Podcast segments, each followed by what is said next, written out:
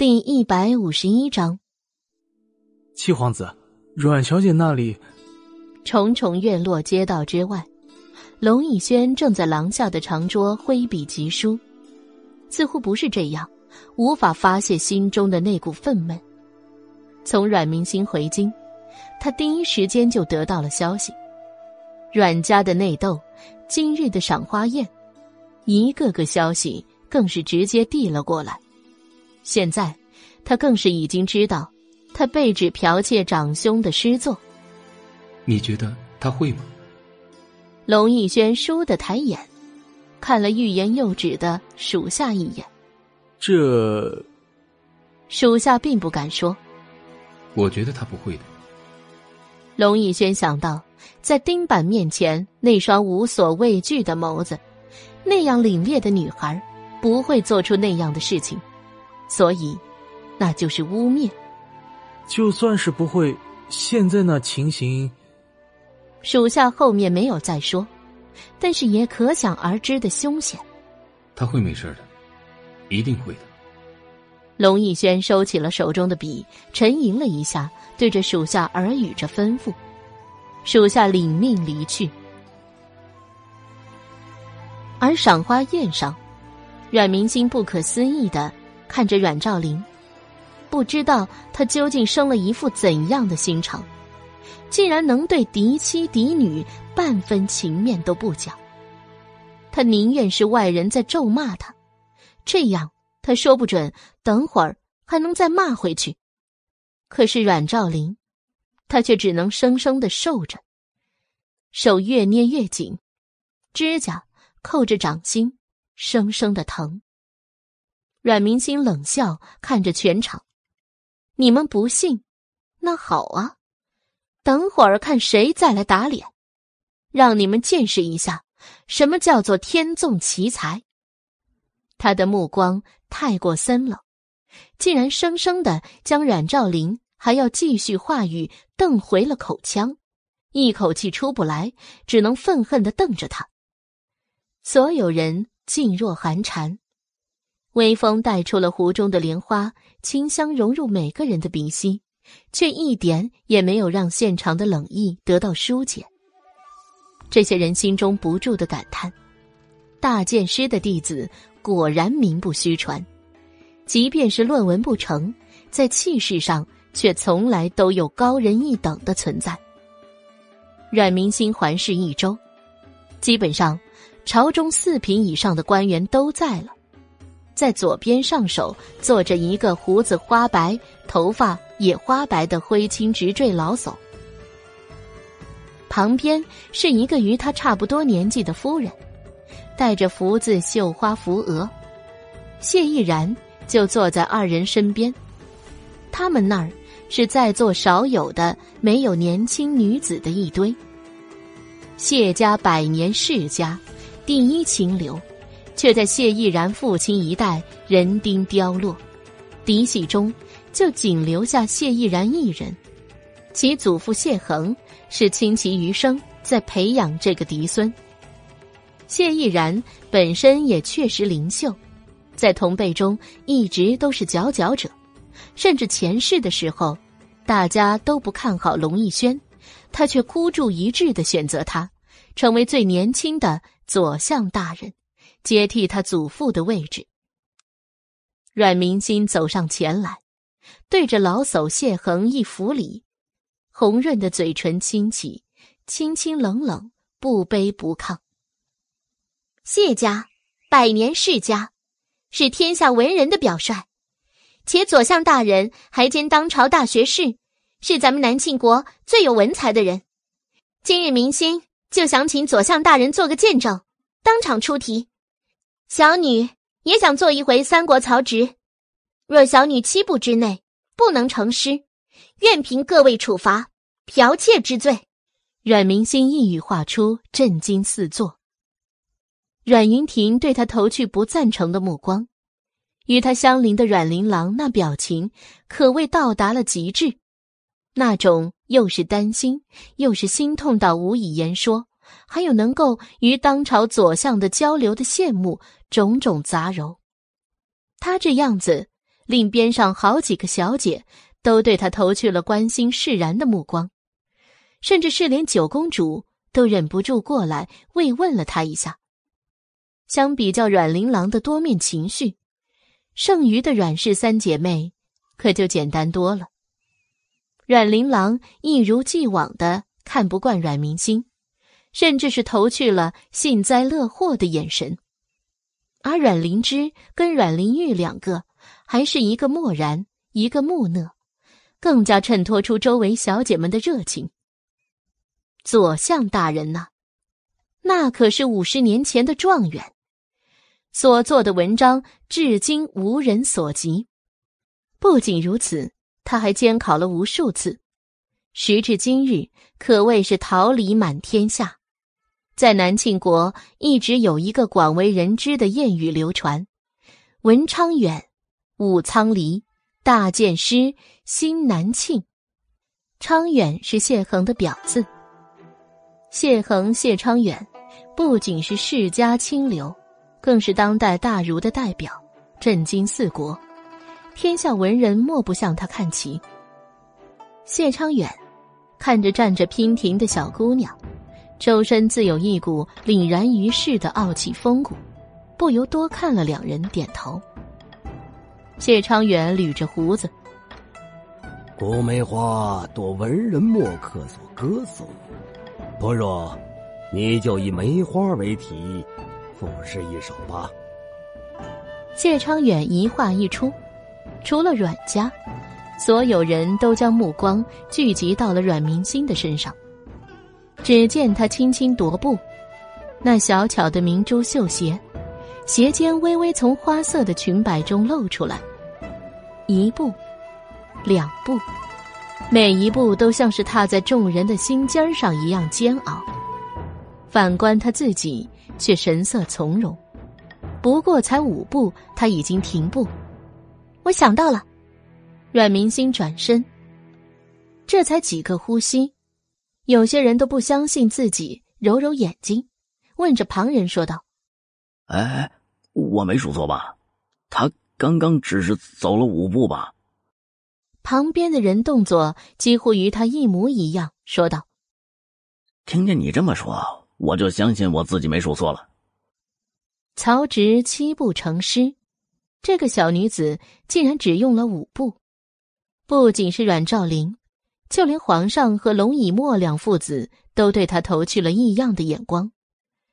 然而，这还不是最惊讶的，更令他们不可置信的却是，只见阮明心大步来到中央铺着宣纸的几案前，左右手执笔，同时蘸墨，两支笔，已经有看不起的人窃窃私语了，但是更多的当朝大臣们依然目光沉练。他们这些人，平常在朝堂都是刀山火海的来去，见惯了尔虞我诈，早就练就了一身铜皮铁骨，却依旧被阮明心一身气度所折服。且不说他到底能不能做出诗来，光是这一身火烧眉毛，依旧处变不惊的姿态，他们之中就少有人能做到。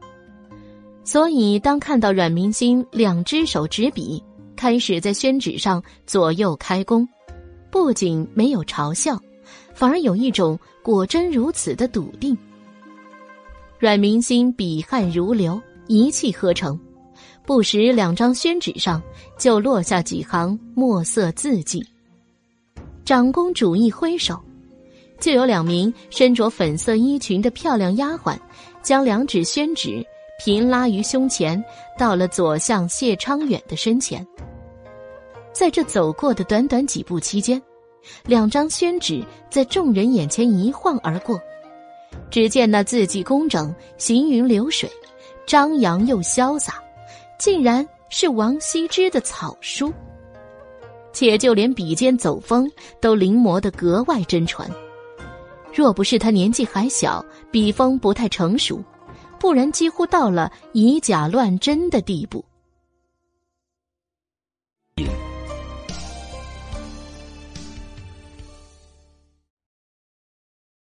第一百五十二章一时之间，在场的公子官员竟然对这个小女孩有了浓浓的审视之意，全都默默看向评审的谢昌远、谢阁老。而那些小姐们见到自己的，也表现出了惊艳之意，特别是阮静林，格外的关注谢阁老的评审话语。坐他旁边的阮玲郎面带笑意，看向阮明星。十足的一副关心妹妹、与有容焉的大叫闺秀模样，赢得了在场好些人的好感，却不知道他几按下的手帕绞的绣的蝶系牡丹都快要脱线了。阮明星冷淡的看一眼阮家的坐席，一看阮玲琅紧绷的肩膀，就知道他下面的小动作，而阮兆林对上他的目光有片刻的不适。尴尬的移开，反而是刚刚为了帮四妹解围，冒顶了阮明星诗文的阮云婷，察觉出自己反倒给四妹带来了麻烦，心怀愧疚，目光也有些犹疑。阮明星只是清冷一笑，就移开了目光。他的云淡风轻，气得阮静玲差点掀桌子，同时咔嚓一声，是布料丝线。扯开的声音。他的背后，谢昌远，只需瞬息之间就理解了阮明星诗中的寓意。更难得的是，小姑娘居然同时写出了一诗一词，而且其中的言表的寓意还不一样。一些肤浅的女子见到左相久久不吭声，以为阮明心胡乱涂鸦。左相大人给他留面子，不忍心揭发他，自告奋勇的在座位上替左相发言。原来气势做得足，却不想来徒有其表，不过就是金玉其外，败絮其中。更有甚者，更鄙夷的说道：“众目睽睽之下，你以为胡乱装模作样就能蒙混过关？还口出狂言，七步成诗，下去吧！”还站在上面做什么？还想要继续装模作样？谎言就是谎言，无论怎么编排，终究会被戳穿的。阮兆林何时丢过这么大的脸面？气得脸色干红，上来就要给阮明心一巴掌。你这个逆女！他走过来，一边喊一边举起大掌。阮明星的眼睛直勾勾的盯着他。森冷又无情，阮兆林被他看得心口一颤，更加气愤，更加用大了力气，巴掌就要挥下去。慢着！一声急叫打断了他。谢昌远赶忙出言阻止，却不想，大掌已经落下。看阮父的气氛，可想而知那力气有多大。众人都倒吸了一口凉气，不忍直视。却不想，等待的耳瓜子声音没有传来，睁开一条缝隙，那个才到阮父胸膛高的女孩伸出年轻的小手，直接抓住了那个粗犷的大手手腕。水红的广袖越发衬托的手腕纤细又稚嫩。父亲，您不妨先听听左相大人的说法，再决定是否要打女儿也不迟。阮明星说的不紧不慢，丝毫不见慌张。一旁坐着的皇上都不仅对他投去了赏析的眼光，然而他旁边的龙思远却不由冷哼出声。但是刚才紧张的神情却不由放松了，惹皇帝诧异的看了他一眼。左相坐在皇上对面的几案前，没有起身，只是手抚着梳理整齐自己的花白胡子。对着阮兆林说：“尚书大人且慢，令人。”他目光赞赏的看着阮明星说道：“确实是很有才华，一时一句做的精妙绝伦。”他话语缓慢，摇头晃脑，闭上眼睛，似乎依然还沉浸在诗词意境中，不愿超脱出来。在众人等待中，谢昌元好一会儿才睁开眼，看向阮明星，说道：“嗯，阮四姑娘小小年纪，不仅仅有如此广阔胸襟，真是一语道出了老夫的心声啊！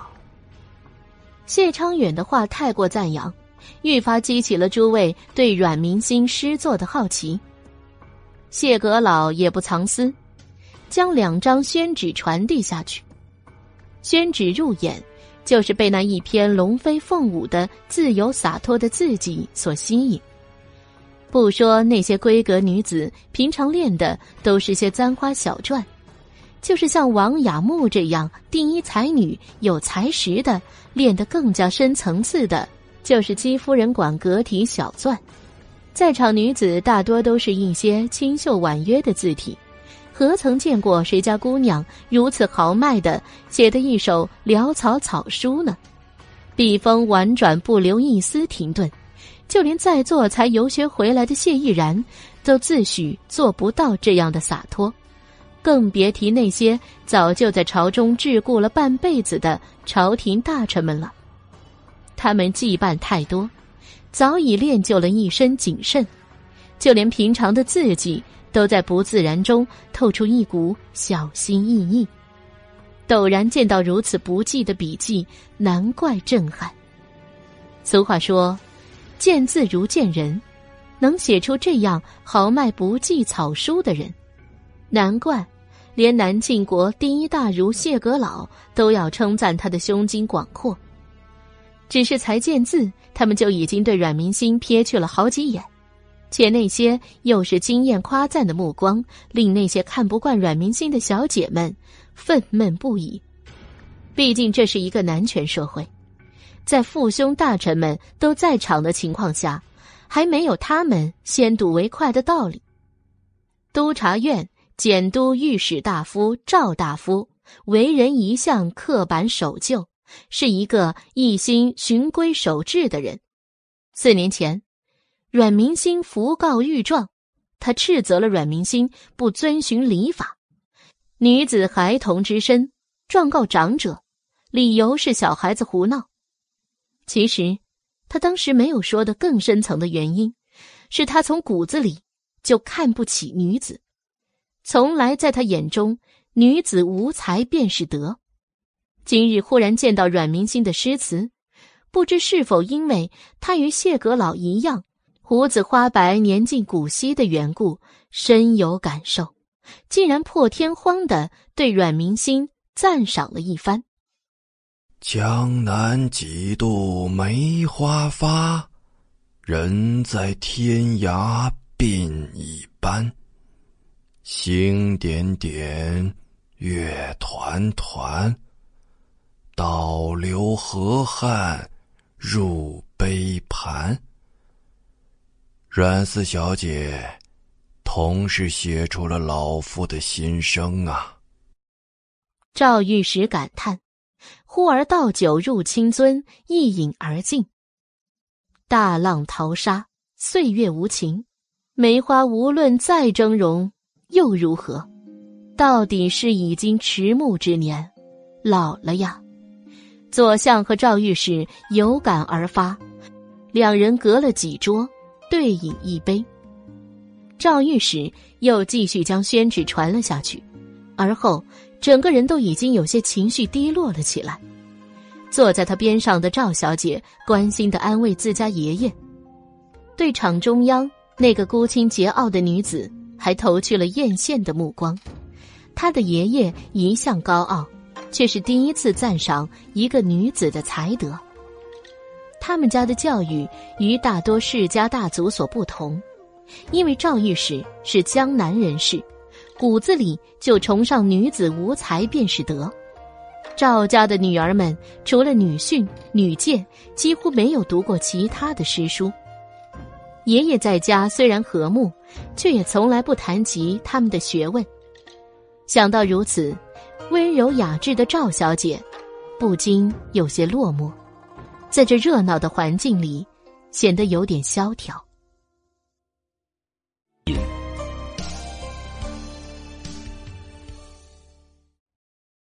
第一百五十三章，而另一边，皇上却是明显更喜欢那首诗：“陈老窘脱是非常，紧把绳头做一场。不经一番彻骨寒，怎得梅花扑鼻香？”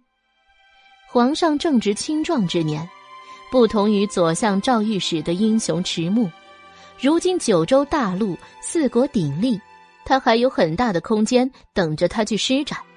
正是要像梅花一样顶风冒雪，无论多么艰难困苦，没有一番努力作为，怎有扑鼻芳香的收获？两首诗词各有风骚，并且还都一致得到左相和皇上的喜爱与称赞。顿时，刚才怀疑阮明心的那些人神色发生了变化。龙思远对此表现出一副气愤的样子。但是闪烁的眸光，却显示着他内心似乎并不像是表面上这样的情绪。对面有公子看出了他的不满。年轻公子是庶出公子，往年都没有机会大年夜进宫赴宴，这次也是游学归来，跟着自家长兄一起才有机会来到长公主的赏荷宴。然而他不认识皇帝，却是认识那个京城谁人都知道的六皇子。刚一回城的时候，就道听途说六皇子被阮明星鞭挞了。现在一看六皇子那别扭的模样，他已经兴奋到了满脑子都是自己的机会来了。他看着坐在自己边上同样一副不是滋味的嫡妹身上，嘴唇轻勾。趁着长兄不注意，在嫡妹的耳边耳语几句，就听到场中有了质疑的声音，且还不止一处，三三两两附和着说：“阮明星这分明与先前一样是备好了的。他既然能够背下先前的莲花词，那再背几首梅花的以备不时之需有什么奇怪？刚刚左相大人分明说了做一首梅花的诗。”他自己打肿脸充胖子，结果肚子没了备胎，就用一首词来糊弄过去。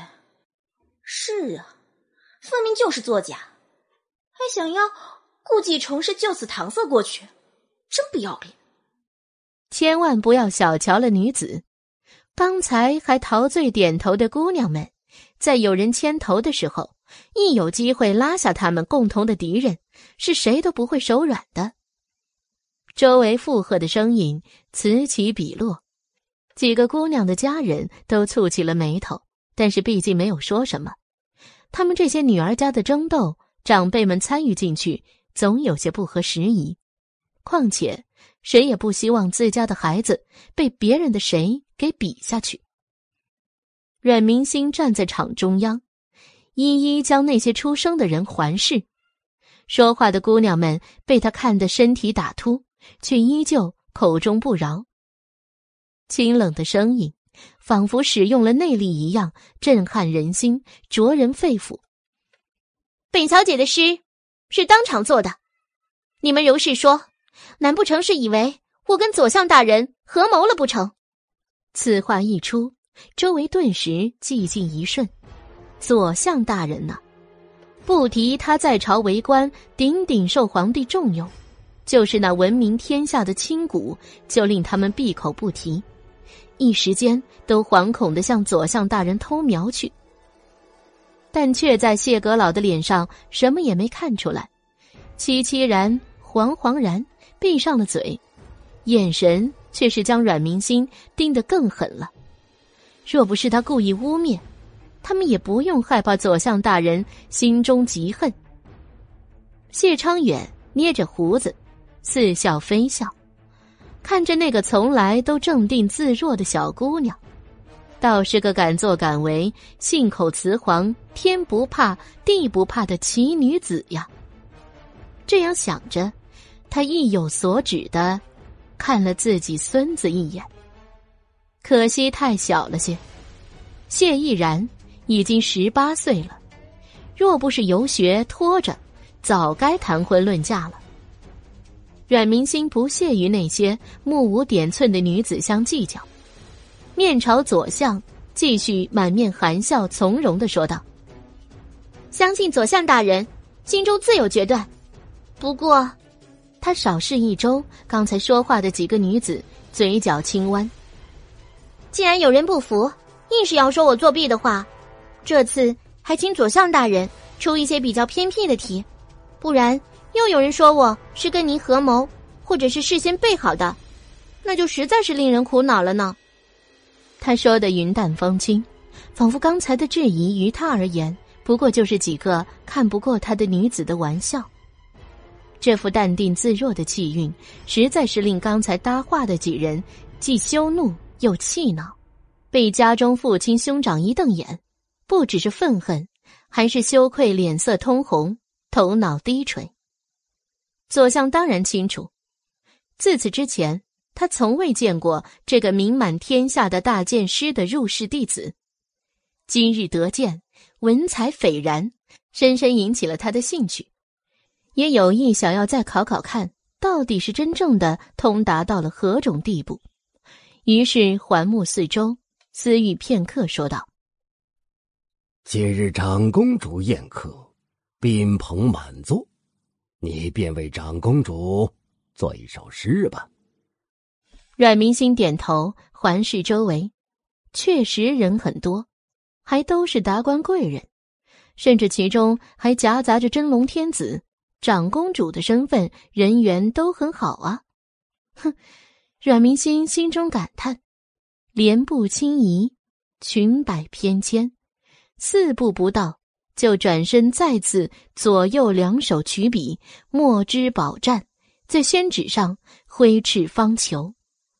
在座宾客瞪大了眼，或许是因为刚才已经见识过了阮明星的惊世骇俗，心脏已经有了壁垒。不像是之前一样的惊呼出声，但是那砰砰跳的心胸依然是无论如何都止不住的，纷纷伸长了脖子，想要一睹为快。片刻之后，阮明星落笔，铁画银钩，收笔先后放在右手边的玉质笔山上，两名丫鬟再次上前来，将两张宽阔的宣纸提起，往左相身前站。阮明星站在原地，轻微一俯身，恭敬的说道：“还请左相大人指教。”少女言笑晏晏，语调轻扬，一点也不觉得这是在自证清白，与周遭紧张的气氛格格不入。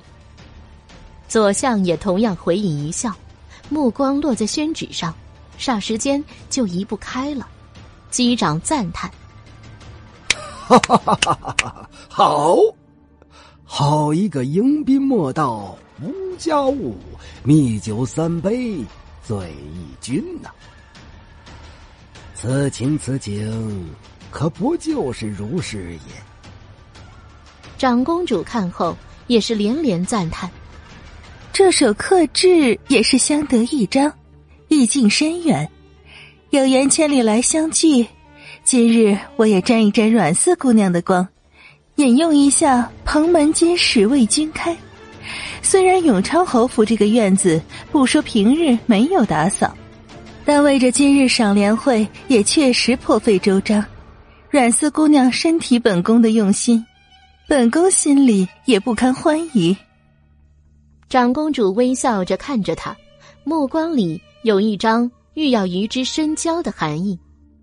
皇姐，真的这么好吗？九公主坐在他身旁，天真的问：“你呀，叫你平时多读书，就连左相大人都夸赞，怎能不好呢？”长公主宠溺的点点九公主的头，以示惩戒。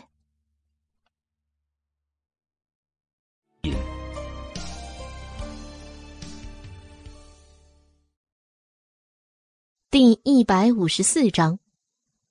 九公主看着跟她一向要好的阮琳琅，也一副微笑赞赏的样子，无奈的撇撇嘴，哼哼一声，不说话了。诗篇传送完后，左相看着阮明心，意犹未尽。不知阮小姑娘可否再接老夫一题呀？阮明心知书达理的微笑，还望左相大人不吝赐教。来。赐教不敢说。这是阮小姑娘如此才学，老夫确实是很欣慰呀。他摸着花白的胡子，头随着手轻微的摇晃，恍若思考。不过一会儿，左相就再出一题，问道：“将军百战死，壮士十年归。阮小姑娘。”可有何独到见解体会否啊？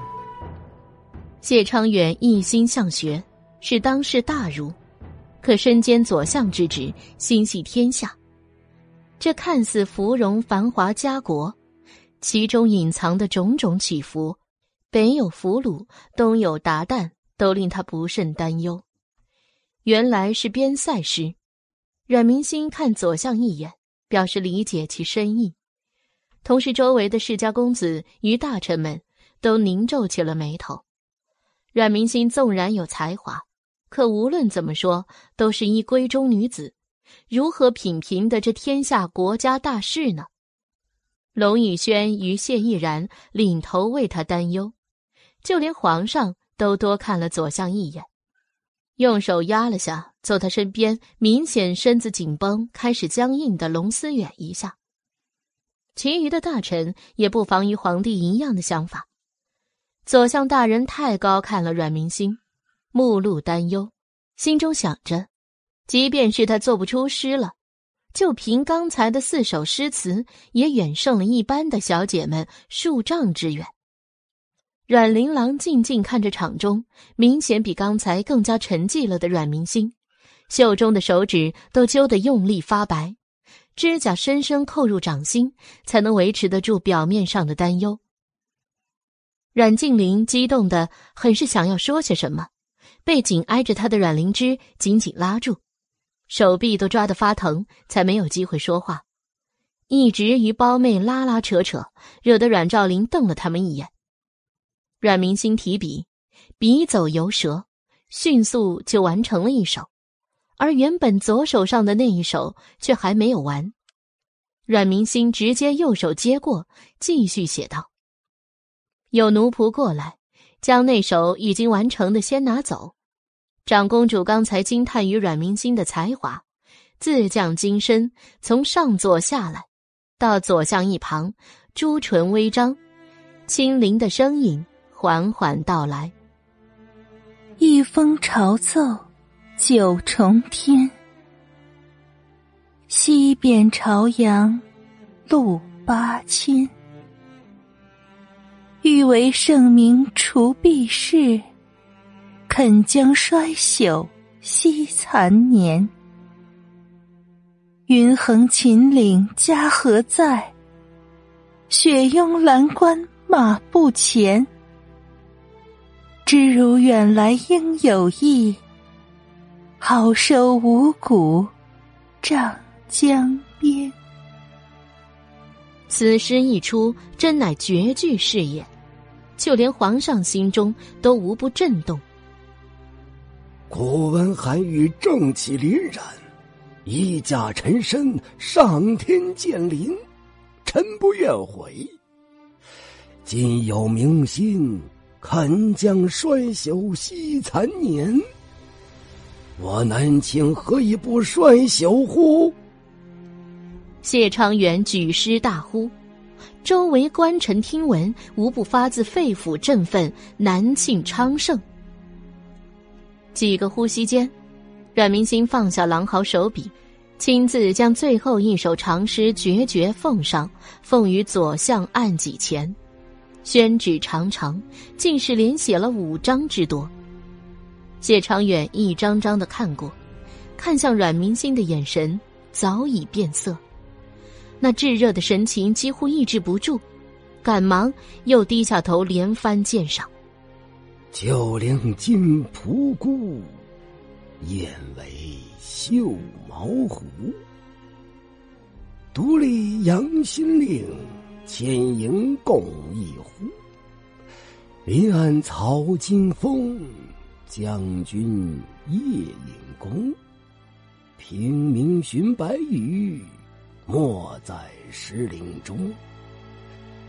月夜雁飞高，单于夜遁逃。欲将轻骑逐，大雪满弓刀。夜幕闭琼岩，强融贺老玄。醉和金甲舞，擂鼓动山川。吊剑诱虎鹰，据闻出世能。本乎将兵至，凿尽古丘陵。亭亭七叶贵，荡荡一有情。他日提灵阁，唯影独不明。左相内心惊叹，必知刚才有过之而无不及，他竟然，竟然用精巧的五绝句组成了这幅如画佳作，将将军出征发号施令、射猎破敌、奏凯庆功一系列的军旅生活都融汇于这一首诗中。他看向阮明星的目光，赞赏又怜惜。啊！阮小姑娘才学憨厚，真是可惜了，生为女儿身呐。一时间，整个后花园几乎落针可闻，除了呼吸间在空气中冒出的白气，几乎不见任何生机。他们从不曾想到，这个看似比其他闺阁女子只是多会了一点武功的女子，内心竟然有如此丘壑。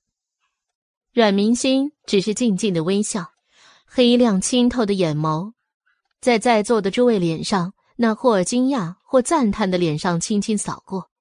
特别是看见刚才几个为难他的愤恨目光，轻佻一笑，几乎不可一世。等一下，一个沙哑的男声出现，打断这静谧时光。众人随着阮明心一起，将目光向他齐齐看去。是刚才鼓动自己嫡妹出言诽谤阮明星的那个庶子。想他辛苦游学，永远都被那世家公子压在最下，一辈子辛苦，他不相信，就凭阮明星这个小女子，竟然能够做出如此家师绝作。他语气愤恨的站起来，忘记了这是什么场合，在座的都是哪些达官贵人。只一心想要拆穿这个伪女子的骗局。我虽不知她到底抄袭了谁，但是观其实意，这些何以是一个小小质子可以做得出来的？不说在下，在座诸位，又有多少人能有诗文作者的那份胸襟呢？他说的坦荡又绝对，然而事实却又是真实如此。阮明星的胸襟，就连左相刚才都夸赞，还扬言说：“可惜了，她身为女儿身。”一时之间，众人无言以对，皆有些动摇。目光在阮明星身上搜寻，那种怀疑的隐匿感，看得阮明星反感。他目光清澈的与男子对峙：“哼，你既然拿不出证据，凭什么说我抄袭？”阮明星冷笑，看向在座的诸位，他没有证据，而我却是有证据可说。他的声音清冷，射入人心，仿佛所有人都被他所蛊惑。众目凝滞，清脆又自负地说道：“请三位在座学子帮我一个小忙，我诵诗，你们帮我临帖可好？看看到时我究竟是如何抄袭的。”他的决绝，站在场中央。就像是九天的仙女一般，那么近在眼前又遥不可及，勾引着人心，不忍他离去，只想让人紧紧的抓在手心，无论如何都不放过去。我来，我来，我来。三道声音同时响起，左相之孙谢毅然跟三皇子龙以沫先后出列，阮云亭在阮兆林的瞪视下也来到场中央。长公主的大丫鬟识时务的让奴仆将案几铺垫，迅速的送上来。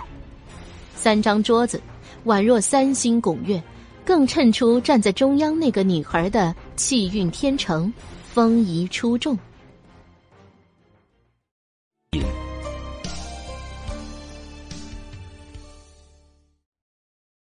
第一百五十五章，阮明星站在那里，气质卓然。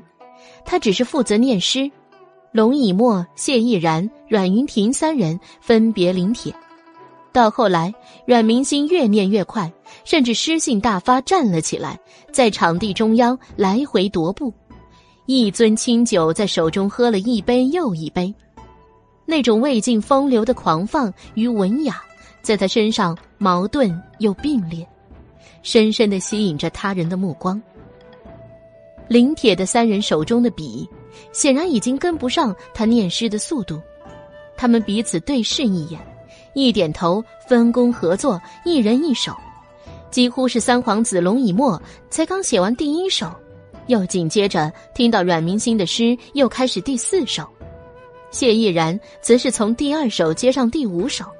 阮云婷从第三首接上第六首，三人往复循环，手腕飞舞不停，笔走游蛇，龙飞凤舞，到最后，甚至是连蘸取墨汁的时间都没有了。三个男子身后，不知何时已经站着三位美貌侍女，专门负责给他们替换狼毫毛笔，蘸取墨汁，再递给他们。阮明星脸色已经酡红，酒却不停。甚至是拿上了酒壶，至斟自饮。前面的这些人都是京城内最尊贵的人物，可是所有人的目光都在三人中央的那个女子身上，而他此时却像是挣开了枷锁。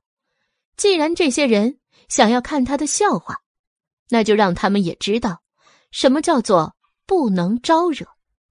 人不犯我，我不犯人；人若犯我。加倍奉还。文人墨客本就清迈，喝酒助兴是常用的伎俩。除了阮家的阮玲郎、阮静林两个人目露嫌弃，其他人甚至对阮明星送上了崇敬的目光。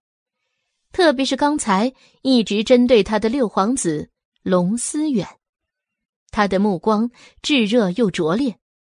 阮明星的眼尾轻蔑他一眼，不以为意。然而行者无心，看者有意。龙思远不知为何，竟然觉得那个女孩的眼光，竟然有一丝娇媚，与他清冷的身形是那般的不相符合，一时间竟然看痴了去。而遥遥的一个身穿天青色长衫的少年，顿足站在那里，遥望着场内的情形，因为现场一片安静。所以，少女的声音也能清晰入耳。龙逸轩站在那里，终究是因为担心赶了过来。他其实已经做好了安排，但是没想到不用他出手，阮明星竟然能够自己解决，几乎是艳压群芳。不只是女子，就连才子也被他的光芒压下。沙漏翩跹，有人痴愁，有人酣畅。阮明星竟然一口气背诵了百余首诗词，他终于停了下来，目光冷冷的看向刚才说他抄袭剽窃的数字，嘴唇轻勾。别人只看到了他神色中的妩媚，却没有看清那水炼美眸中深藏的蔑视。剽窃的又如何？抄袭的又如何？这些沽名钓誉之辈。就算他确确实实是剽窃的，你又有何证据？因为那些将来做出这些佳作的人，现在正深深的被自己将来自己的诗作所震撼着呢。醉意微醺，阮明星环顾着周围，那些所谓的才子们，是真的有才，但是每日吟诗作对，却不识人间疾苦。是该早点长点教训才是了。现在他帮他们一把，将来也就不用把时间浪费在那些无用之事上了，多为国家百姓做事多好。哼，这可还是要感谢龙逸轩呢。当初要不是他嫌弃他不通诗文经书，何来他苦苦收集民间的名家佳作？今日倒是为他所用了呀。不枉费过去的辛苦。一想到过去，他曾经因为不如普通闺阁女子那么精通诗文，而有意无意接收到龙逸轩的错眼，就愈发的神情悲愤，念的诗文也越来越急促，终于将最后一首背完，砰的一声，将酒樽和酒壶砸落在地，目光狠厉的看着那个数字，久久凝视。数字不敌，垂下头去。阮明心才转回身子，看着那边还在奋笔疾书的三人。三人背后不知何处，除了丫鬟，又上来了三个小厮，各自站在公子们的身后，手上都捧着厚厚一沓的宣纸，都是写完了的。桌子上摆得乱七八糟，根本来不及整理，只能用人捧着。啪啪啪。左相大人先是拍手鼓掌，有他带头，鼓掌声顿时响起。他这才看向那个庶子。现在，你可还认为那阮小姑娘是在抄袭呀？庶子错目，惊讶的看向那个花白胡子的老者。他是当朝左相啊，南庆第一文革大学士，是天下文人的表率。今日竟然会为了一个莫不相关的小姑娘出头。庶子抱拳扶礼，深深的看向阮明心和那还在整理后续的三皇子和谢毅然与阮云亭，以及他们身后的厚厚的纸张。现在形势逼人，已经不是他可以再胡乱攀扯的，因为阮明心已经狠狠打了他的脸。这无声的耳光十分响亮。是在下错了，在下目光短浅，错估了阮四姑娘，还请丞相大人见谅。庶子当机立断，立刻认错，左相负手而立。你错了，你不应该是对我道歉，是应该对阮小姑娘道歉。更加是该对天下文人墨客们道歉。学问不是抨击人的武器，它表现了一个人内心的求和。正所谓看人看字，看字看文。谢昌远深深的看着他，希望他明白自己话语中的深意。到底是一个读书人，他还是怜惜的。庶子弓着背，依旧保持坐礼状不变，深深的闭了闭眼，仿若天人交战。让他跟一个女子认错，那几乎就是在打破他的道德标准。但是左相大人，天下第一大儒，是左相大人。庶子转身对着阮明心深深的行了一个大礼，那还是跟左相一样的礼仪。他弯下去的，不仅仅是腰，更是他身为文人的风骨。在下刚才口出狂言，还望阮四小姐见谅。阮明心不动如山，就那么看着他轻笑。他看不出数字的神情，但是却看清了那握得发白了的手，青筋毕露。阮明心就知道，他自己觉得是受了多大的委屈。阮明心不动，大家都以为是他不肯原谅，毕竟刚才庶子给了他多大的侮辱。阮兆林有些激动，在座位上动了动，就要出言替阮明星回了话的时候，阮明星开口了：“没关系，公子的风骨，小女子能理解。”阮明星故意慢慢的开口说道。并且说的那么温柔又委屈无害的样子，也显出了他的知礼大度。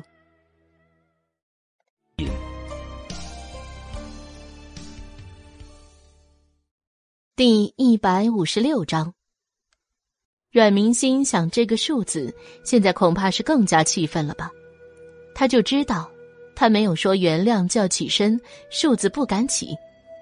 可是他就是这么静静的、委委屈屈的，像是在酝酿情绪。庶子的手捏紧的，即可见骨一般凌厉。他就是在故意折辱于他。阮明心可不会再做什么善人，别人伤他一尺，他是一定会还回去一丈的。直到那个数字看上去整个人都微微颤了起来，阮明心才淡淡说道：“公子下回可要仔细了，不是谁胸无点墨，就是抄袭的。”接着，他用细小的声音就他们两人可闻。像你这样，只能永远一辈子被人欺压在脚下。他可没有忘记眼前的这个人，心思狡诈，前世是龙逸轩的门客，可没少给他这个经常进出龙逸轩书房的女人脸色，甚至是言语攻击。偏生龙逸轩一直站在他那边，可把阮明心好受。前世。他以为龙逸轩是为了团结尊敬门客们所致，所以一忍再忍，却没想到现在有了机会，他怎么能不把这个仇给报回来呢？你，树子抬头，看着眼前这个巧笑倩兮的女子，惹得面红耳赤。我原谅你了。阮明星趁他没反应过来的时候，赶紧说道。树子正要起来，阮明星又接着说道：“我说了让你起来了吗？你到底想要干什么？”他死死瞪着面前的女子，是他小瞧了这个女子，他的声音不由得咬牙切齿。阮明星云淡风轻的一笑，声音洪亮清脆，在场可闻。公子以后可要好生学习。不要在自己学识不够，输给我一个小女子不说，还强硬的不肯承认，硬是掰扯些有的没的，引得大家都跟着你误导，白瞎了自己的眼光。起来吧。他这句话说的意有所指，果不其然，场中的小姐们几乎一面倒的将刚才自己的过错全部推到了他的身上。更有些世家公子们也一并奚落于他。庶子自尊，一口鲜血喷薄而出，阮明心赶紧侧身闪开。庶子嫡兄失望的看他，着人将他带了下去。阮明心回到自己的座位上，又因他是嫡女，且阮兆林还未娶亲，他的座位就直接在阮兆林的旁边。阮兆林没想到，阮明星竟然会凭借一己之力扭转乾坤，且还做事做得这么决绝，将吴大人家的公子气得吐血，不由心底暗恨，因此立刻诘问他何时学会作诗的。他的声音可不小，左右两边的大人顺耳就能听到。阮明星明白。阮父潜意识是在给别人灌输，从前他可是一点儿也不会作诗的，这是挖着坑给他跳呢。阮明星未与人先笑，轻启朱唇，声音不大不小，正好可以让相邻的左右四桌都能听得到声音。他回复道：“回禀父亲大人，明星一直都会作诗啊。”他故作不解的。看着阮兆林，等到阮兆林快要发怒的时候，用更加清晰的声音说道：“女儿从小与母亲独居别院，父亲从来不曾过问，也不曾来与明星与娘亲见上几面。父亲从不过问明星的学习，女儿以为这个不甚重要，就没有主动提及。”阮明星做出一副无辜而且诚挚的表情。看着阮兆林继续说道：“后来在外习剑四年，明星也从来不曾接到过父亲的一封家书。比起这些无关紧要的事情，明星更加关心父亲是否身体康健。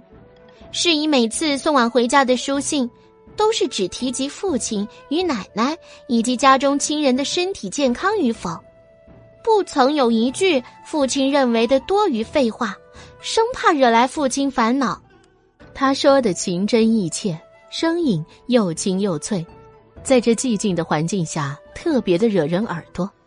更有在最后述说到自己委屈的时候，不再刻意压抑，声音不自觉的放得高扬，在场几乎没谁没有听见。一时间，个人脑海中这个传言响起：从前都说吏部尚书是靠奉大将军才这么迅速崛起的，而且娶了人家闺女就纳妾不断。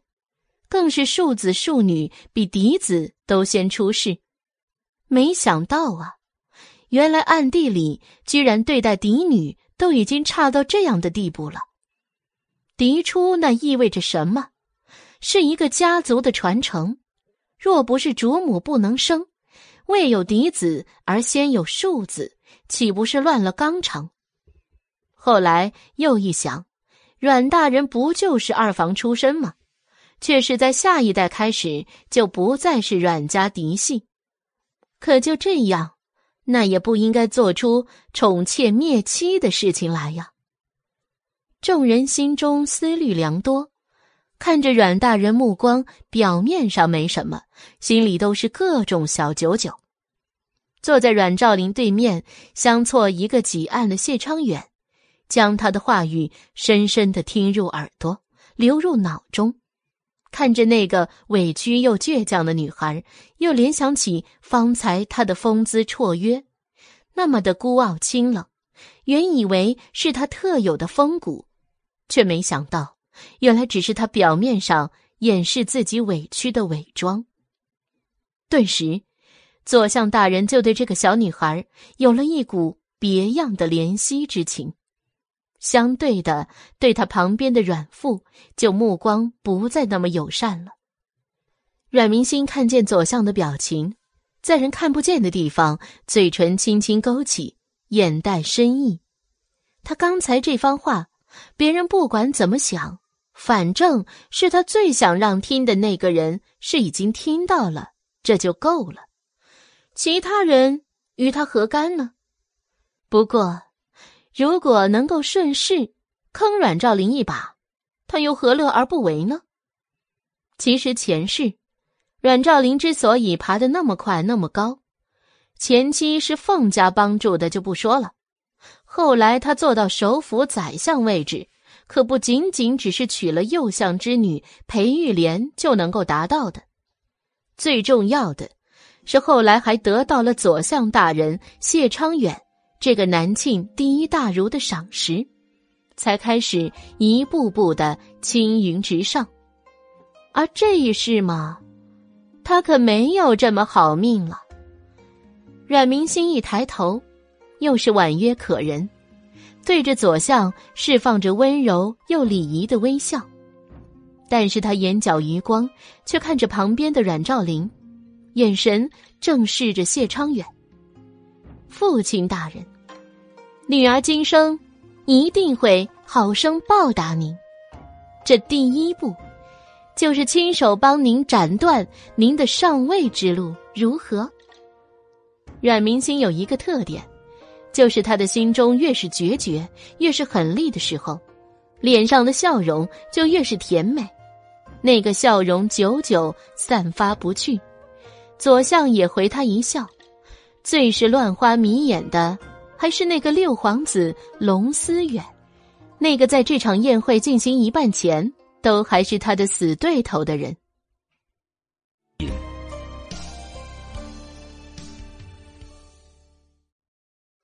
第一百五十七章，只是相往有意，神女无情。阮明星根本就没有看见六皇子的眼神。酒过宴酣。各府的马车依次过来，一波波人相继离开。在这人群中，阮兆林的身份不算特别突出，只是一个中等。于是李府的顺序就排在了中间。本来是宫宴结束，热热闹闹的告别，可是突然一只雪白巨鸟从天而降，直冲阮明心而来。周围人全部手忙脚乱、惊慌失措的散开。只有那个红衣女孩，静静的站在巨鸟蒲扇的飓风之下，狂风将她发丝吹得往后乱颤，露出她那雪白清丽的小脸。杏眼圆咕噜的看着从天而降的竹峰，这是霍征的坐骑。他面上带着甜蜜的笑容，几乎晃花了龙思远的眼。只听一声从天而降的喊声：“师门急招！”这句话宛若天音，落下之后，红衣少女立刻腾空而起，翩翩若仙，消失在了那片空地之上。众人的视线内，只剩下天边巨鸟越飞越远，几乎与天空融为一个颜色。大剑门呢！大剑门的坐骑未免也太威武了些吧？众人抬手仰望天空，久久回不过神来。霍征拉着阮明心坐在自己身前，飞行时的风在他耳畔吹得呼呼作响。竹峰停在了金郊大雁塔的顶部，塔身百丈高，远远的就能俯瞰京城的全貌。这么一看，阮明星第一次见到紫禁城的全貌，他真的没叫错，四四方方九道门，名副其实四九城。而刚才他们身居的永昌侯府，竟然只有鸭蛋大小。长安街上，城西集市车水马龙，摩肩接踵，阮明星第一次见到这么热闹的景象。那些一个个伫立着的小点点，竟然就是他们平常大到在家都要使用轿子的府邸。霍征的声音从他身后轻轻的传来：“今日的风头，可是出的满意了？”嗯，浓浓的醋意。阮明星闭着眼睛，往后靠在他的身上，他的身体坚硬如铁，明明见着依然清瘦。却与以往的感觉都不太一样了。阮明心闭着眼睛，深深的呼吸着他身上的气息。多年不见，他更加的硬朗，气息间也更加多了男子汉的浓厚沉着。这是他的依靠，无论何时何地，都那么令人安心。阮明心转过身来，看着他嫣然一笑，看着他的样貌。静静的不说话，刀削斧凿，他的容貌越发的俊朗了，凤眼明亮，多了些战场过后的沉淀与沧桑，喉咙上还多了一个小包包，就连声音也开始变样了，些微的沙哑，接近于清脆，竟然令他觉得非常的磁性。阮明心竟然看吃了去，你变了。霍真看着眼前红衣招摇娉婷的女孩，最先接触她的时候，她还是一个三岁大小的奶娃娃，喜欢穿着粉色的衣裙，然而动作却一点也不粉嫩，爬树、爬墙、玩泥巴，还跟他打架，打也打不赢。后来在师傅的管束下，终于老实了些，可是还是个闷声的性子。最大的变化。就是六岁那年，凤母早逝，仿佛那个还懵懵懂懂的女孩一下子就长大了，可也是晨练的不像现在这么招摇。我哪里变了？阮明心笑着，纯真的问他，在他面前一点也不伪装，就像是这时间最纯净的孩子一样，全身心的放松和信任，变得耀眼，华光夺目。这是霍征刚才在人群中看见他的第一感觉。其实我很想看看，师妹刚才是如何的风华绝代。少年磁性的嗓音有着一种连他自己都不曾察觉的落寞。得到消息的第一时间，明明不该来，但他还是来了，不想让他继续留在那里，被那些世家公子一起瞩目。阮明星听了。却是天真的歪着头看他，只把眼前的少年看得脸色潮红，偏过头去才罢休。霍征有些恼羞成怒，话不经脑就这么冒了出来：“我是你师兄，你是我师妹，凭什么他们可以看，我就不能看了？”这话语中的醋意明显，阮明心嫣然一笑，仿若那三月的桃花刹那花开，明媚甜美。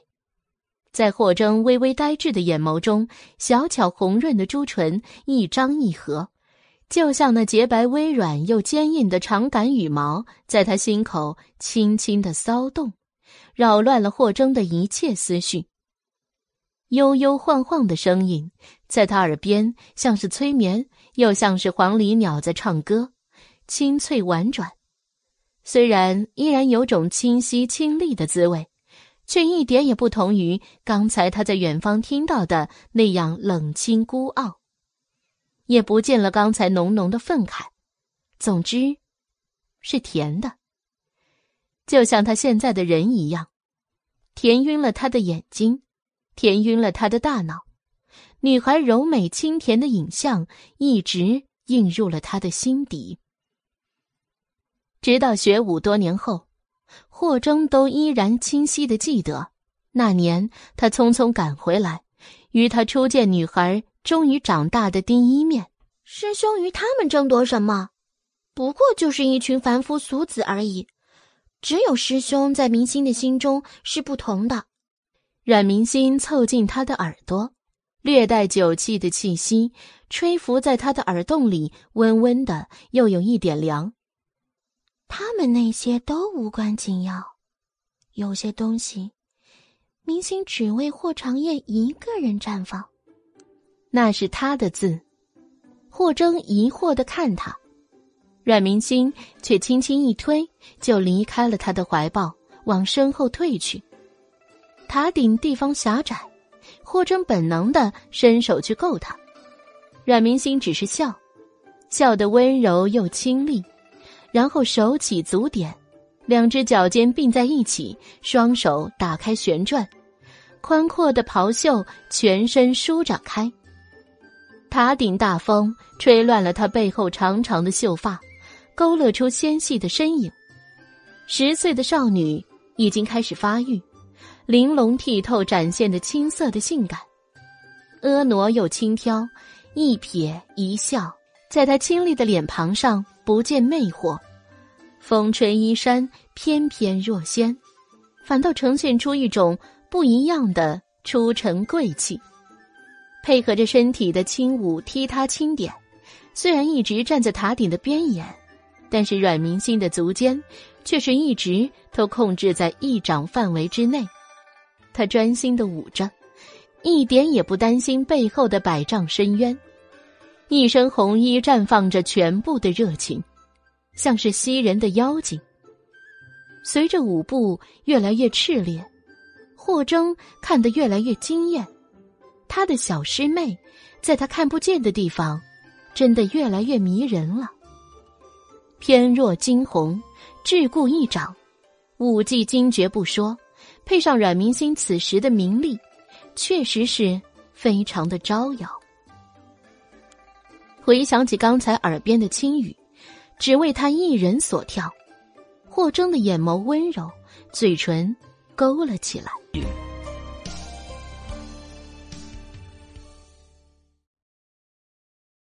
第一百五十八章。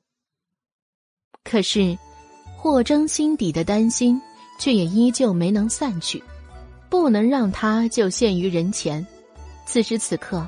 他就是万众瞩目的明珠，会将所有看到的人的灵魂都吸了进去。霍征在沉思着，忽而又放开了轻皱的眉头。水红广袖翩跹，一阵迎面的风吹来，伴随着丝丝酒味。原来是醉了。借着醉意，阮明心将他所有的热情呈现。这是前世他不学无术，却为了讨好龙逸轩特意去学的。四书五经，他那个年龄起步都太晚了。只有舞蹈，以他一个舞者的柔韧，简直就是驾轻就熟，所以也颇得了一番成就。今生，他隐藏了一切，此时只想为他而展颜。霍长燕。忽然，远处有横笛的声音，清脆悠扬的传来，节拍明朗，像是刻意与阮明星的舞蹈相合一般。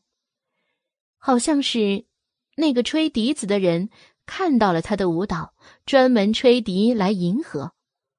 阮明星维持着手摘明月、半袖遮脸的动作，皱眉不动，静耳聆听，然后就将手放了下来，广袖一甩，像是负气，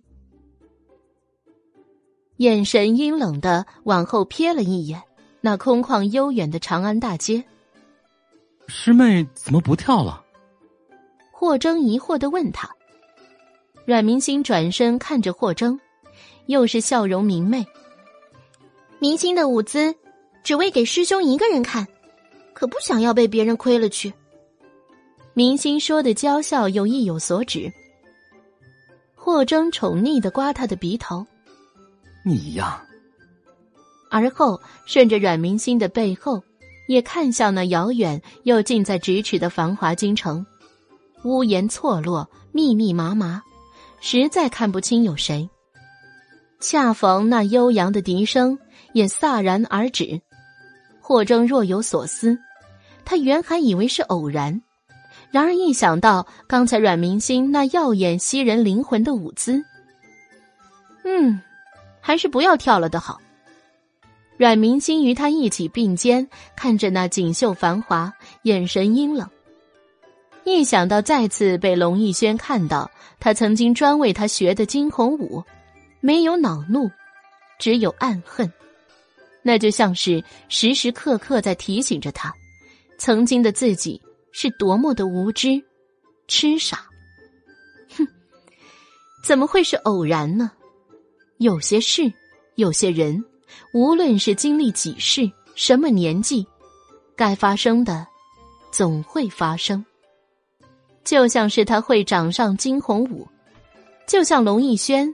会专门为了他的惊鸿舞用横笛作曲，这些都是不会改变的。岁月长河的逝水洗不去那些已经发生过的事情，更别说是人的性格。只有人定胜天，任何事情都是要靠自己的双手去谋取才能得到的。阮明星的心中那股信念越来越坚定。只是不明白，为什么龙逸轩会看到他，还这么专吹笛来迎合他？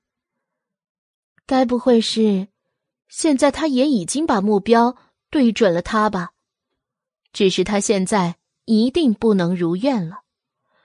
他看着霍征那种理解和庆幸，然而眼底掩饰不住的意犹未尽，瞬间就有了一个笑意，仿若樱花，动人心魄。只将远处阁楼上拿着望远镜的亏去的龙逸轩的魂魄勾得一颤。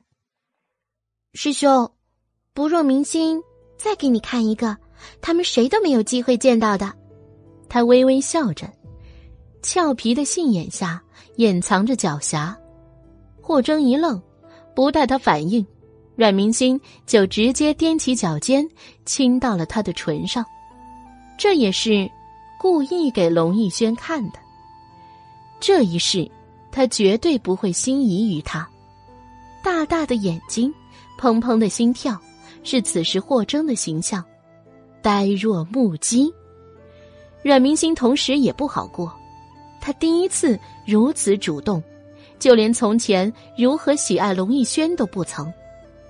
酒壮熊人胆，他的脸色绯红。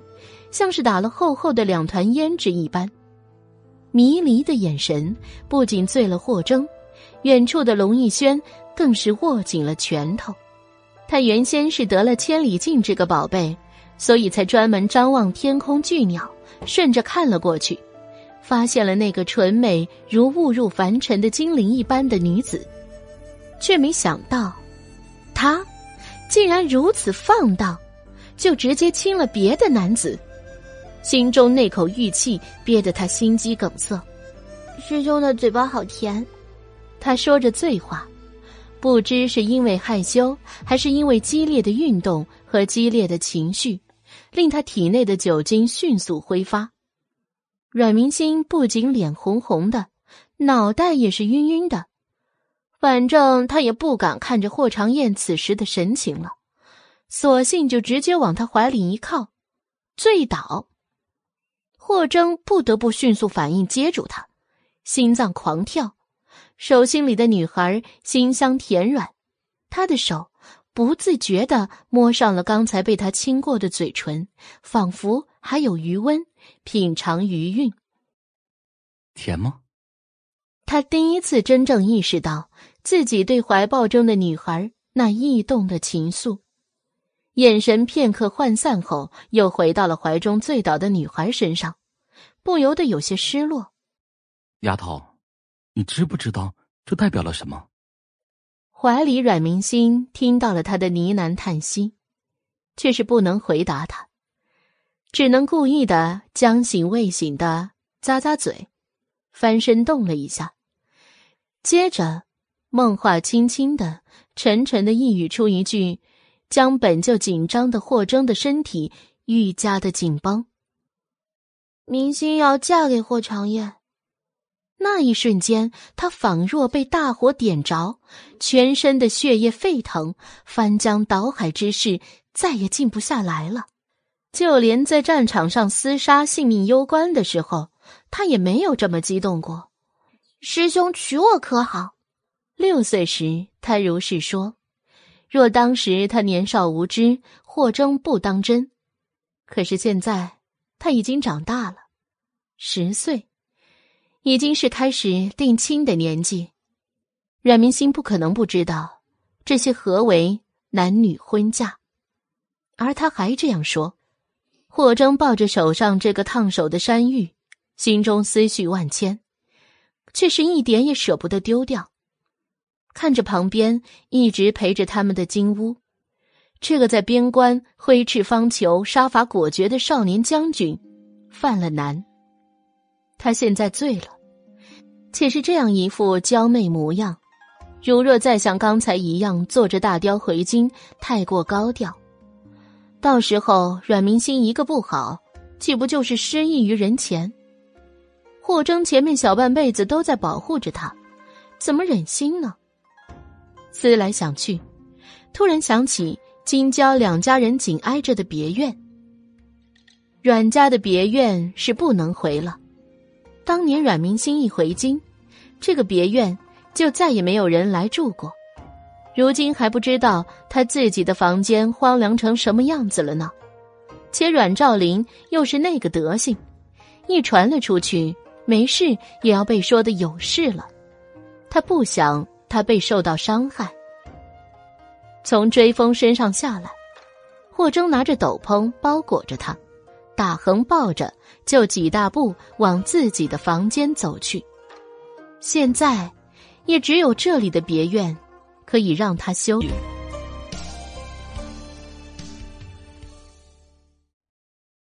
第一百五十九章。霍征的房间还算齐整，一切都是四年前他离开时的样子，一点都没变动过。中规中矩中透着奢华与纨绔，那是四年前还不成熟的霍征给予自己的保护。海青色的床帐里，是月白蜀锦的织花棉被，埋下他小小的身子，越发显得小脸白嫩，两颊嫣红。两簇弯弯的秀眉，微微上翘的嘴唇，就连睡着都像是在笑一般。这样乖巧、惹人怜爱的他，怎么令人忍心拒绝呢？霍征看得心里痒痒的，最后坐在了床前，抓住了他埋在被子下的小手，颈背下，他们十指相扣。霍征看着那微微冒起的弧度，嘴角。满足的轻笑，他看着他的睡颜，终于下定决心。现在你签了，以后就不准放了。轻轻短短的一句话，是坚毅的不会背叛，也不容背叛的誓言。阮明星躺在床上，心中何尝不是激动？他默默承诺着他的誓言，咂了咂嘴，仿佛是给了他回应。嘴角小小的弧度，彰显着他的欢愉，一如当初，无论如何，他都是要跟霍长燕在一起的。空气静谧，呼吸间有轻微的酒气。他想，他这回真的可以完全的醉过去了，不是醉酒，而是醉在某人的话中。那虽然不甚甜蜜，却是他的一颗定心丸。终于可以安心，然后就真的睡了过去。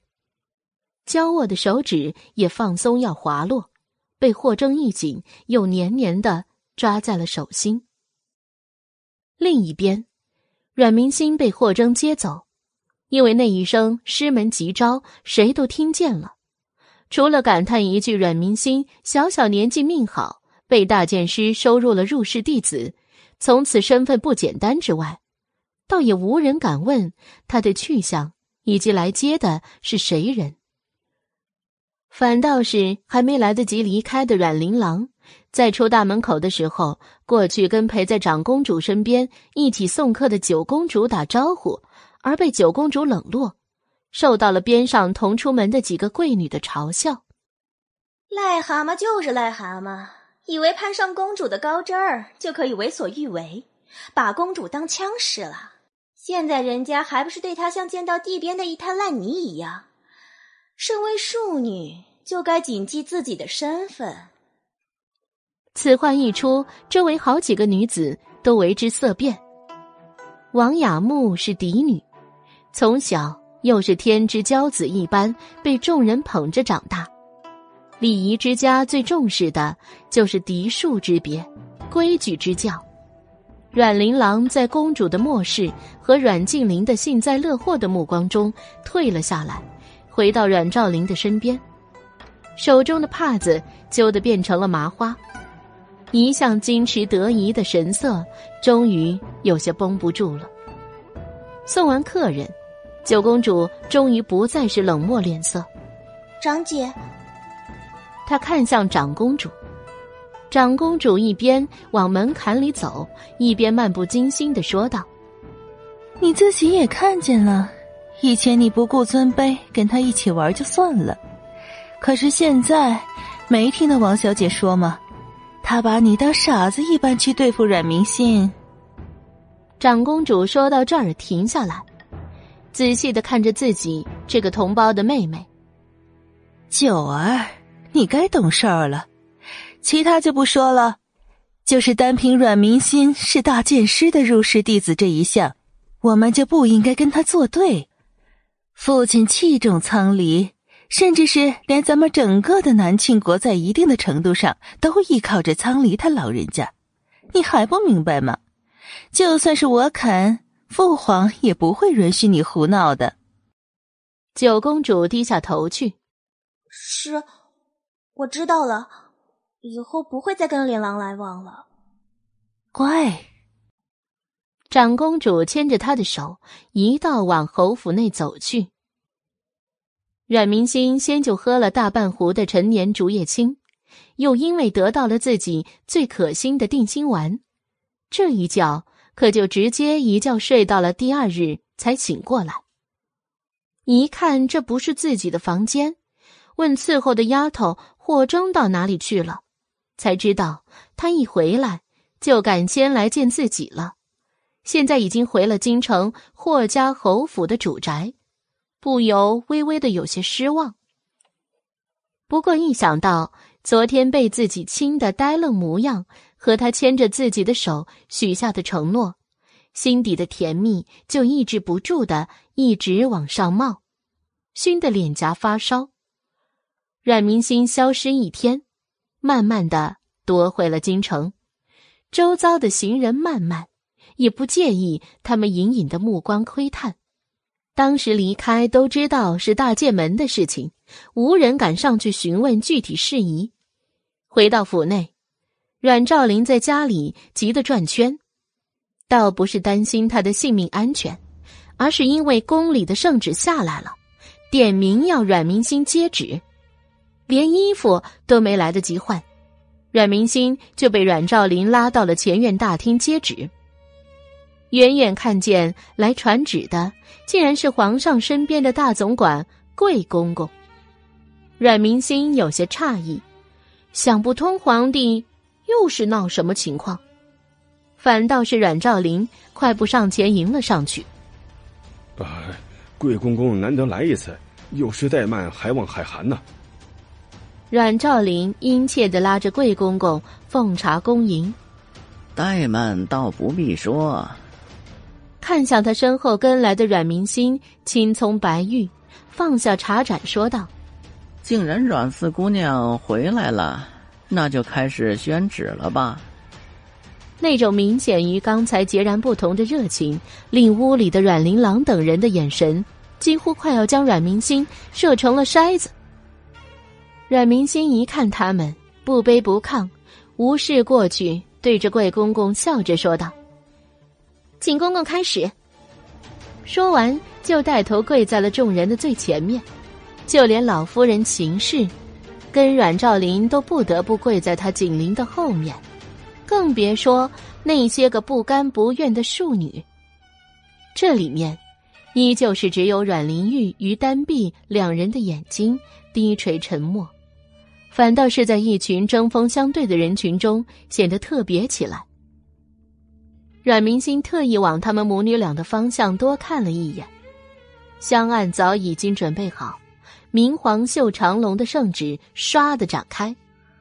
奉天承运，阮家四小姐阮明心得天独运，又承庭训，淑女巧慧，小时收入大剑门门下，拜入内门，今有佳作倾城，才智过人。温文尔雅，乃大家闺秀之楷模。特赏赐才女，赏江南制造进宫孔雀锦绣三匹，如意流花琉璃簪一对，昆山白羽花雕手镯一对。钦此。那一声“才女”一出，阮琳琅错愕的瞪大了眼睛，看向最前面阮明心的背影。他的目光阴狠，都丧失了他一贯维持在脸上的端庄高贵，和一向为妹妹高兴的优雅。而阮静玲，虽然也被才女打得措手不及，可是后面那一连串的奇珍异宝，将他的耳朵震得晕乎乎的。那可都是贡品呢，眼前仿佛不停的。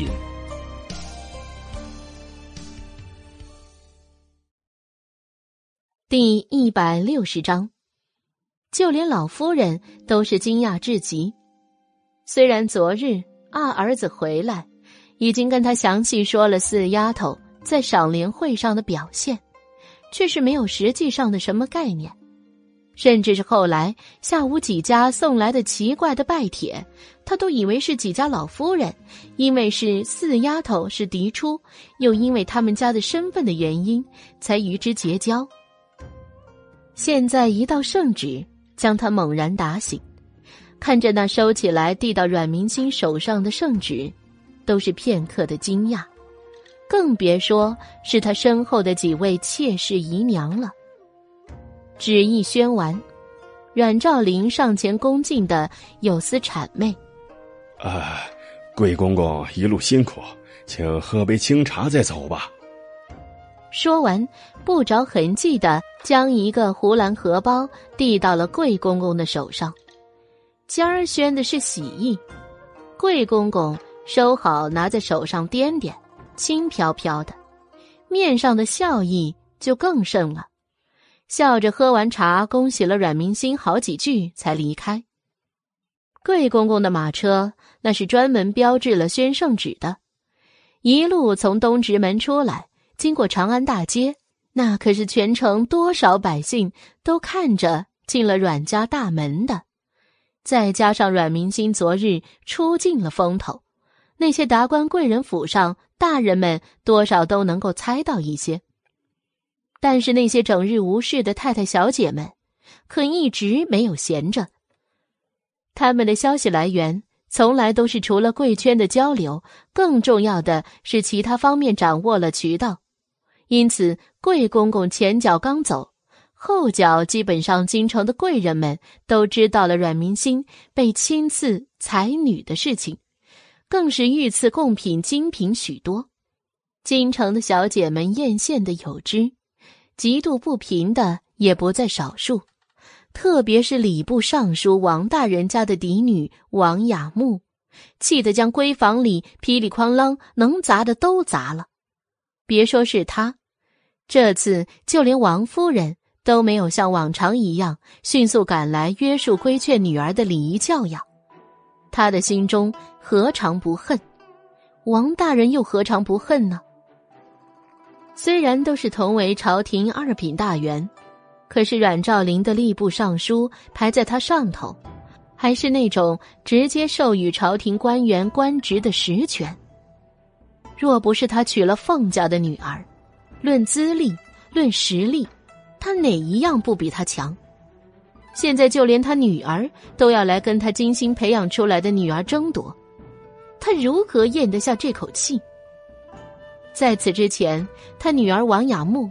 可是，一直都被奉为京城第一才女称号的呀。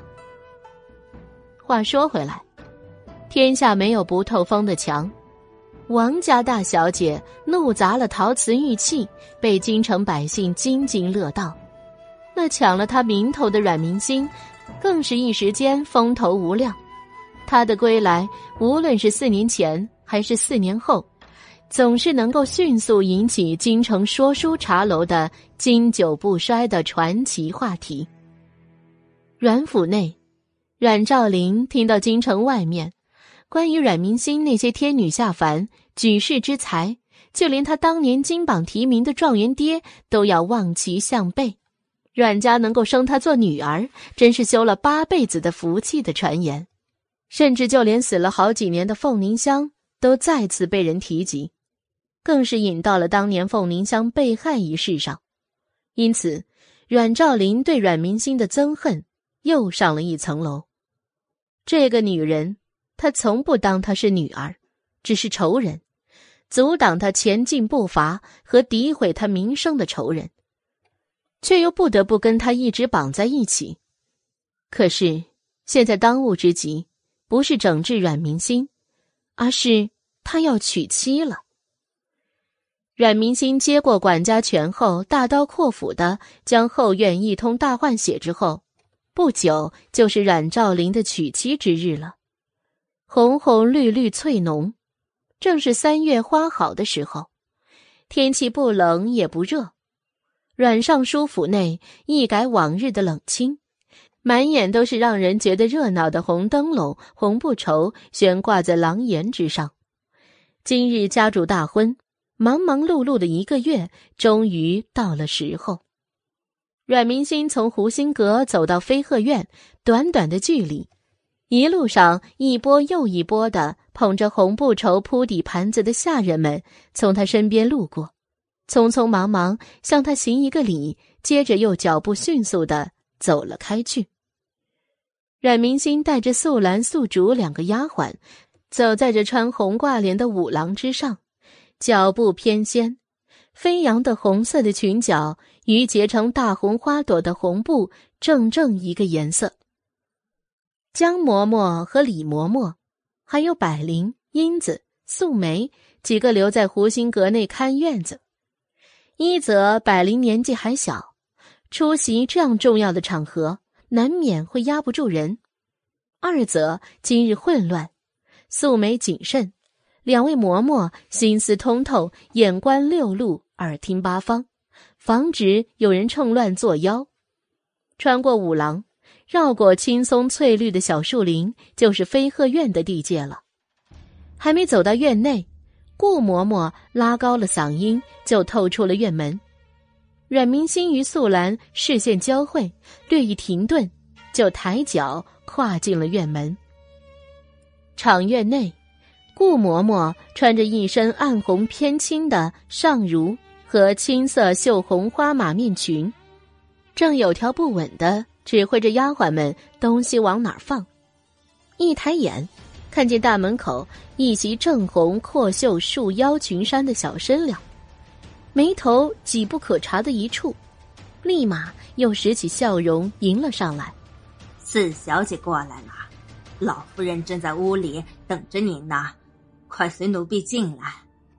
阮明星刚刚还冷清的面庞也拾起笑容来，在他身上略一打量，笑着说道：“顾嬷嬷辛苦了。”就带着人当先走到了前面。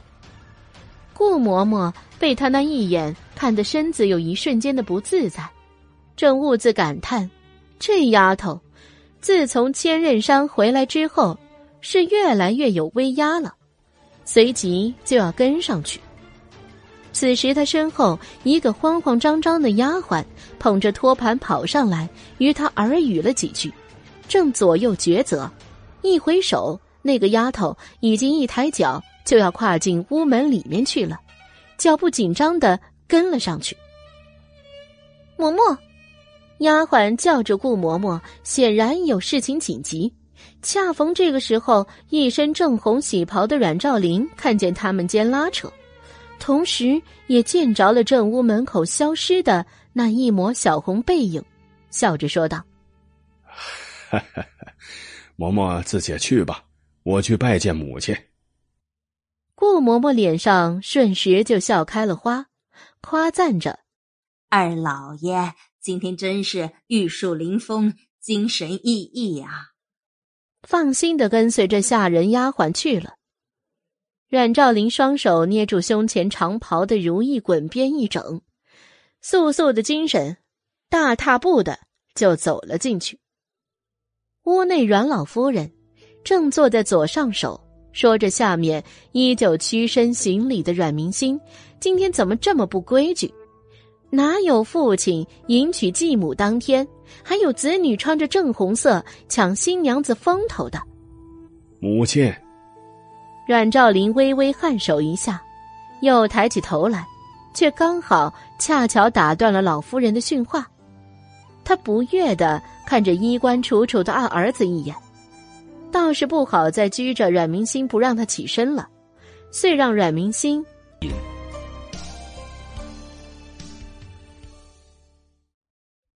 第一百六十一章，老夫人转移注意力，满意的看着自己相貌堂堂的二儿子，走上前来推着他转着圈的看了一遭。母亲，阮兆林无奈的叫他一声，老夫人这才整了整仪容，继续坐上上手。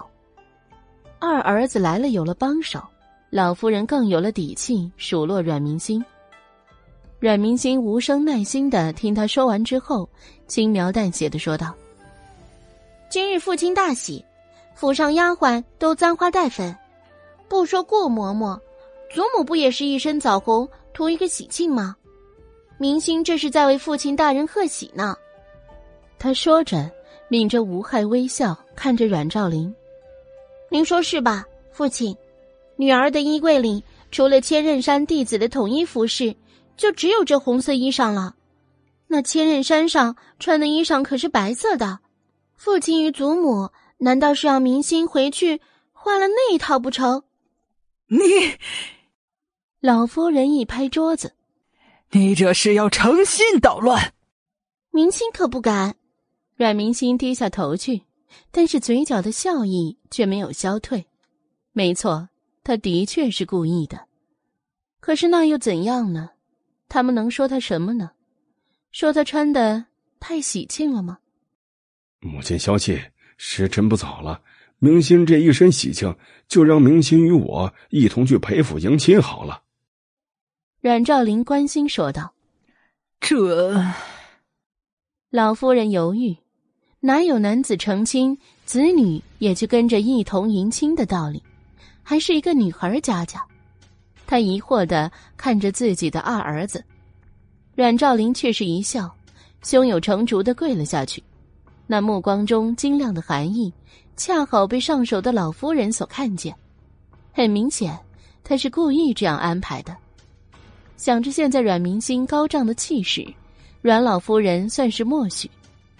这是成婚的礼节，成亲当日，不仅是女子出门是要拜别父母。男方同样也要叩拜父亲母亲，感谢他们的生育和养育之恩。作为父亲的都跪了，身为子女的阮明心自然也是要跟着一起三叩首的。老夫人就笑盈盈的扶起儿子，将他们目送出了门。门口的素兰焦急的垂手想要拦着，苦苦思索着，却没有一点办法。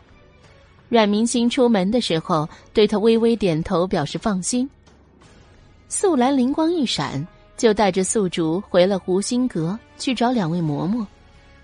大门口处，顾嬷嬷解决完宴席那边的事情，回来代表老夫人相送阮兆林出门，看见上马，竟然除了二老爷，还多了一个四小姐，惊得眼珠子都要掉下了。与此同时。周围一同来看热闹的围观百姓和早早到府吃喜酒的那些老爷夫人们，也是指指点点。阮兆林的大哥淮阴侯携着夫人在门口停着，耳边那些不堪言语的话语都燥得脸红。身为嫡女，就没见过这么不要脸的官家小姐。莫要说是官家之后。就是普通百姓续娶的，也没见过谁家的孩子跟着自己的父亲一同去迎亲的。淮阴侯世子阮兆文一脸黑沉的走上前去，拽住阮明心的马缰，怒不可遏，低声说道：“你给我下来！”他看着旁边的阮兆林，也同样一副咬牙切齿：“二弟，他没分寸，怎么你也没有了分寸？”你是吏部尚书，你这名声还要不要了？阮兆林等的就是这一刻，看一眼周围议论纷纷的咬耳朵，高声的说道：“明心，你下去，这样的场合岂是你一个女孩家家可以去的？”身为后辈，还是嫡女，竟然要跟着自己的父亲一同迎接继母。这不仅是没有规矩的表现，更是在当众挑衅继母将来在家中的威严。阮明星不紧不慢，也看了一眼四周，轻启薄唇，声音不高也不低，除了周围阮家的几个人，旁人恰好听不见的音量说道：“父亲，是确定要让明星在这里下马吗？这周围还是有不少的人呢。”他目光流转。似笑非笑，像是在看着周围都聚集了多少人一样。如今女儿也是上了迎亲的队伍了，要是还没出发就下马了，岂不是暗示人们父亲要悔婚的想法？父亲确定要让女儿这时候下去吗？阮兆林气结，周围的人越聚越多，眼见来访的宾客与他们撞上，都奇怪的围在大门之处。在众多吵吵嚷嚷中，阮兆文耳尖的听到：“这还没出发呢，离吉时不久了，难道是要在成亲当日悔婚吗？不知道呢。我刚过来时，长安街上也有一堆迎亲的队伍，锣鼓喧天的，围挤了好一会儿才过来呢。还没过去啊？我比你早到一刻钟，那时候就已经在长安街上了。哎，你们是在哪段路遇上的？”我是在有道书寺那儿，这么近。我是在天鹤楼，看来那一对确实够壮观的。这平常哪用得了一刻钟啊？半刻钟都不需要。就是就是，看阮大人这是家事不平呐，估计今日不无了吉时，亲事也悬着呢。淮阴侯世子松开手，深深看了阮明心一眼。然后再转向阮兆林的方向。别多管了，快点出发，别误了吉时，让裴家那边久等。真是搬起石头砸了自己的脚。阮兆林一跨马鞍走了出去，阮明星悠哉悠哉的跟上去，而后是他大伯招呼客人进屋去的声音，细细杂杂，越来越听不见了。转上长安街。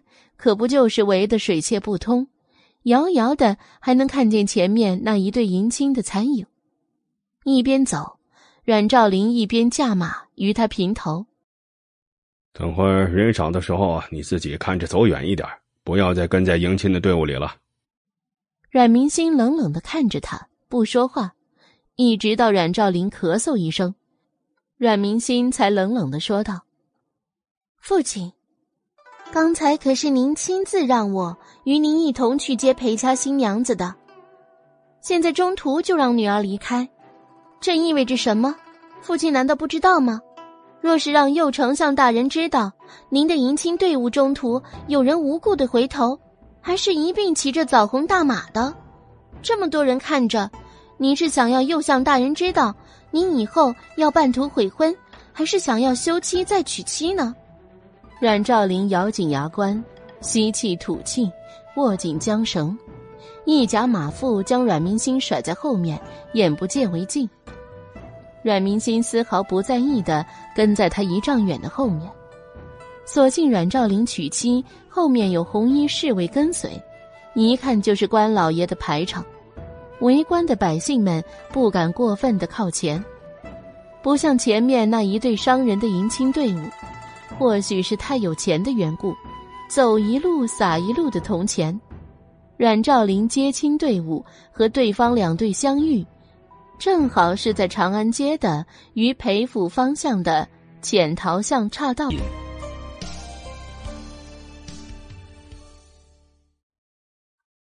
第一百六十二章，两队同样都是接亲，一队往浅桃巷，一队继续游长安街。这一耽误，就算阮兆林后面加快行路，到了裴府的时候，才堪堪晚了一点时辰。到达裴府朱红正门的时候，府内管家正在门口伸长了脖子等待。一听到敲锣打鼓、吹唢呐的声音，就立即冲下台阶，眼一挑，看见旁边同样高头大马的阮明心，一愣，停顿了一下，迅速回过神来，若无其事的说道：“新姑爷可算是来了，快快请进。”裴府厅堂内，右相与裴夫人。高坐高堂，看见管家引领着那个红色人影进来的时候，因为太兴奋，没有也没有察觉到管家那复杂的神色，本能的期待着女婿的到来。可是，当裴夫人在看见同时进来的时候，有两个身影时，那表情真真的与管家当时一模一样。反应过来之后，裴相脸上的笑容就落了下去。裴母表情僵硬，且带着愤怒的质问出声：“阮大人，你这是何意呀？”他捏着手帕的兰花指食指，指着阮明星的方向。本想叫的女婿也不叫了，直接称呼为阮大人，配着那刚才与女儿类别的眼睛，红彤彤的，格外凌厉。阮明星料到。阮兆林还想用刚才出门搪塞大伯的那一番说辞来欺骗裴家，抢在他之前开口说道：“是父亲让我来的。父亲见我穿着喜庆，于是想要带着我一起给婚礼添彩。”与他同时开口的还有另外一道男声，两道声音叠在一起，是阮兆林。四丫头不放心心母。央着我想早点见着玉芳，我看她乖巧，便带着一起。相比较于阮明心的直来直往，阮兆林却是抬着手做着揖。阮明心暗恨被他小人得逞，再行礼也是不想了。反正待会儿也是要跪，干嘛折腾自己的膝盖呢？裴母的目光在他们两人身上来回打量，伸手扶起阮兆林作揖的手，微微说道。女婿宠女儿也要有一个度，这么大喜的日子，适合带着子女到处乱走吗？嘿，岳母大人说的是，是小婿欠考量了。阮兆林轻声笑着说道。裴夫人放开他，吩咐令人去请三小姐出来之后，才将目光移向了阮明心的身上，上下打量。小丫头长大了。记得那年初见他的时候，还是在公堂之上，小小的身子，一身血衣的跪在公堂中央，是他小看了他，致使他的大女儿栽倒在他的手上。好歹你也是个嫡女，十岁了，规矩还没学好，就算是再好奇你继母是什么样子，也没有你这样要跟着自己父亲一同来接亲的道理呀，让人看着像什么样子？裴夫人眼睛倾斜着说道。阮明心轻轻一扶，说道：“裴夫人见谅，明星常年在千仞山上，师傅是男子，只教了明星家国大义，尊师重孝。父亲让来，明星不敢不从。”你，裴夫人竟是被他堵得无话可说，一甩帕子，重新坐在了高堂之上。这时，右相终于发出了刚才回应阮兆林。向他问好后的第一句话，也是他今天对阮明星说的唯一的一句话。既然来了，等一会儿，府内就另外派马车送你回去。一个小女孩子家家，跟在迎亲新郎旁边，总归是不像话的。阮明星轻轻的一扶手道：“是。”新娘此时就在丫鬟婆子的搀扶之下，头盖红盖头，一身金线龙凤呈祥刺绣嫁衣的裴玉芳到了厅堂。阮明心跟在阮兆林的身后，对着裴相夫妇叩了三叩首，默默出了门去。等到小厮牵来一辆马车，前面的迎亲队伍因为有官兵开道，走得一路通畅；后面的马车本就因为避嫌。隔开了一段距离，现在也不知道是那小厮故意的，还是真的太堵了，慢腾腾的，像是故意跟他耗一样。阮明星撩开窗帘，看见一抹眼熟，停车。阮明星跳下马车，来到江嬷嬷坐的青布马车旁边，一边上车一边说道：“快，赶在拜堂的前面。”刚才丫头已经告诉了嬷嬷前院的事，因此江嬷嬷早就备下了马车跟着。现在眼见那辆马车故意拖延时间，让阮明星误了吉时，他们立刻换了马车。于是小厮甩起马鞭，唰的一下窜了出去。回到阮府的时候，正好是在拜堂的时候。阮明星看着那一对刺眼的对拜，阮兆林脸上那灿烂的笑容。芸芸宾客夸赞金童玉女，怎么都为苦苦等待的母亲所不值。高堂之上，只有老夫人一个人，坐在左手的位置，笑盈盈的。随着唱官一声礼成，阮兆林拉着一抹身姿苗条的红影，就要出的厅堂，往新房里面走去。等一下。阮明星走到大厅，高声的喊道，引来全厅的人灼灼的目光围观着。继母虽然是父亲娶的正妻，可是到底是田房，怎么就能不拜见原配呢？此话一出，四座巨惊，明目可见的新娘子身影就是一僵。阮兆林跟老夫人脸色黑沉的不好看。胡闹！大喜之日，祭拜什么死人？老夫人愤声说道：“阮明星的伯母淮阴侯世子夫人罗氏过来拉他。阮明星对这个伯母心里还是比较敬重的，缓缓有力、不容置疑的摆脱他的桎梏。咱们南庆是诗书传世，最令别国仰视的，就是无论何时都注重的礼仪气度。伯母也是书香世家出来的，这样的道理。”不会不懂吧？田房跪拜原配，天经地义。满屋子瓮声瓮语，话虽是没错，可是那也不是在成亲拜堂的时候拜祭呀。正当众人没反应过来的时候，阮明星的脚步已经走出了屋内，满屋子的眼睛追随着他的背影。他他他，竟然真的捧了一块牌位回来。漆黑的墓地上是描金的字体，龙飞凤舞的写着“七软凤是凝香之味”。裴玉芳听见周围的吸气声，大约是猜到了什么，抓牢了连接在他与阮兆林之间的红绸，不可置信的轻唤了一声“相公”，声音都有些颤抖。阮明星不管他，只一步一步的抱着灵位，走到高堂前的右上手座位站定。母亲，请吧。他清清淡淡的说道，没有一点感情，仿佛他只是一个拖着什么一样的使者。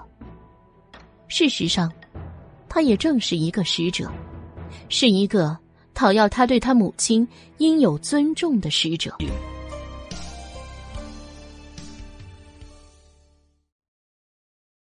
第一百六十三章，裴玉芳不知何时已经抓上了阮兆林的衣袖，红盖头下的络子打得哗啦啦摇晃。阮兆林抚上新娘妻子的肩头，看向那个一脸冰冷、正经又严肃的少女的身影，手掌轻轻的拍了拍，像是铁锤一样拍碎了裴玉芳筑起的城墙。只见他不可遏止的将肩膀从他手中滑落，倒退数步之远，被他身后陪嫁的丫鬟扶住，轻轻唤了他一声“小姐”，裴玉芳才稳住身子。阮兆林一脸无奈的上前拉住他的手，语重深长叫他：“玉芳，宁香她毕竟是我的原配夫人。”众人面前，阮明星将话说的那么决绝。甚至上升到家国大义，他实在找不到任何理由，才能拒绝。裴玉芳的心里建设了很久，才缓慢的仰起了头，虽然看不见，但是红布盖头下面的眼睛瞪得大大的，仿佛要穿透红布与珠帘一样，看进阮兆林的眼睛，看透进阮兆林的心里。阮兆林同样倍感难堪。众目睽睽的目光聚焦在他的身上，闭了闭眼，长吸了一口气，捏了捏裴玉芳的柔仪。相公，裴玉芳是不可置信的，然而最终依旧是无可奈何的妥协了，声声字字泣血。相公，你记住，我是为了你才跪的。阮兆林隐忍着握紧了他的手，拍了两下，表示委屈他了。裴玉芳转过身子，正对着阮明星的方向，轰的一下跪了下去。红裙曳地，散开成一朵鲜红的花，空旷的瞬间引得周围一片唏嘘。那一瞬间，喜庆的喧嚣瞬间静止了下去，在众人的诧异目光中。阮明星油嫌不够的对着那跪着的直挺挺的红色身影，正气凛然的说道：“按照规矩，偏房须得对原配三叩首。母亲，你还没有磕头呢。”宽大的红色绣笼下，裴玉芳捏紧了拳头，只有指甲陷进肉里的疼痛，才能抑制他想掀翻阮明星的冲动。颤抖的身子一拜。两拜，三拜。唱礼官收到尚书大人的示意，抓紧了时机，高声的说道：“李成，送入洞房。”寂静的喜堂才再度热闹了起来，只是这尴尬的喧嚣，怎么都与之前的不太一样。阮兆林扶起裴玉芳的身子，在众人的簇拥下出了大堂，往西洋阁走去。原本应该喜庆的闹洞房，也因为之前的影响没能进行下去。草草的喝完合卺酒，新娘子结完发，众人就通通散了出去。热热闹闹的喜房一下子安静了下来。阮兆林与裴玉芳双双坐在床边，裴玉芳看着这满屋子的红，一下子忽然就哭了出来。阮兆林连忙将新妻揽入怀里安慰。相公，你那女儿今日太过分了，你无论如何都要为妾身做主啊！裴玉芳哭泣着，印湿了他的肩头。美人落泪，梨花带雨，与玉莲何其相似。阮兆林的心也跟着他的哭泣扑通扑通，舍不得受一分委屈，而且。现在妻子的委屈，还是那个来自他也憎恶的丫头之处。一边安慰，一边目光怯怯、凶狠道：“玉芳放心，为夫不会让你白受委屈的，一定为你出这一口恶气。他拍了拍裴玉芳的肩膀，把她拉出怀里，擦干眼泪，说道：“你先在房间里休息一下，换人进来伺候。为夫先出去招呼客人了。”裴玉芳哼哼唧唧，用鸳鸯戏水红锦帕压了压眼角，委屈又不舍的点点头。虽然这是姐姐喜欢的人，可是从今以后，他就是自己的相公了。他一定会在这个阮府过得很好。裴玉芳看着那个临出门还关切看他的英俊男子，想着：成亲事件大家有目共睹，因此气得阮兆林一连几天都没有给阮明星好脸色，就连叶姨娘去给他送汤，都受到了牵连。阮兆林从来就不是一个亏待自己隐忍的人。从当年放凝香的事情上就可以看得出来，而裴氏更不是。就在他们夫妻快要憋不住的时候，老夫人秦氏找上了他。阮兆林带着裴氏一起到老夫人的飞鹤院，恭敬的请安。不知母亲找孩儿何事啊？老夫人表情凝重，拿出十几封名帖摆在了桌上。阮兆和裴玉芳面不解。阮老夫人着桌上的帖子说道：“这都是这几日京城各个府上送来的名帖，你看一下吧。”阮兆林带着疑惑翻开最后就是那个面上的帖子，看了一眼，皱眉，又迅速翻下第二封、第三封，居然全都是求娶阮明星的帖子。这可真是大大的出乎他所意料。老夫人适时开口说道：“你见到了，求亲的人众多，且都还是京里数一数二的人家，你须得慎重考虑才是。”裴玉芳静静的看着那些帖子，眸中光芒流动。想想老夫人，又隐晦的补充了一句：“至少得对咱们阮家有所帮助才是。”这就是要将阮明心一个嫡女做庶女一样用联姻处理了。阮兆林沉思，不过他一个从来看不惯阮明心的人，考虑他的前途做什么？阮家养育他这么大，是时候该给阮家做出贡献的时候了。阮兆林看着母亲，郑重的说道：“孩儿心中明白了，多谢母亲提点迷津。”裴玉芳收起了那些帖子，和阮兆林一同离开了主院。夫君，这婚配人选，可要好好选下呀。裴玉芳别有所指。放心，总要夫人满意才好啊。阮兆林说着，搂住了裴玉芳的腰肢。第三天，阮明心就被阮兆林叫到前院的书房里了。阮兆林看着眼前娉婷的女孩，她还如此稚嫩又青涩，可是那种越来越长开的脸，跟凤凝香越来越相像。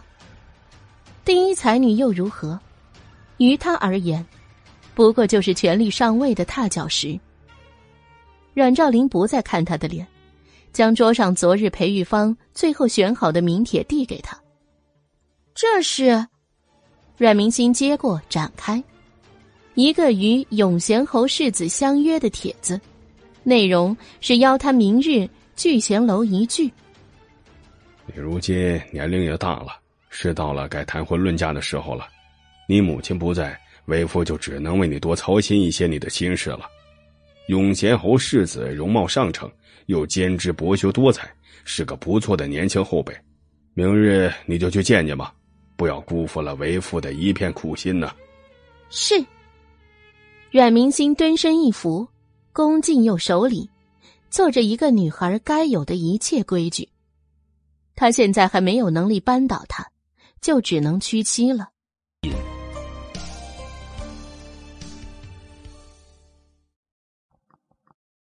第一百六十四章，聚贤楼，顾名思义，来的可一般都是那些博学多才的才子们。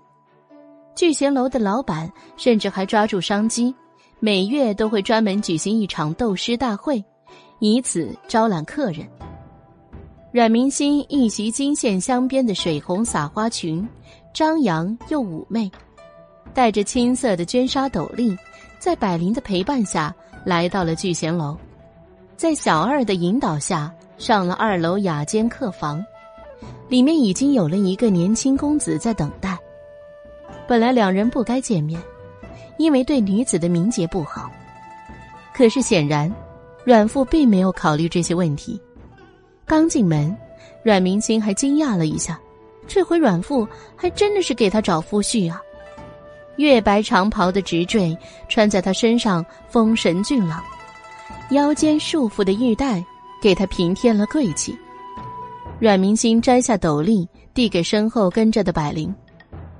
公子久等了，他礼节性的轻问，声音清脆优雅。顾秉钧听见声音，回过头来看他，只见眼前女子眉目清秀，大大的杏眼中央含着耀眼的黑曜石，小脸清丽娇俏，一身红衣张扬又火烈，与她恬静的五官很是冲突，但是在她周身又萦绕着一种。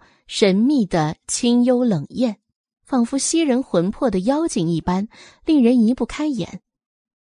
阮明心在顾秉俊打量他的时候，他也正在打量着他。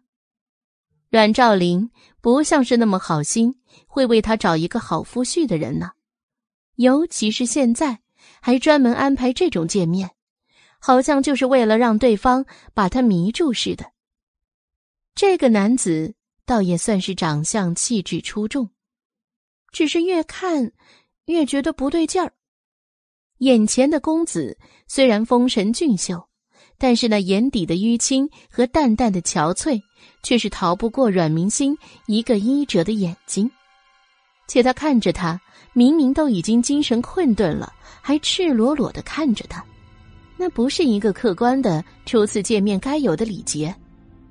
你是患有肺痨吧？居然还敢出来和人约见！阮明星不客气的指出：“肺痨，那可是一般大夫眼中药石无灵、只有等死的毛病。虽然他是轻度，而且看他疲惫还一点不掩饰的眼神，分明还是一个色中恶鬼。”你胡说什么？顾秉俊明显没想到，阮明星一见面就点出了他身患的毛病。而且看他还是那样一副嫌弃的模样，你凭什么嫌弃我？你也不看看自己是什么货色，整日里抛头露面不说，你看看全京城谁人看见你不是绕道就走？但凡有一人说你好话的，自己嫁不出去还妄想我娶你，你想的倒是美。要不是表姐求到我这儿来了，你以为我愿意来看你这个母夜叉？你求我，我都不来。阮明心气急反笑，哼，母夜叉，好呀，那本小姐今天就让你见识一下，什么叫做真正的母夜叉。敬酒不吃吃罚酒。本来要不是阮父在家里施压，谁要来见他这个不知道从哪儿蹦出来的乱七八糟的人？反倒是连累的他都愧对霍长燕了。说着，阮明星就从腰间抽出鞭子，狠狠的甩了过去。顾秉俊到底是比龙思远年长，练过几年功夫。不过说到底，一个身子废了的人能有什么能耐？顾秉俊在地上滚了几圈，不仅没有躲开阮明星的鞭子，还反倒是把自己整得更加狼狈。我告诉你，本小姐要嫁，就要嫁当世的大英雄。才不会嫁给你这么个无耻之徒！说完，一脚就将顾秉俊从刚才被顾秉俊撞得破开的窗户里踢了出去。楼下传来“哎呦”一声长长的喊叫。阮明星将鞭子继续别在腰上，不细看，真的就几乎以为那就是一个装饰品。他回过头来看着身后站着的百灵，眼神直勾勾的。百灵立马竖起三根手指做发誓状，奴婢保证什么都不说。阮明心满意，两人看着对方都得瑟的笑了起来。这也就是为什么出门的时候，宿主想要跟着阮明心却不肯的原因了。论忠心，几个丫头都是一样的当仁不让。可若是要说到心意相通的话，就算是英子的那颗玲珑心，也是及不上百灵常年跟在他身边的情谊的。江湖儿女不被约束，他这四年跟他一起，天天与师兄们相处。早就抛开那些宗教大义了。阮明心要教训一个蔑视他的男子，百灵就从来只有拍手叫好的份儿。毕竟小姐从前在大剑门可是有多少人宠着呀，一回来就被受到搓磨，他心中看得真是难过不已。出了厢房，周围的人都自动自发的在他两边围住，开始指指点点。阮明心看他们一眼。脊背挺得笔直的往家里走去，一路上再也没有回头再看一眼。百灵有心想要说两句，但是看到小姐的脸色一直冷清，并没有开口。来往的行人一直到了东筒子胡同口才少了，那前面几个院子重兵把守的就有一万之多。这条胡同行人除了早市那儿和买宵夜的，几乎是不允许摆摊的。等到回到家里，阮兆林显然已经是知道了消息，气得将杯子摔在了阮明星的脚边，溅起的茶水打湿了他的裙摆。百灵想要分辨什么，被阮明星拦下，他就这么静静的看着父亲，眼神幽冷。阮兆林就不说话了。愤怒的甩袖离去。回到湖心阁，素竹第一个迎上来，百灵立马冲到阮明星前面去。素竹姐姐，这可不能怪小姐，那个顾秉俊可是有痨病的，他们这是故意骗婚，小姐如何嫁的？素竹无奈，默默的奉上一个小小的卷纸。这是霍少爷刚刚飞鸽传信来的，奴婢刚取下，谁人也不知道。刚还是一副乖巧、任人念叨的阮明星，瞬间就来了精神，一把夺过他手里的小纸条，就飞奔回了房间。今日之事，我已知晓，勿扰，吾已安好。阮明星拿着小纸条坐在床边笑了，小腿乱晃。他才打人，霍征就知道了，他就知道霍长燕一定会做好准备的，他相信他。他一直都相信他，永远也不会让自己置身于险危之境。时间就那么静静的流淌，在此期间，他们没有见过面，后来也没有书信往来，但是心中的那股甜蜜一直淡去。这是两世以来阮明星初尝情谊美好，这令他们两个心灵都悸动不已。以前相隔千万里。都能心灵相通，现在同在一个城池内，就连每天的风都是甜的，顺带着彼此的味道。与霍征、阮明星之间的湖水波光粼粼不同，京城又一次将阮明星的话题推上高潮。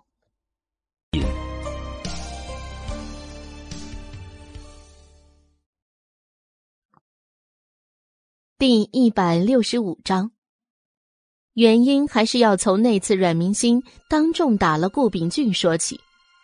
原本顾秉俊就是应表姐裴玉芳的要求去羞辱阮明星的，奈何事情闹得太大，顾秉俊被打了，然后事情就被永贤侯夫妇知道了。儿子有痨病，他们是知道的，原本一直隐瞒的很好，没想到却被阮明心一眼点破。大剑师在南庆国出名，可不仅仅是因为剑术，那出神入化的医术以及观心术，可一直都是专业领域里众人可望而不可及的。尤其是药王神龙见首不见尾，很难找到。大剑师当然更不可能会专门出山去为人治病。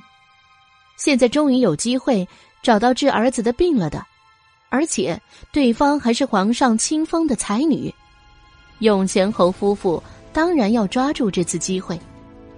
于是，阮明心打了顾秉俊，不仅没有结怨，反而对方有了结亲的意思，这可把阮明心打了一个措手不及。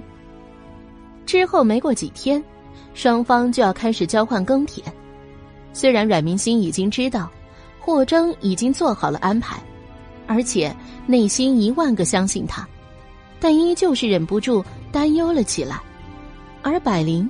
简直是比阮明星还要焦急。小姐跟霍少爷的感情，他可一直是有目共睹的。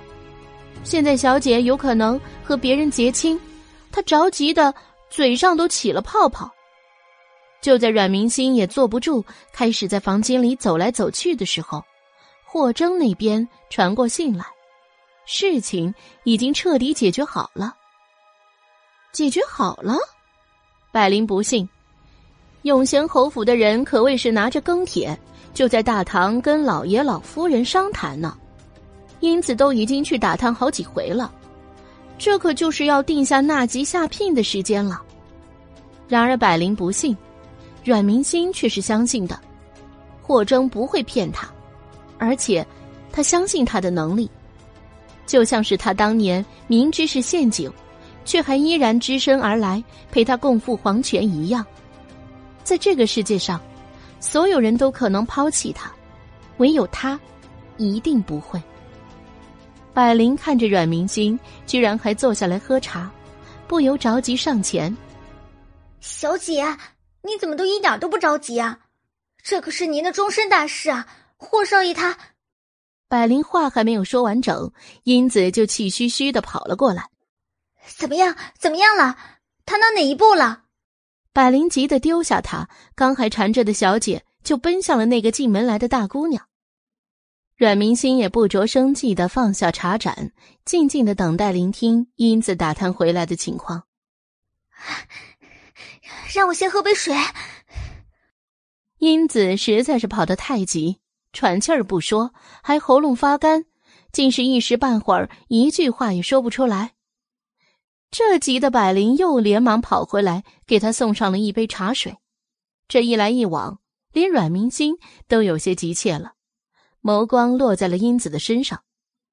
英子喝下水，总算是缓过气儿来了，气喘吁吁的说的断断续续：“ 宫宫里来来人了，什么？”百灵惊叫：“宫里来谁了？说了什么？”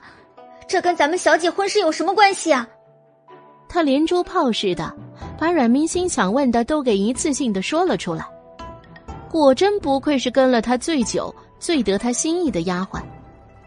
阮明星默默的给他一个赞赏，依旧盯着英子继续说：“就是宫里来了一个公公。”英子回忆，突然想起来说道：“就是上次来咱们府上传圣旨的那个公公。”老爷还给了好多银子打赏的那个，他的关注点永远在八卦和银子上。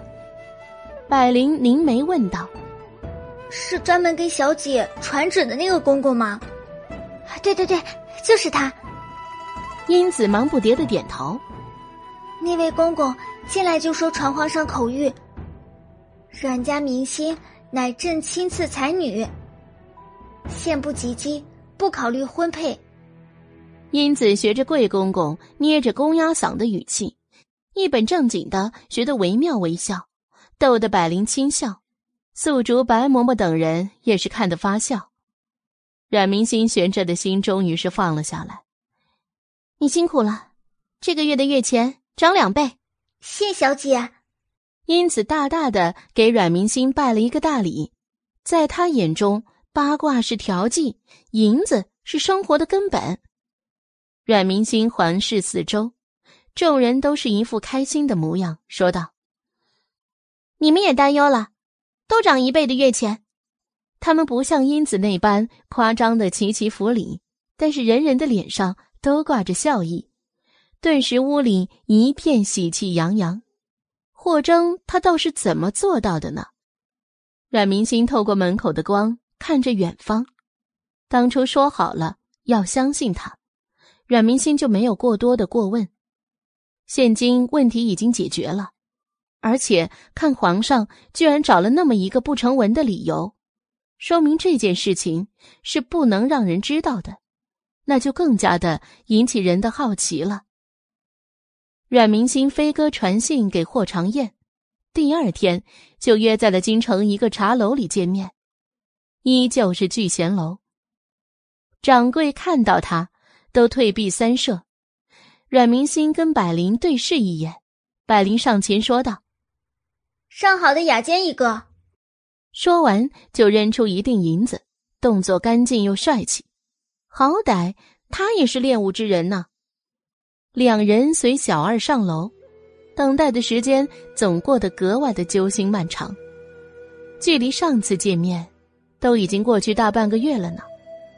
从前不觉得，这次回来。真是一日不见，如隔三秋啊！好在霍征没有让他等太久，明明阮明心就听见他的脚步声了，步伐有力，才在楼梯上听起来要比别人的要重一些。料想不错，果然，那个脚步停在了他的房门前。百灵去开门，啊！百灵不解，不过还是依照小姐的吩咐做事。打开门一看，一个净瘦少年，不是长大了的霍少爷，又是谁呢？两年不见了，他褪去了少年的青涩与桀骜不驯，两年的随军历练让他更加沉练。从前眉目如画的面庞也更加深邃，还是原来喜爱穿的白衣，却由于从前的感觉不尽相同。原来，这就是成长。上次见面，阮明星还在醉中，所以记忆还有几分模糊。但是现在，是明明白白的重新见到了他。这个在他心底有一席之地的男子。霍征也静静的看着他，那个丫头，真的长大了。以前只是一颗青涩的小芽，现在就像是一朵还在蓓蕾状态的花苞。不过已经显出女儿家的娇态。今天，她穿着一身男装，所以身上的英气和娇美并存，透着属于自己的韵味，和京城里如出一辙的大家闺秀们并不相同。百灵让开门口的位置让她进去，自觉的出门去外面守。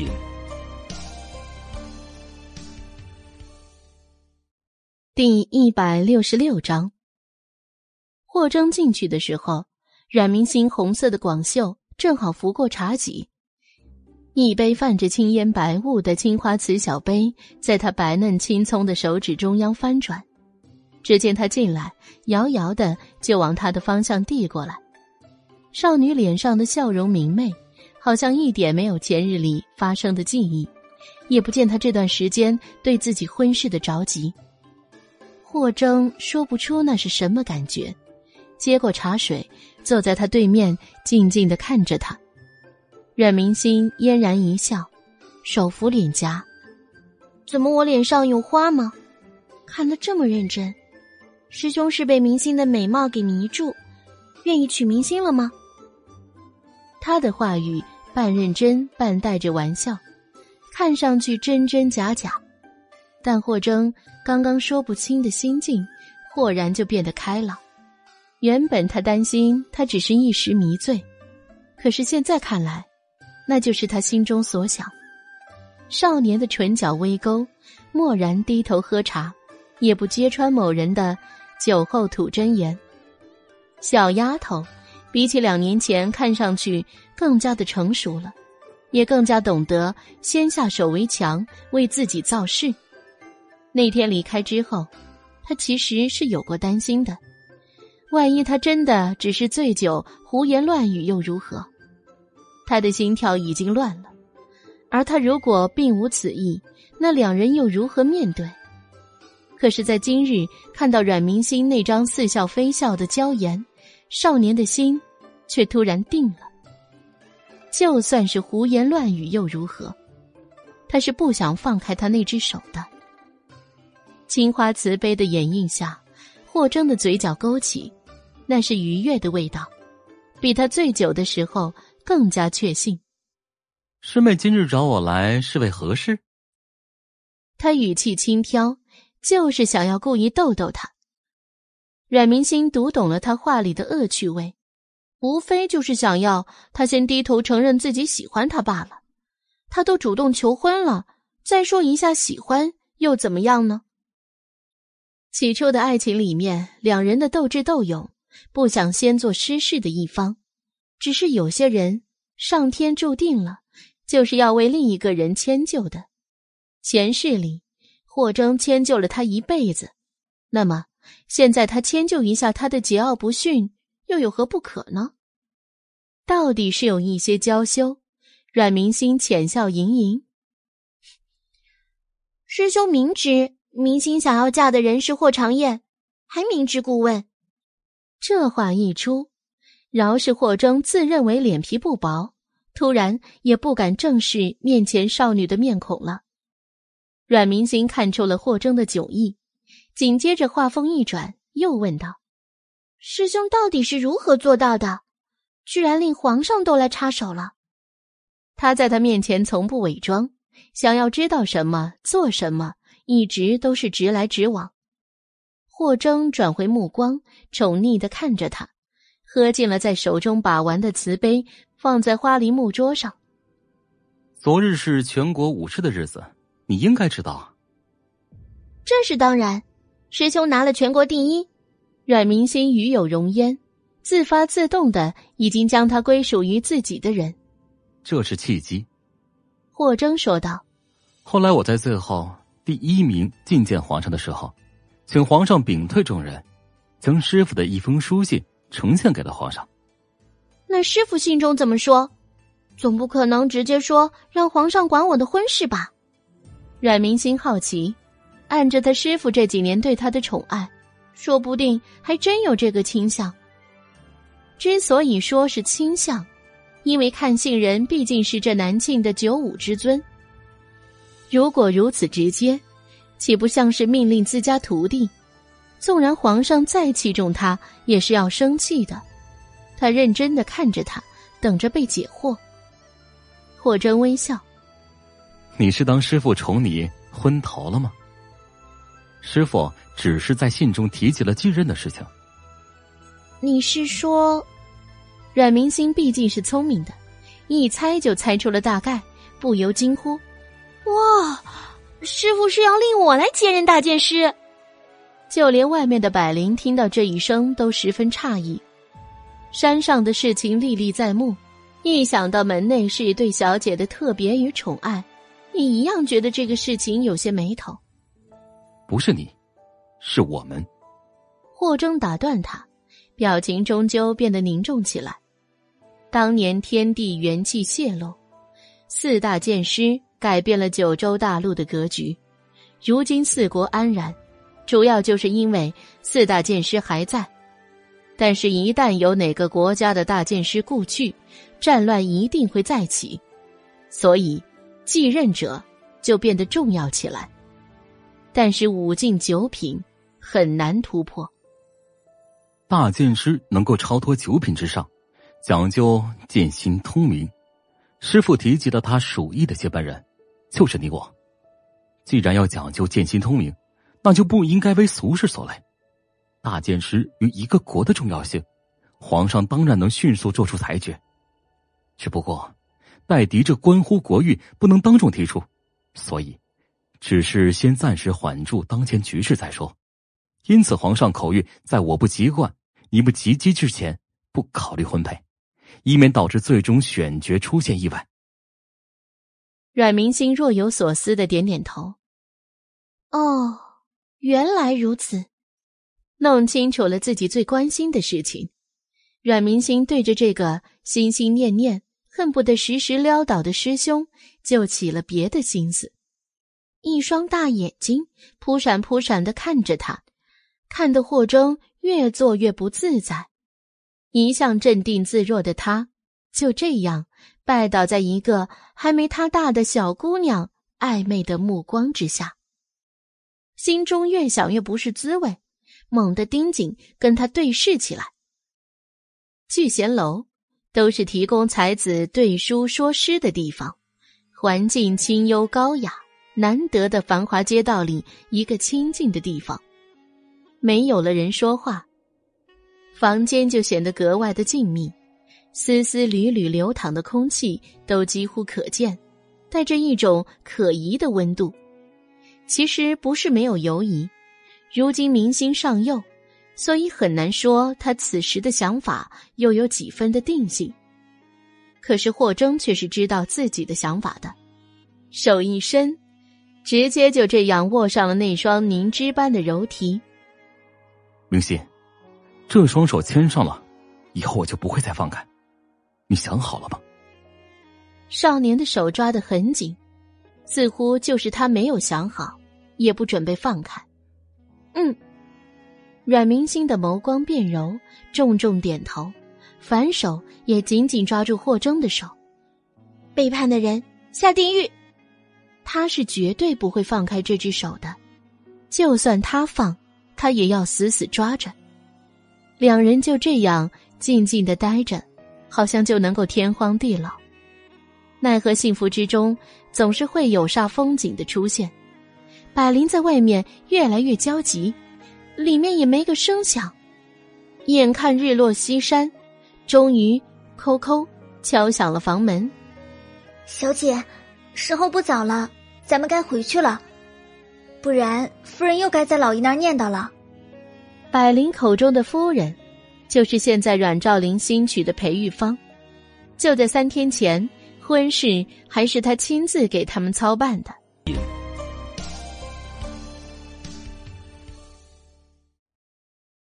第一百六十七章，一想到裴玉芳那个不省心的，还给他安排那个什么顾炳俊，阮明星就感觉阮兆林果然不是他亲爹。现在婚事搁置，裴玉芳如意算盘没有打起来，还不知道又要出什么幺蛾子呢。好不容易见次面，离别的时候总觉得时间在跟他们作对。太阳完全落下去的时候，阮明星的马车到了阮府的大门。哟，这不是大小姐吗？怎么现在才回来？一个梳着牡丹盘头、妇人发髻、头戴赤珠金钗的女子从门内婀娜的走了出来，同样也是一身红色的上衣，只不过她是正红，阮明星是水红。再加上阮明星年岁轻，像是刚冒出芽的嫩萝卜似的。这一相对比，就更加衬托出阮明星青葱水嫩、妖娆张扬，将原本看上去年轻明艳的裴玉芳衬托的倒像是个昨日黄花。裴玉芳一看见这样的他就来气，她一个新婚妇人，穿的喜庆那是天经地义的。府中谁人不在这个风头避开他穿红色呢？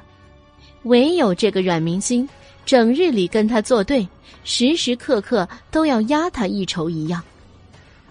裴玉芳也不是一个认输的性格，你偏要跟我杠着来，那好呀，他还非就当仁不让了。明星啊，明儿个呢，就是母亲回右相府省亲的日子呢，你看。母亲才嫁进来家中，又只有你一个嫡女。明天你就陪母亲一起回去省亲吧。裴玉芳想得好，阮明星不是一贯看不惯我以你母亲自居吗？那他还就非要霸占着你嫡母的位置不放了。于宗教于礼法，阮明星是不叫也得叫了。看明天回去裴家了，他怎么收拾他？阮明心巧笑，一边往门内走，一边说道：“母亲说什么呢？您虽是我嫡母，现在，但是您毕竟是田房，这……”他表情为难，恐怕不妥吧？古朴的雕花影壁映衬着他明亮的脸庞，气得裴氏脸上青白交加。他是拿捏着嫡母的身份。压着阮明星，可是成也是这个身份，恨也是这个身份。季氏的身份，再说是嫡妻那等级，也是没有正妻尊贵的。更何况，原本阮兆林是想要娶的是自家姐姐，他能用这个身份压制阮明心，阮明心也同样可以反过来讽刺他。正所谓伤敌一千，自损八百。裴玉芳对他哼嗤一声，甩袖而走。那最后的眼光阴冷又恐怖。阮明心耸耸肩，与百灵无奈一笑。然而到了晚间，百灵就面色不愉的掀帘子进来。怎么了？这是？阮明心正坐在床沿边上，脚下踩着一个金色铜盆，一个小丫鬟正在给他捏腿。看着百灵那满脸的气愤，阮明星挥退小丫鬟。百灵自发的上前去接替小丫鬟，继续给她捏，头埋得低低的。阮明星也不主动问他，闭着眼睛，享受着明显比小丫头更加有手劲儿的按摩。最后还是他自己绷不住了。小姐，你怎都不问我发生什么事儿了？百灵的语气有些嗔怪跟不满，自家小姐。永远都是这样慌慌不忙的，阮明星神情自若。若是好事情，按你的习性，早就一进门就说了。憋着这样要我主动问的，那百分之百都不是什么愉快的事情了。那我还不如等着你先给我先放松放松一下筋腿再说。百灵撅着嘴，有些不满。阮明星挑起他的下巴，取笑道：“哎呦。”小心双下巴都撅出来了，以后可就嫁不出去了哟。素竹端来银耳莲子羹，看着百灵这副委屈的模样，怎么了？这是？阮明星晚饭间没怎么吃饱，此刻有些饿了，云淡风轻的说道：“不外乎就是裴氏到父亲那儿去告状了呗。”说话间看着莲子羹。清香扑鼻，不由觉得更饿了呢。宿主也看着陶红，等他说明情况。百灵见到，总算是有人关心了，激愤的说道：“老爷真是太过分了！夫人回家省亲，凭什么要咱们小姐跟着呀？而且居然就派一个小厮过来说一声，当打发小姐要饭呢？到底还是亲生女儿呢？”他是真心一心为自家小姐感到委屈。都忘了这家里谁才是当家做主的了。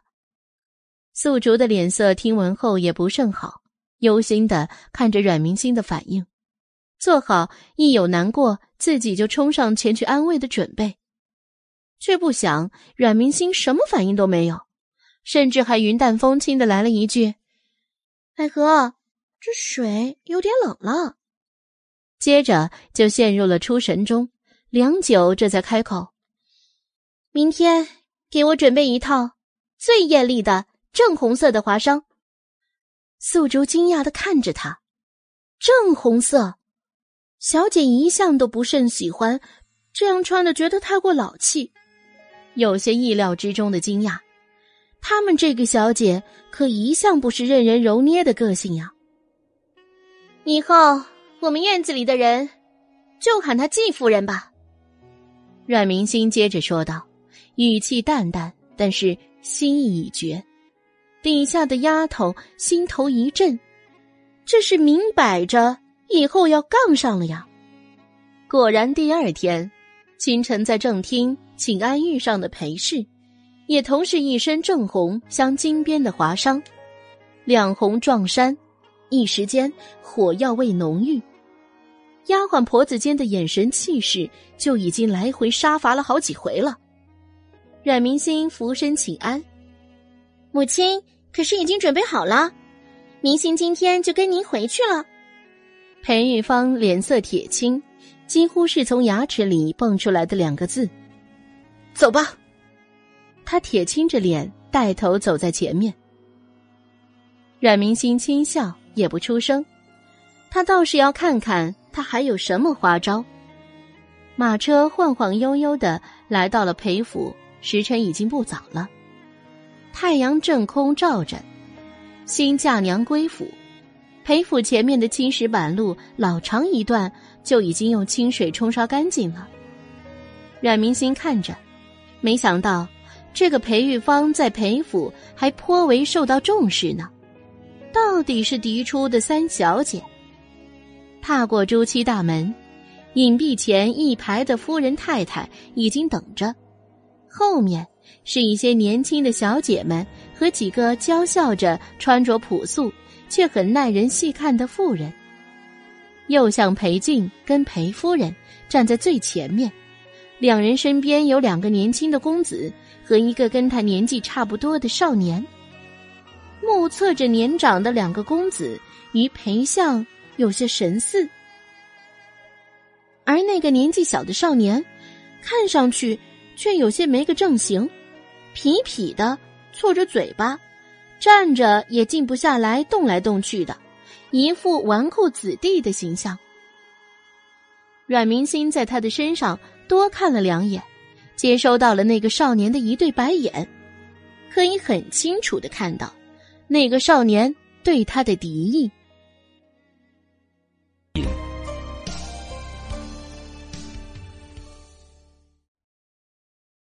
第一百六十八章。一看这个少年就眼高于顶，他看不起谁呢？阮明星心底冷笑，不再看他。裴玉芳亲切的上前拜过父母亲，就拉着裴夫人说起了小话，言笑晏晏，一片和谐。然后目光就转向了阮明心，裴夫人也顺着他的目光将阮明心上下打量，神色思量。拜见相老爷，小女阮明心是父亲的嫡长女，继母新归家，父亲不省心，让女儿跟着过来照顾继母。他说话滴水不漏，让刚想先他一步介绍的裴玉芳气结，听上去言语和善，但是继母那两个字却是直接戳在了在座所有人的心上。可是却又不能说他说错了，因为裴玉芳。的的确确是继母。裴玉芳咬碎了银牙，也只能笑着接话道：“是呢，相公不放心女儿，特意让明星跟来，还有就是带来认认人的意思。到底以后都是长辈了呢，他的终身大事，我们也要为他操心起来，早些相看相看。”这言谈之间，却像是一点也不介意。昨天皇上才传来口谕，阮明心及笄之前不得婚嫁。裴玉芳得意，反正皇上说的是不得婚配，又没说不能提前定亲好。此话一出，阮明心倒是掩藏的好，倒是那个刚翻白眼的男子震惊了，瞪大了眼睛，恼怒的瞪向了阮明星。原来是在这儿等着呢。阮明星冷笑，面视着那个对他张着铜铃大眼的少年，他轻轻的安抚着百灵，拍拍他的手。纵然裴府是龙潭虎穴又如何？他已经不是四年前那个不能自保的孩子了。千仞山的时光，他可是一分一毫都没有浪费。裴相看着女儿，深以为然。摸着留着的两撇八字美须，看向阮明星，后者回他乖巧一笑。裴相回过神来，都站在这儿做什么呀？进去说话。一行人又是簇拥着裴玉芳往正厅去，徒留阮明星跟那个少年走在最后面。少年走在阮明星身边，语气阴沉的小声说道。别以为我会娶你，就你这样的不安于世、整日哗众取宠的人，别说是我，谁都看不上你。我劝你自己等会儿识趣点，别想着拖我下水。阮明星笑而不语，少年气愤，甩袖大步离去。阮明星看着少年的背影，那身衣裳虽然华丽，却不是最新的。今日这么重要的日子。除了这几个朴素的姨娘，谁人的衣服不是穿的新崭崭的呢？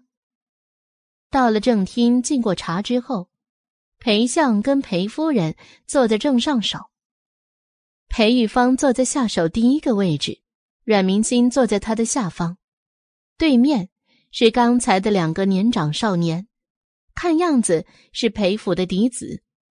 几个年岁跟他差不多的小姐分坐在他们下手，刚对阮明心放狠话的少年也一并挨着两个少年邻座。裴夫人发话：“刚才在外面没来得及介绍，这是我的两个儿子。”他指着左边第一座位十五六岁的青袍少年说道：“长子裴广利。”指着下面一位略显青涩的十二三岁年纪的说。二儿子裴广元，接着是挨着裴广元刚才的少年。裴夫人在这里特意郑重的停顿了一下，说道：“这位是我通州远房族弟的三子，有事儿在咱们家借住一段时间，名唤裴广宇。”最后才是下面一群的小姐们的一一介绍。阮明星又将刚才在隐蔽处的介绍。再郑重的说了一遍，接着姑娘公子们相互见礼。到了裴广宇处，两人眼神擦枪走火，无形的火花噼里啪啦。阮明星回头看向坐在喝茶的裴玉芳，眼睛看着他们，嘴角似是愉悦的勾起，那个笑容一看就不怀好意。一会儿想起刚才进门他说的那些话。再一看眼前的男子，就明白了。他想要她嫁给这样一个痞子，那也要看他们有没有这个能耐了。他这个后母为了他的亲事，还真是用心良苦啊！一个顾秉俊不成，又来一个裴广宇。阮明心看着裴玉芳冷笑，他倒是要看看，你们都有些什么手段能令他就范。陷害女子的，不过就那些手段。不过在那吃人不吐骨头的深宫里，他可没少见。省亲时间原定为三天，是要出嫁的女儿好好与家里话别。既然是陪着来照顾裴氏的，阮明心也理所当然的要跟住裴氏住满三天才行。当天中午吃过一桌山珍海味之后。裴氏让家里的几个庶妹领着阮明星好好的在院子里逛逛。嫡女有话，庶女们哪有不从？更何况嫡母还在边上看着呢。现在正是展现姐妹亲热的好时候，表现的好了，得了裴夫人亲眼，将来他们自己的婚事说不定就能有一个不错的如意郎君。女子成婚，那就是他们第二次投胎。既然已经生成了庶女，那以后想要什么，就更应该靠自己的双手争取。这些在后宅院里每日都是勾心斗角、洗礼的人，不可能看不出裴氏眼中的深意。一联想到前两日才到府中的唐三少爷，不过是个二老爷的庶子，父亲还特意将他接来暂住。他来府才两日时间，他们就基本上已经了解了他的为人，绝对是个不让人省心的。这样一个人接过来，起初他们还为自己担心呢。哼，现在看来，原来是等着这位阮家姑娘，那就更要为他们创造机会才是啊！一群女孩簇拥着阮明心就往后花园走。几近春末，天气回暖，现在不再需要暖阁，后花园的景色也是姹紫嫣红，花开争荣。一个身穿水蓝色、梳着双压髻、戴着珍珠耳坠的女孩，与另一个十二三岁、着素青色的女孩，在阮明星的身后对视一眼。身穿水蓝色的女孩，就上前拉着阮明星往湖水边走。阮小姐还没见过吧？今年咱们府里湖边的迎春花开得特别好，是今年春天的第一枝花，明艳艳的，映衬在湖水里，别有一番风趣呢。那位素青色的女孩也赶快接着说道：“听说阮小姐的诗词做得特别好，还得到皇上的赞赏。今日不知我等是否有幸一听佳音呢？他边说着话，也不用等阮明星回答，就一边用着巧劲儿，暗推着他往水边走去。阮明星也不说话，只是一路笑着，任由他们推搡。他也想看看他们有没有新鲜的花样，也算给他自己。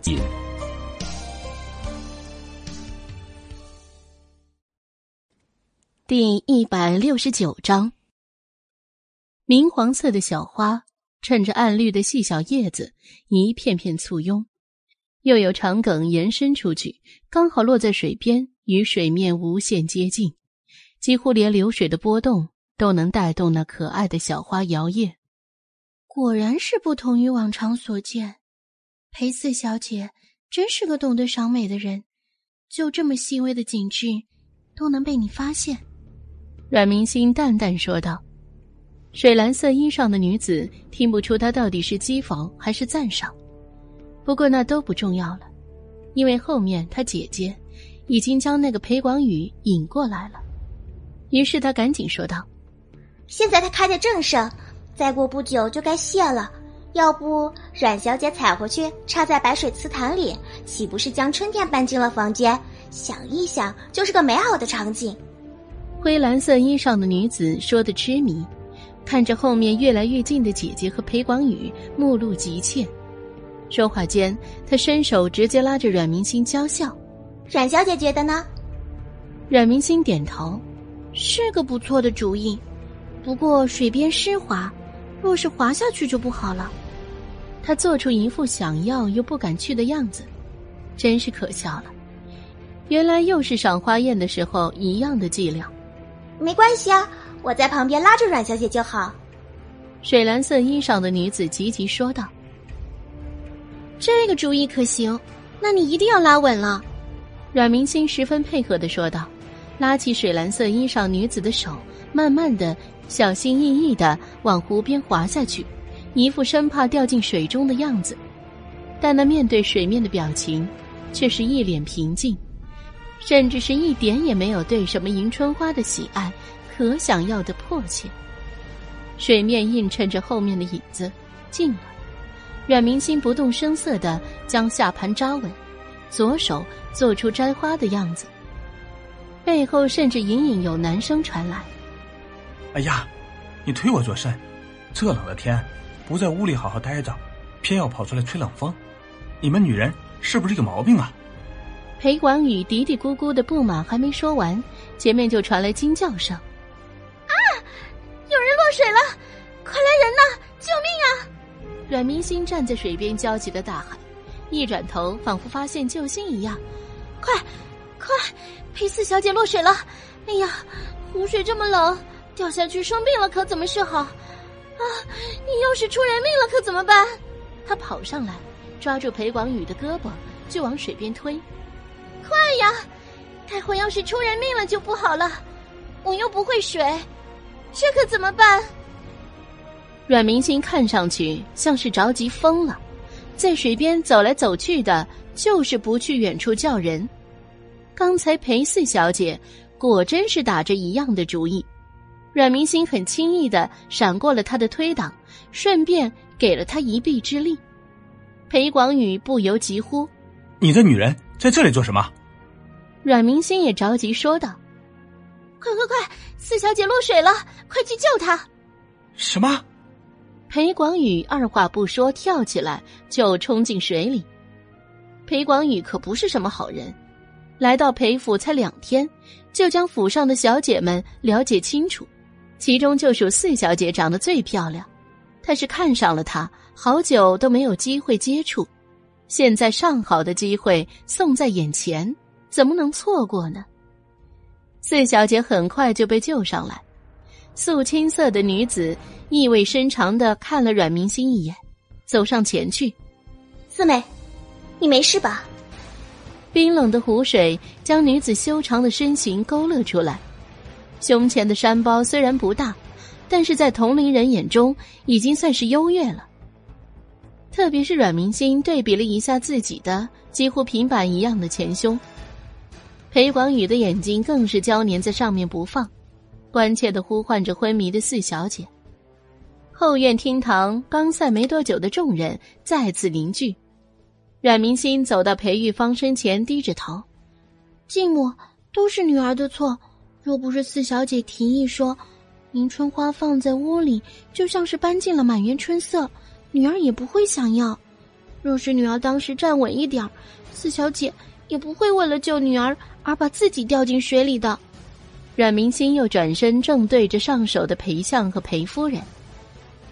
裴相大人，裴夫人，都是明星的错，你如何惩罚，我都接受。他声音委屈，略带哭腔。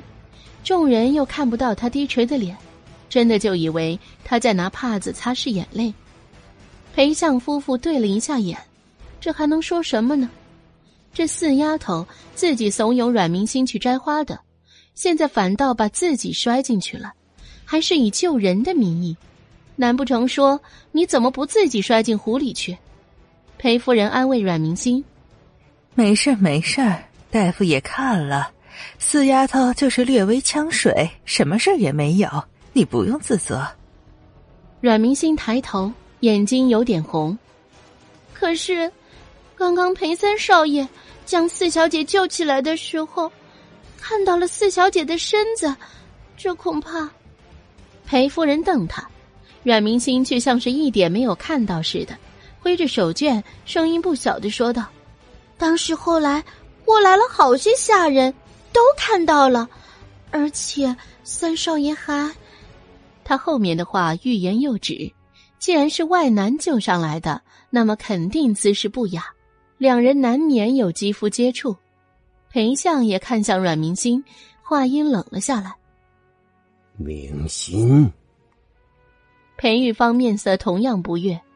裴广宇是什么样的人？他们裴府里谁人不知道？就算是一个庶出的女儿，他们裴家的女儿，那也至少可以嫁一个从四品的官员做正妻了。更别说长得好看的裴四小姐，还有其他的用途。那个裴广宇有什么？虽说是远房，到底还是姓裴的。他们裴家还要不要脸面了？更别说裴广宇一个痞子德行。裴玉芳看着他，一字一句的说：“明星，三少爷，姓裴。”阮明星张大嘴，像是才反应过来，愣愣的反应了好一会儿，才看了一眼裴广宇，低下头去。那一眼，裴广宇却是读懂了，这是在挑拨他和裴府的关系呢。少年嘴唇带笑，坐在厅堂里，仿佛十分惧怕裴相爷的官威，一句话也不说，眼睛却是晶亮晶亮的。姓裴又怎样？玩玩而已。又不要娶回去，家里的妹妹又不是没有被他调戏过。夜深，晚上，百灵跟素竹伺候他梳洗的时候，素竹又不可及的拍胸暗信：还好当时是裴四小姐怀下去了，这要是落水的变成小姐，那今天可不就变成被他们逼迫跟着裴三少爷的人变成小姐了？百灵练过几年功夫。在这方面最有话语权，他有些得瑟的跟素竹炫耀：“素竹姐姐可别以为是幸运，这都是小姐自己的功劳呢，是吧，小姐？”想整他们家小姐，也不看看自己是几斤几两。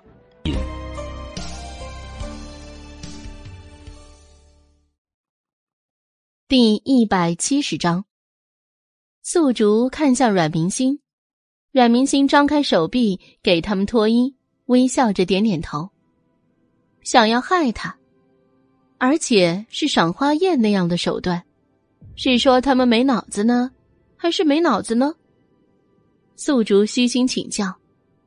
这么说来，是裴四小姐要害小姐不成，反倒把自己折了进去。那小姐当时到底是怎么做到的呀？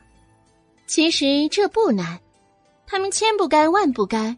选在水边动手，站在水边，头稍微低一点，就能看清后面的情况。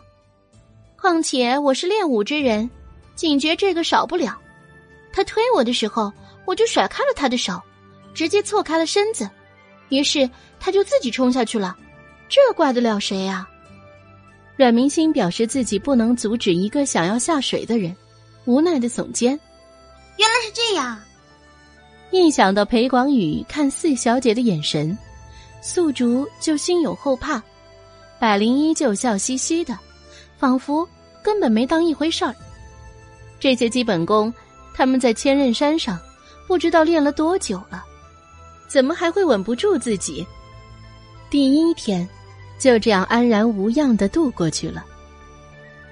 第二天白天，可能是昨天事情的阴影，倒是没有人敢上前找麻烦，悠闲的在裴家后院乱逛。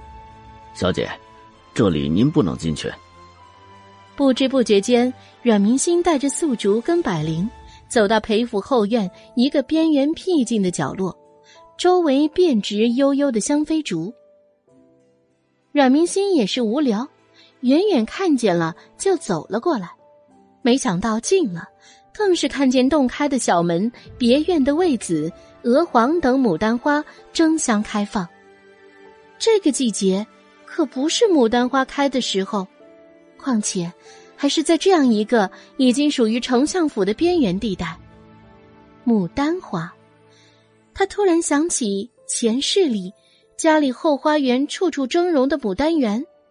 那是裴玉莲的最爱，现在一走近，就被从里面出来的婆子给拦住了。他的心里就忍不住觉得有些荒唐，脸上却是不变。素竹会意上前，微笑着说道：“我们家小姐是阮家的女儿，是陪夫人回来省亲的。因为在屋子里待的无聊，所以就出来随便走走，看中间这片竹子不错。”就将我吸引了过来。不知妈妈里面住的何人？牡丹花开的这样好。阮明星面上谦和有礼，婆子是裴府的家生子，一直都很得裴相裴夫人的信赖，否则这等心密之事也不会交给他来做。但看这小姐一派天真无心，用一贯的对外说辞说道：“这里无人居住，是裴府禁地。”旁人是不允许进去的，小姐还是去别处赏景吧。素竹看了小姐一眼，微微一俯身：“那打扰妈妈了，我们这就离开。”阮明星带着两人离开，临走的时候，回头看见婆子将门内的食盒提出来，将小门关上。食盒，既是无人居住，那还用人专门送饭食过来？阮明星冷笑，直接就回房去了。夜晚，百灵伺候阮明星上床后，正准备出去，被阮明星叫住：“百灵，你帮我看着，我要出去一趟，别被人发现了，特别是宿竹。”百灵不解：“小姐去哪儿？奴婢陪你去。”百灵边说着，边看他家小姐翻找包袱。居然翻出来了一套漆黑的夜行衣，这是什么时候放进去的？他收拾包袱的时候怎么会不知道？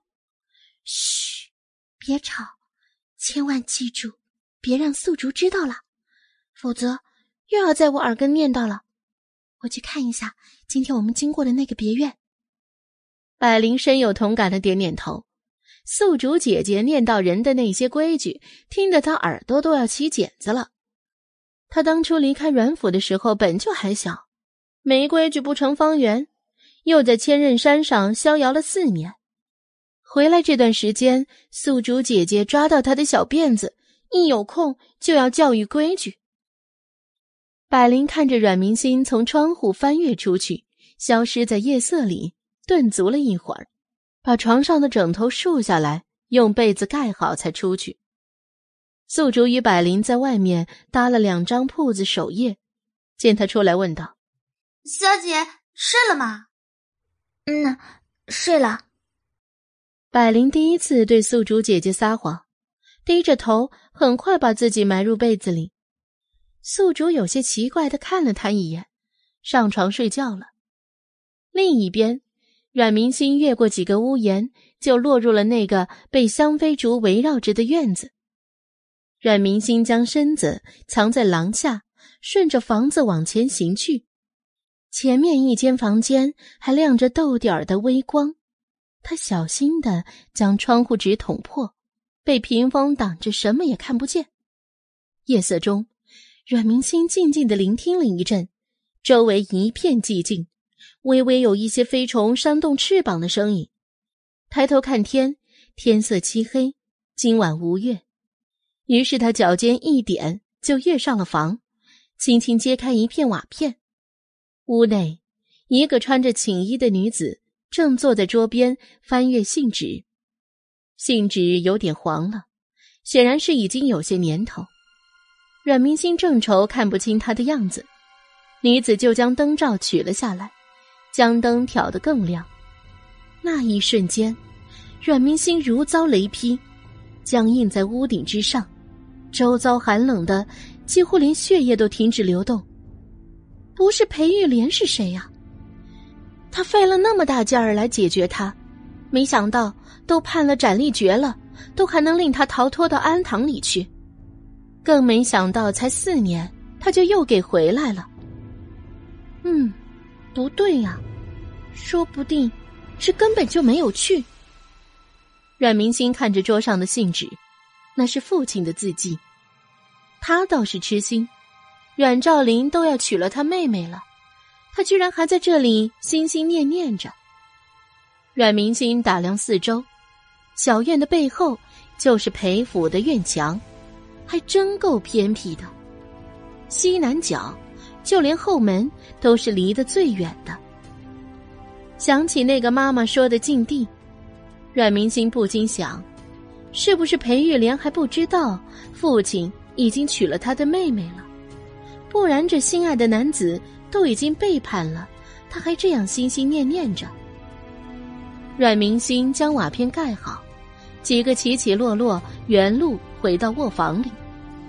百灵一直没睡，听着动静，小心的起床进去内室，果然小姐刚进来，阮明星问她：“素竹。”没有怀疑吧，小姐，你看，百灵眯笑着眼睛，指着床上，哼，还挺聪明的嘛。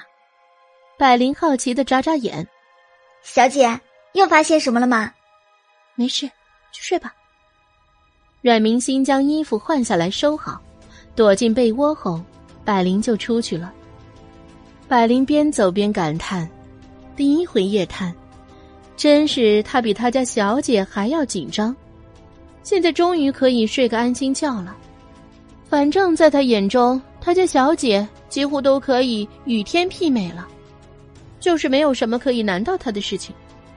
就像是那作诗，连他都不知道自家小姐到底是怎么突然间做到的，真跟四年前夫人去世的时候一样神奇。百灵是安心了。阮明星躺在床上，却是翻来覆去睡不着。裴玉莲，她竟然活得好好的。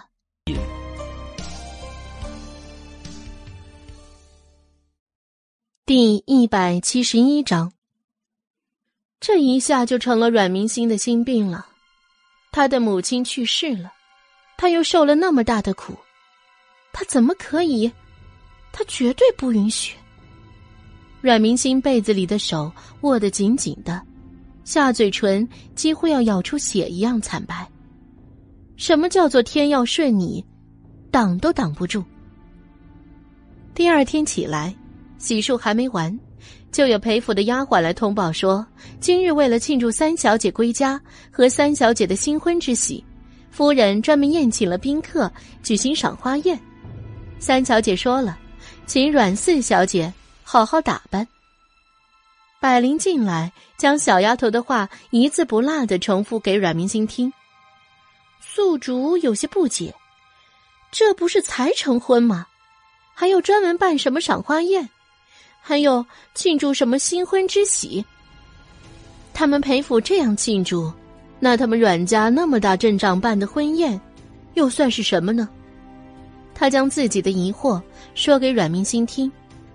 阮明心淡笑不语，百灵替他接道：“裴相家的排场大，要办就办，只要别牵扯到咱们家小姐就行。”他没考虑那么多，但是处处都是以阮明心为先。这也就是有时候，百灵虽然老是在小事情上不那么周全，但是阮明心依旧将他列为第一信任人的原因。素竹、素兰和三个嬷嬷。众人是将他奉为主子，忠心耿耿，但是思想也太过顽固，总是想着阮家好了，他才能好。他们对外许多时候都是以阮家的利益为事情的出发点考虑，而会忽略了阮明星本身的利益。阮明星让素竹伺候穿戴，素竹略微奇怪，小姐今天也怪怪的，她一向都是喜爱红色的衣服。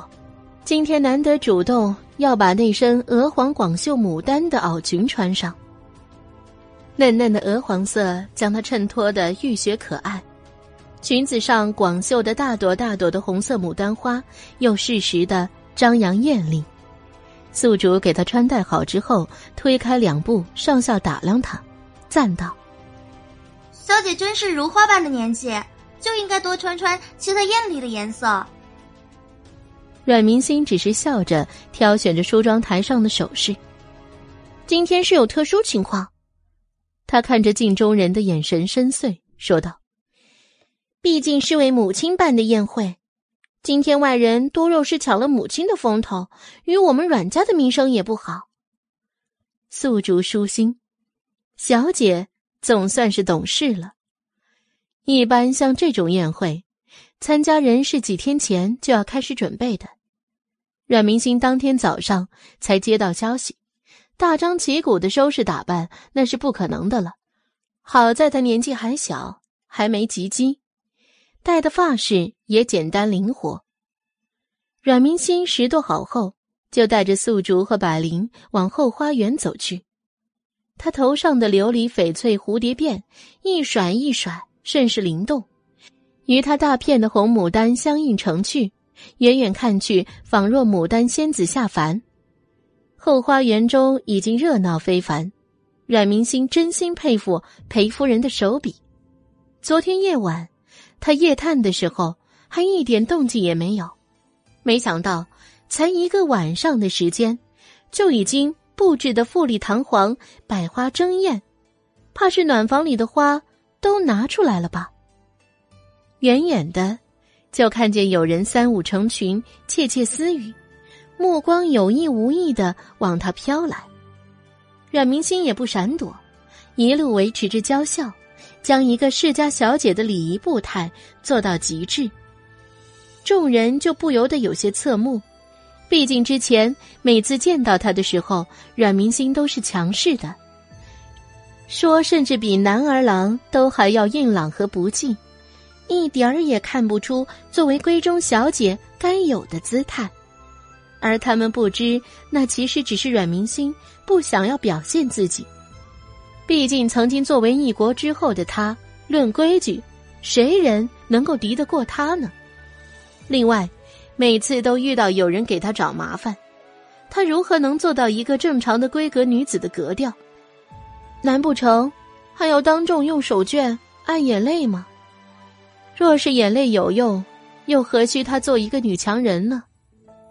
家族不可靠的时候，就唯有靠自己才能得到自己想要的。细细看来，阮明星虽然是微笑着，但是他的笑容真心与那些接受退休宫嬷嬷指导的千金小姐所不同，那种天生作为上位者的自信与潇洒。这令第一次认真注意到他的长公主欣赏不已，眼神是最最不会骗人的。他是巴结你，还是另有所图？不管如何伪装，都是有瑕疵的。只有当清澈见底的时候，才最能反映一个人的人心跟性格。长公主带着九公主最先从人群中走出来，向阮明星走去。惊呆了后面多少世家夫人小姐。话说上次长公主府上的聚会，这个阮明星多多少少是有些抢尽了作为主人家的长公主的风头，还有间接的算是与九公主摩擦了纠葛。怎么皇帝最受宠爱的两个女儿，反倒还不计前嫌主动结交呢？他们看着那个华光潋滟的阮明星，巧笑嫣然的对两位公主行礼，手中的帕子那个纠结，生生扯成了麻花。面色也僵硬的不太自然。其中气得最狠的，就是站在人群中招待宾客的裴玉芳了。那个脸色僵硬又铁青，他故意告迟了阮明星宴会的时间，本是想看他在本家府里不早点出来招待宾客，还自己迟到而遭人并购的，却是没想到他一来。就吸引了长公主和九公主的注意，且看两位公主的意思，似乎一点也没有嫌弃的存在，她怎能不气呢？长公主、九公主，万福金安。原本这今日母亲该安排回城了，却没想到外祖母疼爱母亲，突然临走前又给安排了一场赏花宴，以示庆祝。臣女来回拾掇。就给耽搁晚了，还望公主勿怪。长公主看着他礼仪得当，说话又条理清晰，几句话不卑不亢，又恰到其处的解释了自己迟到的原因。长公主是身在皇宫里浸染出来的，一思量就明白了他话中深意，于是看他的目光就更加的友善了几分，心想。不愧是父皇亮度嘉奖的奇女子，还将身边依旧有些不自然的九公主给他引荐了。这是我的小九妹，天真烂漫，容易受人欺骗。你们年龄相当，以后倒是可以常来常往呢。阮明心府里，是，谢长公主、九公主抬爱。九公主看他在自己面前恭敬有礼。不像是之前那般咄咄逼人、天下唯我的气势，脸色才好了。看着长得清丽娇俏、美丽的事物，谁都喜欢，人也一样。于是对他也展露笑颜。三个女人，一个已经初初为人妇，两个都是半大的孩子年龄，坐在一起，别有一番风景，羡煞了旁人。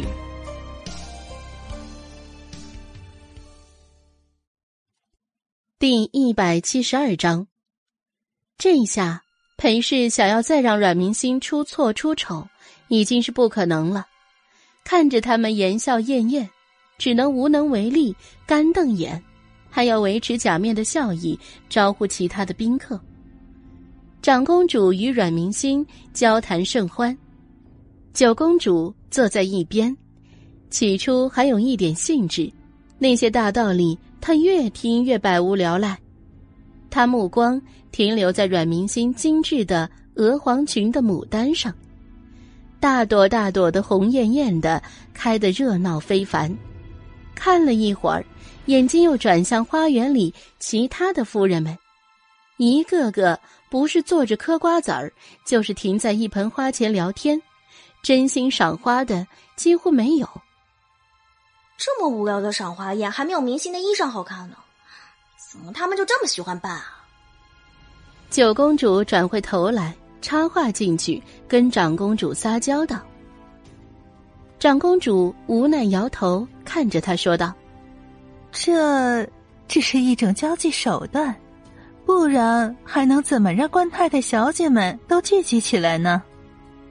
九公主却还是一脸的天真。”长姐办的赏联会有京城的才子们来填色，这裴夫人也真是的，女儿都办了婚宴，还又专门回娘家办了一场。他说着，看向阮明星：“啊，你们家是不是婚礼上哪里亏待了他，这么落你们阮家脸面？”站在阮明星身后的宿竹脸色有些不好，真是让他早上说中了，而紧接着。阮明星一句话，让他的脸色越发的不好了。阮明星轻飘飘、无所谓的说道：“可能吧。”小姐，宿主小声的提醒一声：“再怎么说也要顾及一下阮家脸面呢，这毕竟是小姐自己的本家呀。”九公主也听到了，看着宿主：“人家明星说的实话，怎么了？”宿主吓得双膝跪地：“奴婢无状，请公主恕罪。”他不过小小声的提醒一下，没想到公主的耳朵这么尖。阿九，素竹是母亲留给我的丫头，你就别跟她计较了。她就是顾虑的比较多。九公主嘟嘟嘴，她也不是非要处置她，她就是实在太无聊了。刚好这人都细声细气的，惹得她心烦。既然明星都给你求情了，起来吧。他说完，又对着阮明星笑，仿佛他做了一个大好事。你要欠我一个人情。阮明星理解她天之娇女，这样的宴会参加多了，众人都捧着她，无聊是难免的。而他，其实也很明白这个公主，皇室之内，同室操戈纯属正常，但是这九公主却难得保持着单纯的性子。关键是，她还同龙逸轩交好，也一向护着这个七哥。可是到最后，却成了龙逸轩的垫脚石。但是他的性格，却是最适合给人当枪的。阮明星深吸了一口气，唇角勾出淡淡的笑，装作不经意的说道：“说到这个赏花宴，我倒是昨天在后花园里发现了一片香妃竹林，竹子青翠茂盛不说。”难得林子还很大，斑竹上的泪斑甚是清晰，与外面常见的别有一番风采。竹林还有一个幽静的别院，我昨天透过小门看见里面的牡丹，可谓峥嵘繁盛呢。比之这花园里可不逊色，难得的是品种还多呢，真的。九公主眼睛放光，摇着长公主几案上的手臂。皇姐，好好好，去吧。长公主拿她没法，看向阮明星。既然明星觉得如此特别，我也想要去见识一番是如何的好看。三人起身，后面女仆跟随，起身离开，就是一群浩浩荡荡的人。阮明心往身后看一眼，果然，一些世家夫人、小姐也一并跟随着呢。眼神冷凝，嘴角微冷，回过头来又是一派巧笑嫣然。素竹都觉得那是他看见的错觉。他跟小姐也有一段时间了，小姐做事一向有分寸，在阮府里无人可欺。但是这样狠厉的神色，还只是当时小姐六岁的时候才见过一次。他看向百灵，对方仿佛司空见惯，习以为常，心中略微惊讶，不禁感叹：难道这就是大剑门出来的弟子威压吗？浩浩荡荡一行人越走越偏僻，九公主指着前面茂密的一片竹林，惊呼：“啊！”果真还有呢，没想到裴府后花园那么群花环绕，在这么偏远的地界，竟还有如此刚硬的一片呢。阮明星微笑，三人就要往竹林里走去。见到客人相继离席，后知后觉反应过来后，留下裴玉芳自己跟过来的裴氏见到了不由惊恐。那片竹林掩映中的小院，可是大女儿的住处啊。这要是被人闯进去了，那还了得！裴氏透过人群缝隙，看见走在最前面的阮明星，目光难掩憎恶。又是这个惹事精。不过现在，可不容他多想。他立即快步上到前来：“公主万福。”说完，他有些焦急，一起身，接着说道：“公主怎么走到这儿来了？这里杂草荒僻的。”挨着您的贵体就不好了，咱们还是去那边看看吧。说着，他指着花园另一边的水塘处，裴氏也是精细，除了水塘边的迎春花，又连夜移植了一些碗莲大的荷花进去，错错落落，甚是雅致。明星站在边上，一句话也不说，看着裴氏。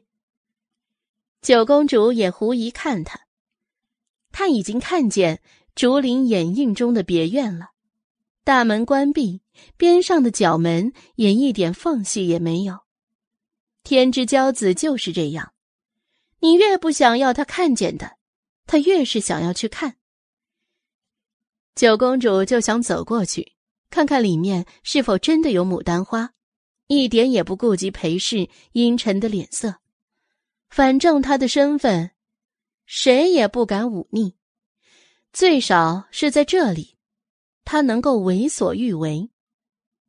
裴氏看来是真的着急了，在九公主快要上去推开正门的时候，一个婆子收拾着两堆半人高的稻草走了上来，草渣子高耸，盖过了他的头顶，他直直的往前走，眼看就要冲撞到九公主。大公主看九公主没发现，喊了一声，就立即拉了他一把。九公主是拉到他身后了。大公主自己是被婆子滑落的两堆稻草蹭脏了衣裳，甚至连头顶上都还立着两根。长公主，九公主惊魂不定，一抬头就看见自己的长姐一身狼狈。大胆裴氏，你是何居心？公主饶命啊！公主饶命啊！是老婆子走路不看路，冒犯了公主，还请公主恕罪。那个婆子跪在地上，一边求饶，一边啪啪的自扇耳光。裴氏也是立即跪下：“公主饶命，请快快随臣妇去消防更衣。”他原本是想让婆子抱着稻草进去，一是院子里是拉杂的肮脏地儿。这样，九公主就不会老想进去了。没想到弄巧成拙，反倒脏了公主精神。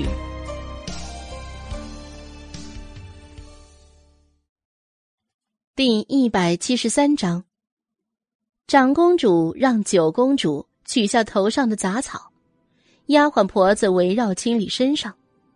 场内一片静寂，都在忐忑的看着长公主。这是要出事的节奏啊！裴夫人还在劝说他去别处换了衣服，长公主眼神微冷，看着裴氏：“不用了，这里离得近，就这儿了。”说完，带头就进院子里去。婆子在前大步就要推开院子的大门，裴氏不甘心，声音洪亮：“长公主，那院子肮脏，您去不得呀！”长公主看他的眼神越发冷了，他就在边上，用得着他这么大声吗？这是要给谁通风报信呢？这里还没有他去不得的地方。他眼神示意要去开门的婆子，婆子颔首，一脚踢开院门，一系列动作不过是一瞬间。长公主跟阮明心吃惊的看着那个。拉开左边卧房门，就要往里躲的身穿藕荷色金丝软烟罗的窈窕背影。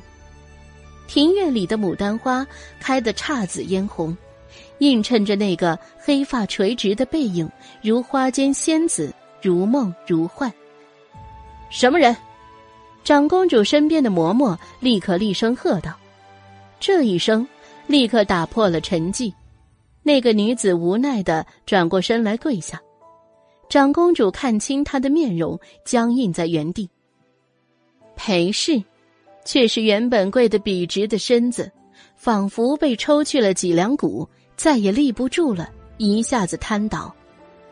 阮明心依旧站在原地不出声，他的表情亦是如这里大多数人一样惊讶，却又有些不一样。准确来说。只有她跟九公主这样年轻一辈的女子才是惊讶，而那些稍微年长些的夫人们却是如遭雷劈，其中包括长公主。九公主指着里面的女子，问话瘫坐的裴氏：“你不是说里面很脏吗？这花团锦簇的，可比你给我们看的赏花宴上的花开的可好了呢。我就说呢，赏花宴怎么没有牡丹这样的花中之王？原来都藏在这儿了。裴夫人，你把我们请过来，就是为了当猴耍的吗？”九公主一怒。将裴氏从可怕的幻想里拉拔出来。九公主恕罪，九公主恕罪。一向能言善道的裴氏，一时间除了“恕罪”两个字，竟然说不出其他的话来。他跪着，目露悲切的看着园门内那个同样跪在台阶上垂着头的女子。女子已经不年轻了，在场的夫人们都精灵不言不语。九儿，不怪裴夫人，裴大小姐最爱牡丹花，她紧着自己亲生女儿，也没什么可非议的。长公主看着这一切，凉悠悠的说道：“她可真没想到啊，裴氏竟然这么大胆。”裴大小姐，裴玉莲。九公主与所有人一样。看向那个站在角落悲凄的不言不语的女孩。此时的阮明星看上去十足十的一个饱受委屈、有冤不得伸的可怜女子。当年才年仅六岁的阮明星，为了替母亲沉冤昭雪，受了多大的苦啊！这才将裴玉莲扳倒。他们可都是派着下人去打听过的，那钉子有小手指长，滚了一遭。可都是一身的血呀，却没想到他非但没死，竟然还在裴府依旧活得好好的，那可是玉状啊！一些还记事的女孩们依稀记得当年那个全京城的跑马接力，大雪的天，遍地的红，寸长的钉子扎进肉里，他们只是光听听就觉得疼，因此看向阮明星的目光。就多了一些同情。虽然这些年一直都有所传闻说，有人见到裴玉莲在月泉庵，长公主当然也知道，那里面再怎么说也住着他的皇姑姑。却是没想到，裴相家这个大胆的，竟然公然违抗皇命，不仅求着父皇放了这个十恶不赦的女子。竟然还暗自把人给接了回来，这是要将他父皇的命令当做耳旁风吗？长公主不由发怒，欺君罔上，还是你该当何罪？事实已经摆于眼前，裴氏只是恭敬的跪着，五体投地，不多言语，不能再多说了。他的身后还有整个裴家。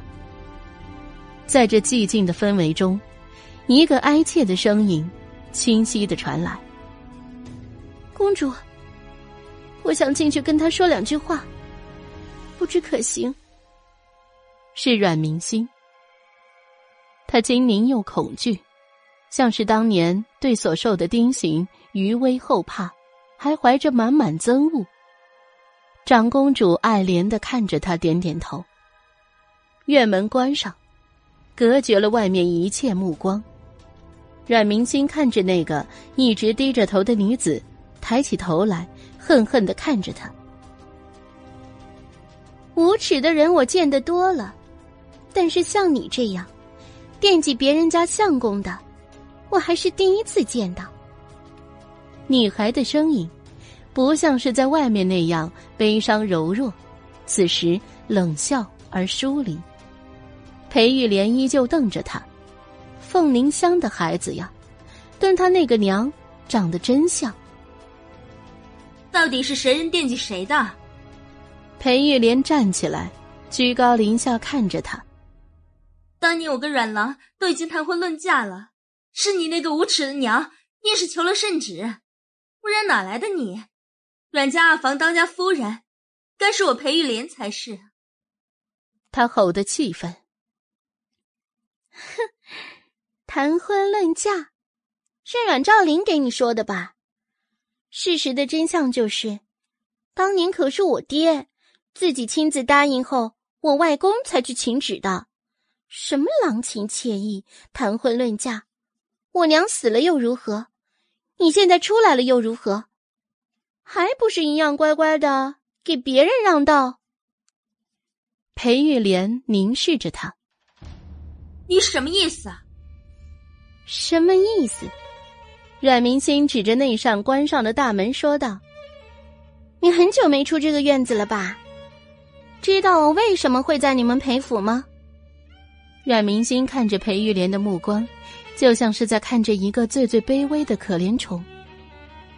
看上去你是不知道的，那我就告诉你。他指着自己的鼻子，又指向外面。我现在是你们裴府的名义外甥女，懂了吗？他看着裴玉莲惊疑的瞳孔。那我就再给你说仔细一点。我的父亲阮兆林，现在娶了你的嫡亲妹妹裴玉芳。裴玉莲受不住的后退，这、这、这不可能！你是在骗我！我父亲很久没有给你写信了吧？他突然说道，看着那个明明惊惶。还嘴硬、强自镇定的人，打破他的最后一丝希望。你自己去问问外面的人，你母亲今天举行这场宴会到底是为了什么？给你的三妹庆祝婚嫁呀！阮明心看着那个扶着柱子、失魂落魄的女人，冷笑一声，转身走了出去。你不是一直念着从前的那些信吗？哼，那好啊。他就是要打破他最渴望的。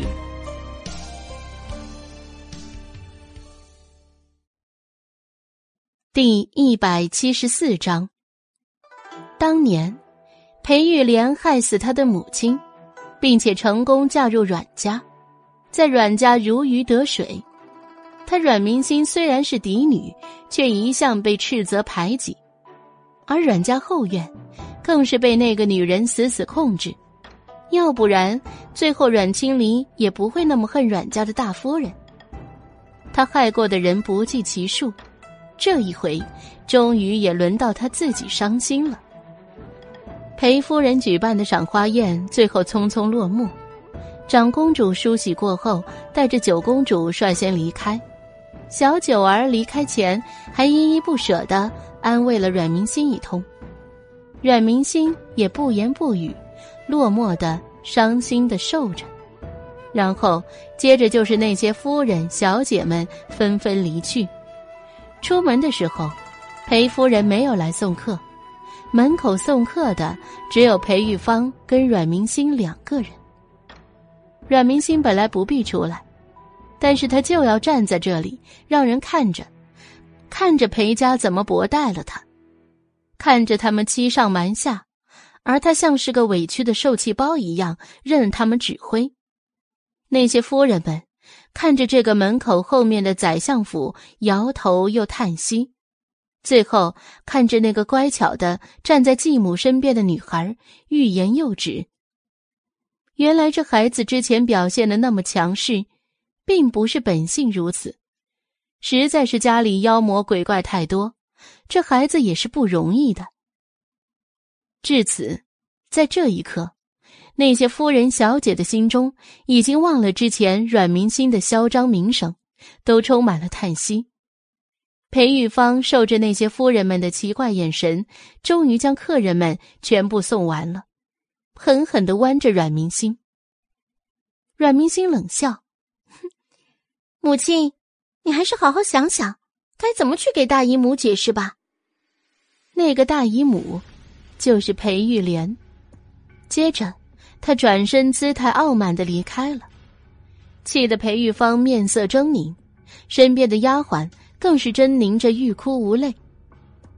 丫鬟跟在裴玉芳身后，往裴家大院走，悄悄拉开衣袖，五个红红的指甲印深可见血，瞬间周围就已经乌青一片了。三小姐。这是真的动怒了。裴家的大厅内，茶杯摔在地上的声音十分明显。我就说了，当初不能留他。裴静的脸色已经是一片铁青。那毕竟是我们的孩子，老爷。裴夫人一脸哀戚，啪，巴掌声顿时响起。裴静怒气冲冲的甩了妻子一个巴掌。那不是女儿，那是冤家。裴静冷冷的看着妻子。你是想要整个裴家，为了他陪葬吗？父亲，你为什么打母亲？一直没有说话的裴玉莲面色惨淡，如今的他，已经在那个偏僻的角落被关了四年。四年的冷窗，足以让心里那腔热血渐渐冷却。尤其是现在，听到那个死丫头说的话，心里就更是凉透了。他说着，又看向了自己最疼爱的妹妹。你明知阮兆林跟我是什么关系，你怎么可以嫁给他？谁都可以嫁给他，但是为什么偏偏是他？裴玉芳咬住嘴唇，没有说话，她的脸色也是一片惨白，更衬出身上正红衣衫的喜庆。脱下来，你给我脱下来呀！裴玉莲疯了一般冲上去，撕扯着他的衣服。裴玉芳低着头一动不动。给我拉开！这叫什么话？裴静看着那个大女儿，就不由头疼。有心腹下人立刻要拽开裴玉莲，裴玉莲却像疯了一样。你们放开我！我都不知道，原来咱们府上的姑娘是嫁给阮郎。你们这是往我心口上戳刀子呢！你们是不是恨不得我去死啊？他多年的期盼，到现在终于全部泡汤。尤其是那个还是和他一起分享秘密的妹妹。他告诉过妹妹，阮郎多有才华、喜好和憎恶，如今竟然全是为妹妹做了嫁衣。玉莲啊！裴夫人跟着痛哭了起来。你以为你是谁呀？嗯，往你心口子戳刀子。裴静却不由冷笑：“ 哼哼，裴玉莲，父母生你养你，你不念此恩，现在在这里撒什么泼？当年要不是我进宫跪求，现在哪里有你站在这说话的份儿？是谁免你死罪的？是谁把你偷梁换柱带回府内的？难不成，就你现在的这个样子，你还想让阮兆林娶你吗？你以为你是谁呀？你想害了裴家，我也不会让你害的。裴静此时的表情已经是完全的冷漠。不是说恨不得你去死吗？那你就去死吧！这句话一出，整个厅内都安静下来，所有人不可置信的看着裴家的当家人。裴玉莲傻了，他能这样说，就是因为仗着家人的宠爱才说的。可是现在，父亲的眸中带着明显的杀意。裴玉芳也傻了，但是看着自己被长姐扯坏的衣服。想到如今正是风华正茂的夫君，那双眸中有光芒一闪而过。只有裴夫人一愣之后，立刻扑向了丈夫。老爷，这可是我们的孩子，你不能那么狠心呐！所以，你想等着欺君的圣旨下来，才肯罢休？裴静直接狠狠的推开了裴夫人。冷冷的吩咐着手下：“来人呐，把大小姐给我押下去！”不，你们不能这样子对我！裴玉莲立刻惊惧的向后躲去。爹，你可以再找个人冒充我呀！这次我再也不出来了。他的尖叫声被人生生的用布子堵上，直接拖走。第二天，阮明星跟裴玉芳回到阮府，气氛也是一片压抑。派了英子去打听，就听闻阮兆林回来说，皇上宣召了右丞相大人到御书房秘密商谈。听闻似乎是发了很大的脾气。右相大人出来的时候，脸色很是不好。中午就传出裴相被罚俸三年，但是阮明星房里的人还义愤填膺了好久。裴玉莲当年犯的可是杀人罪。皇上只是将他关到月泉庵，就已经处置太轻了。而今裴家犯的可是违抗圣命、欺君罔上的罪名，竟然只是被罚了一下俸禄。这朝廷俸禄才值几个钱，随便一个田庄的收成都比这多。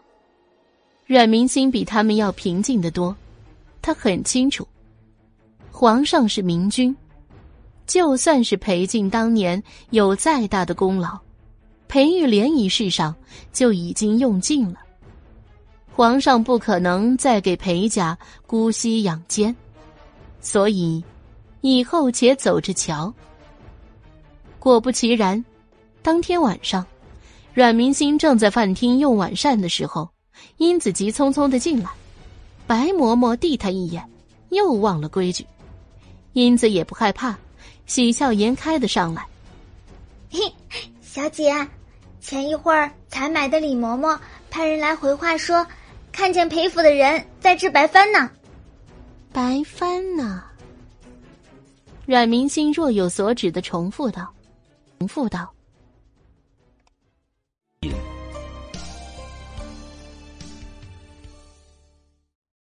第一百七十五章，很显然。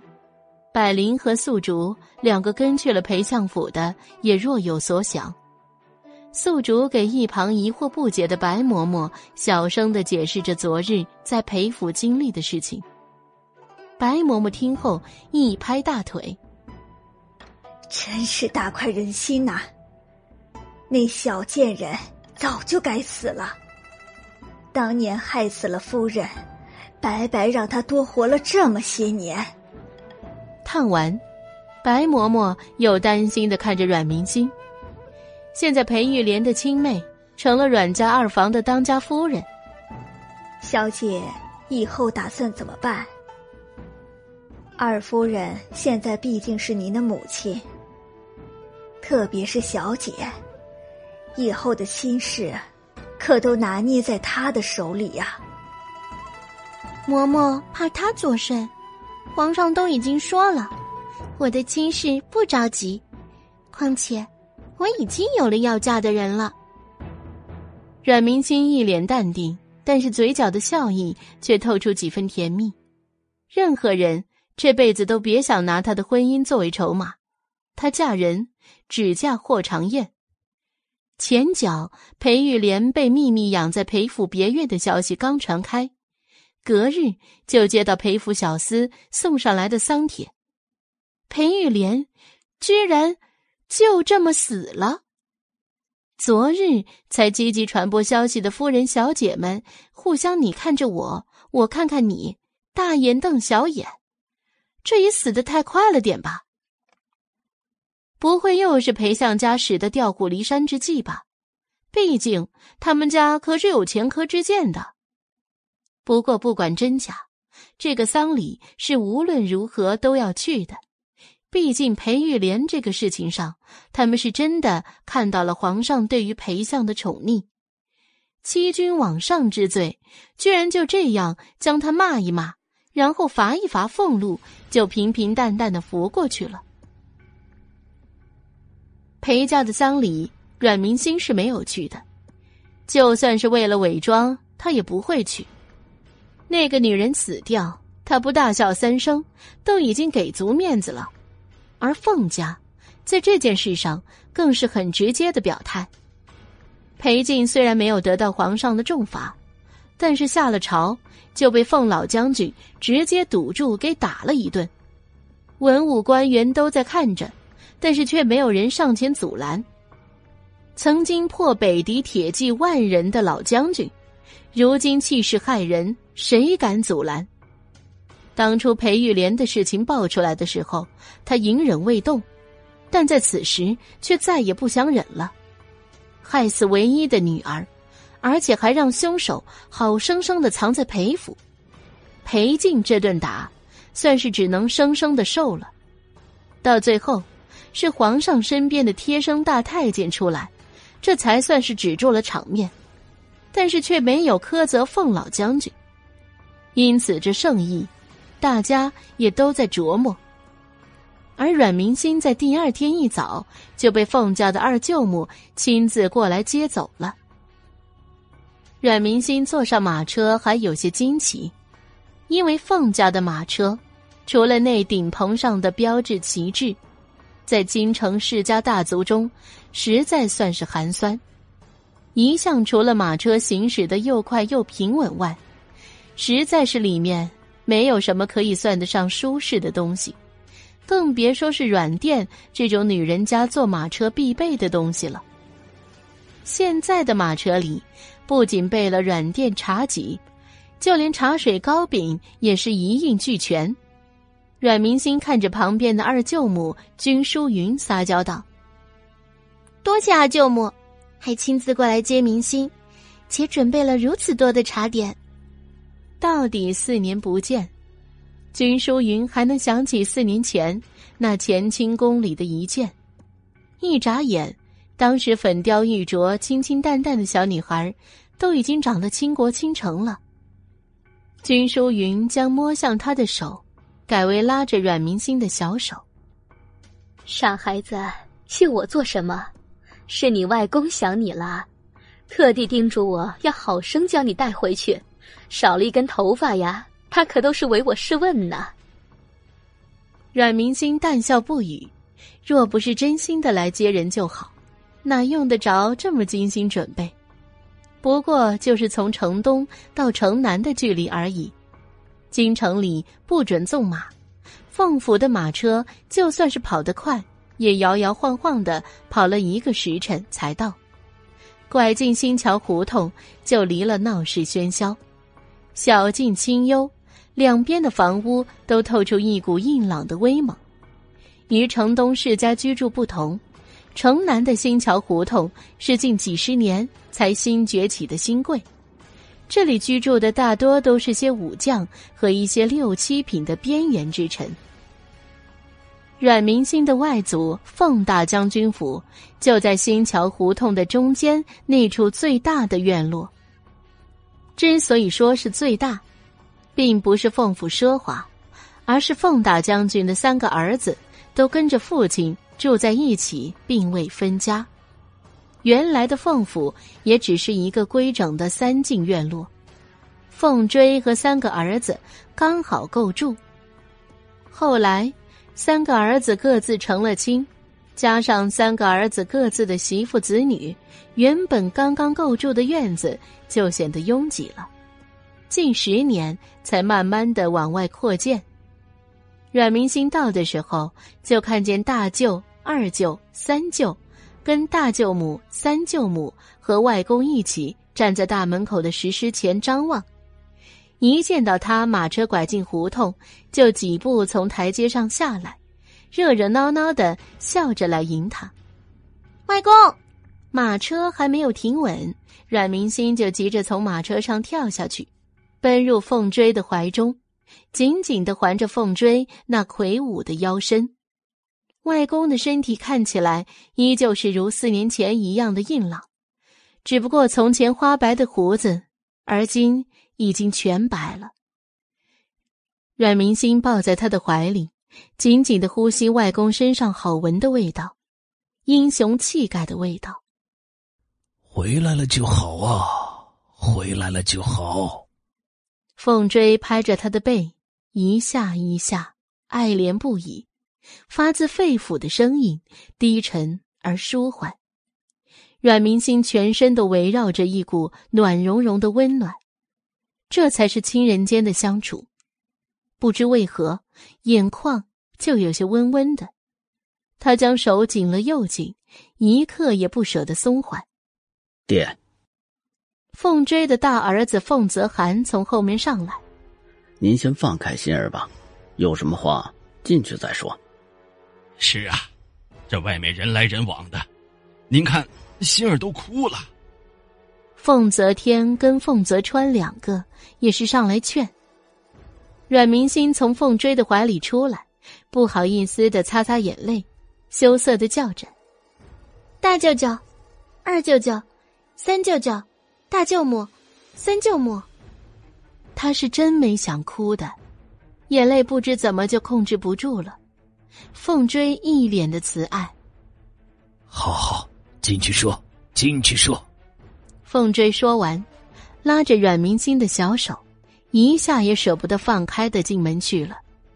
阮明心也是一样，那只温暖的大掌，赐予他无限的依恋与力量，他也不想放开，反手与凤追握得更紧。一行人进屋里去，百灵与白嬷嬷跟在最后，素竹留下来指挥家丁搬东西。他在凤府住过，在这边人又比较熟悉，回来了也很是高兴。就算是启程前，小姐收拾东西的时候，他也什么都没有说。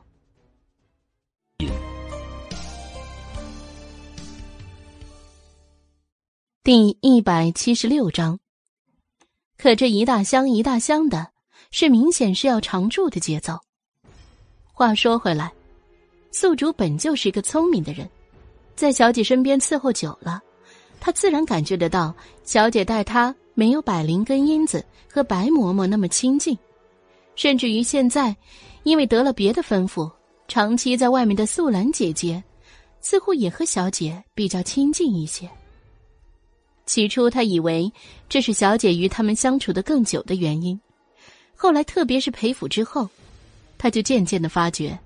小姐平时待他也是不错的，只不过每次在他提到阮家大局的时候，小姐都会做出很得体的微笑，但是行动一点也没有往那面靠，甚至他当时都看不懂小姐到底是在想些什么。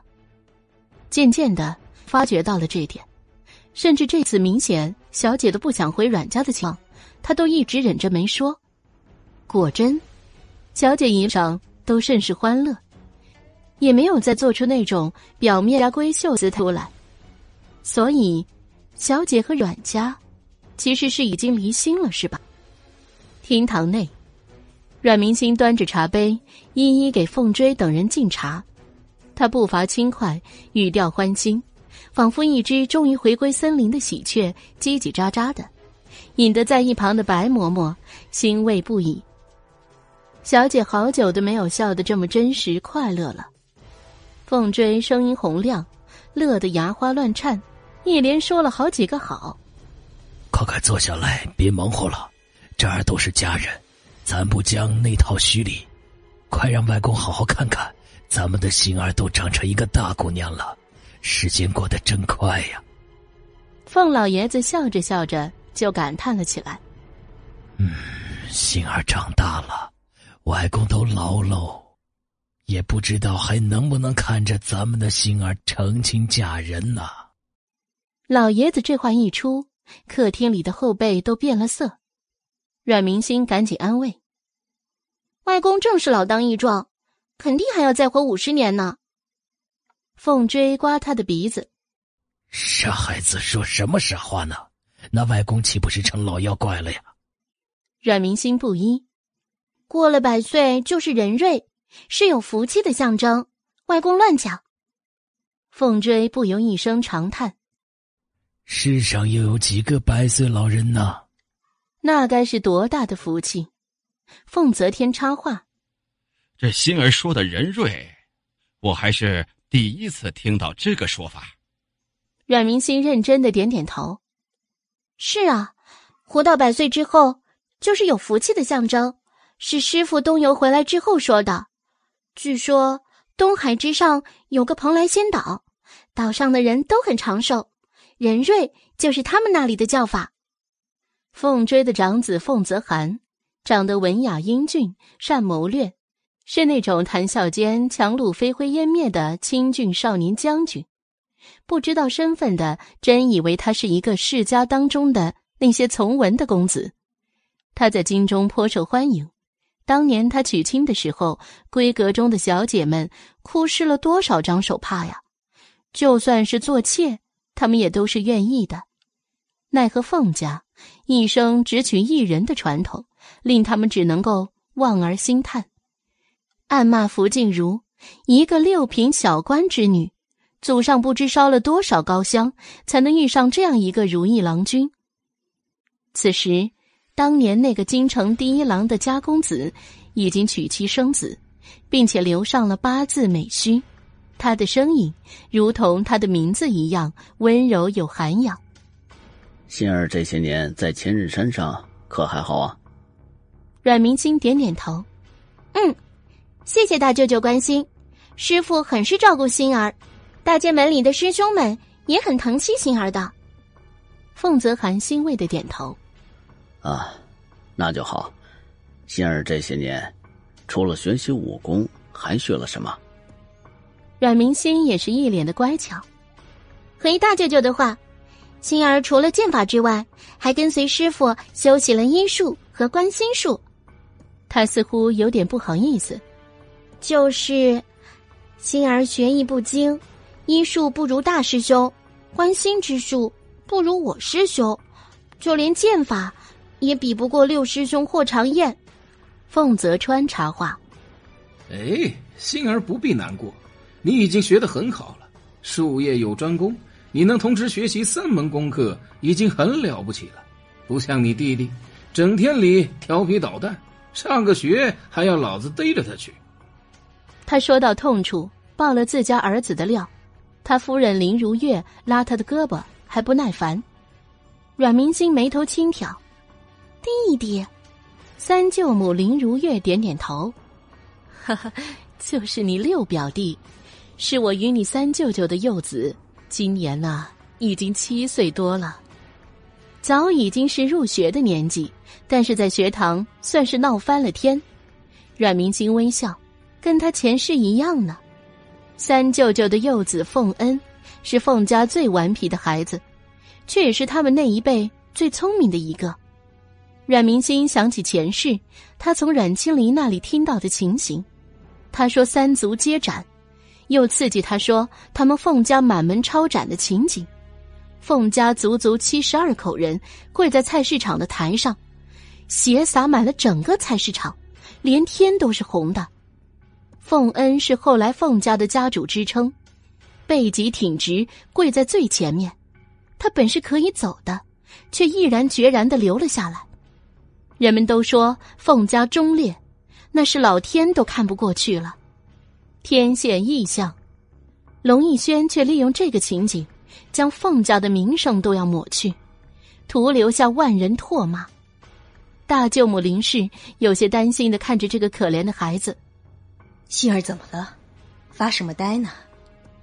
说着，还伸手在他眼前挥舞。阮明信立刻回过神来，啊，没事。他接着微笑的说：“坊间都流传调皮的孩子聪明呢，三舅舅、三舅母也不要太牵挂了，没准儿将来六表弟还有大造化呢。”他笑着说着，语气里满满都是认真。凤泽川跟林如月却面露狐疑，他们实在是被这个小儿子折腾惨了，或许是在闯祸这方面有很大的造化吧。凤泽寒跟凤泽天夫妇都是淡笑不语，一家人和乐融融。晚上，几个家里的子孙都下学回来了，一家人团团圆圆的坐在饭桌上，一张桌子居然坐不下。阮明星这才发现，从前没注意，原来三个舅舅都这么能生啊！大舅舅家就有大表哥凤岩、凤世宇，现在都已经十五岁了。现还在外游学未归，二表哥凤安、凤世浩，现今十四岁。二舅舅家人口简单一点，就三表哥凤准一个人，如今也十四岁了。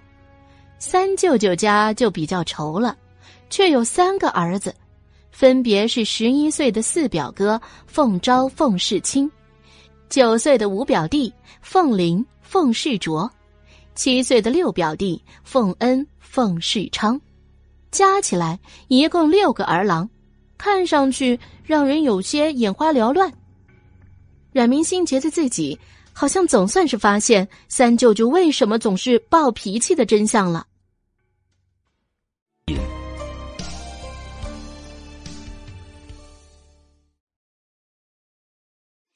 第一百七十七章，除了还在外的大表哥外，现今凤家的子孙都在新桥胡同的族学里上学。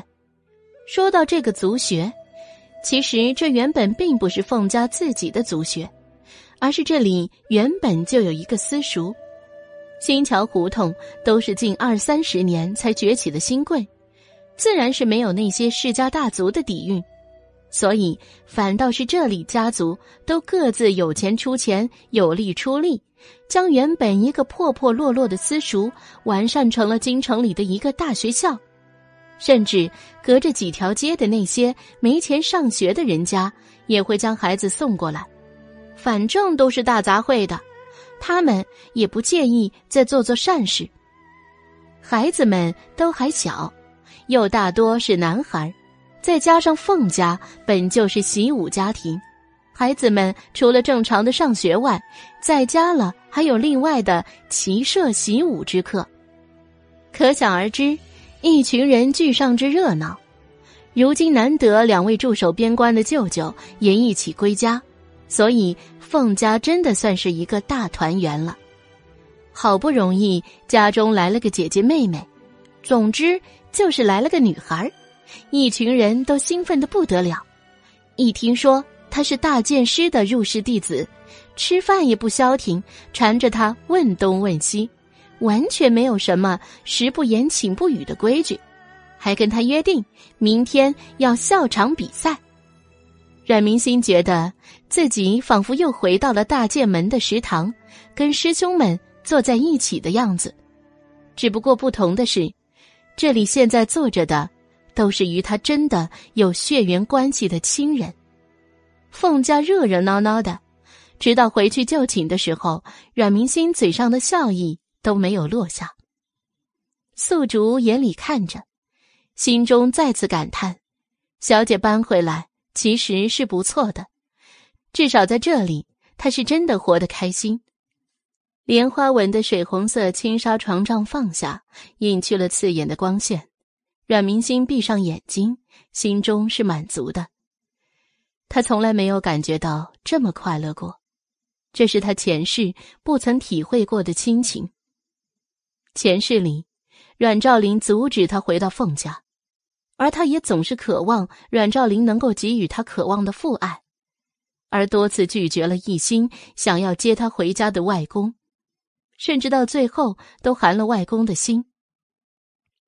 到最后，却亲情没有得到，终究被人利用。一想起他曾经的努力，阮兆林金銮殿上断绝父女关系。心口就忍不住窒息的发痛，还好他重新活过来了，尝到了亲情的美好。阮明星微笑着入眠，这是阮明星从前的房间，一切都是那么熟悉又温馨。虽然多年不曾回来过，印象里却从未将之遗忘，一有触碰，往事如潮水纷至沓来。睡梦里，阮明心睡得并不安心。今日他见到久别的大舅舅跟三舅舅了，还有大舅母、三舅母也依旧那么年轻漂亮。然而此刻，阮明心却陷在泥沼里挣扎不出，满心凄然又彷徨。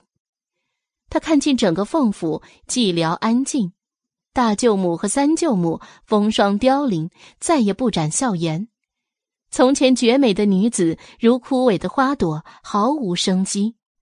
他想要上前去叫醒他们，却仿佛有一个无形的屏障将他们隔离。阮明心无论如何拍打冲撞都无济于事。忽而场景一转，整个凤府都挂上了白帆，刚才还熙熙攘攘、天真可爱的孩子们也不再吵闹了，一个个披麻戴孝的跪着。是谁？凤府的谁死了？阮明星想要进去看个清楚，同样的屏障将他拦住，只能孤凉的独坐在大厅的门口上，看着他们悲痛痛哭。他凄凄然的，像是感应到了什么。一回头就看见是外公过来了，他快速的起身迎上前去。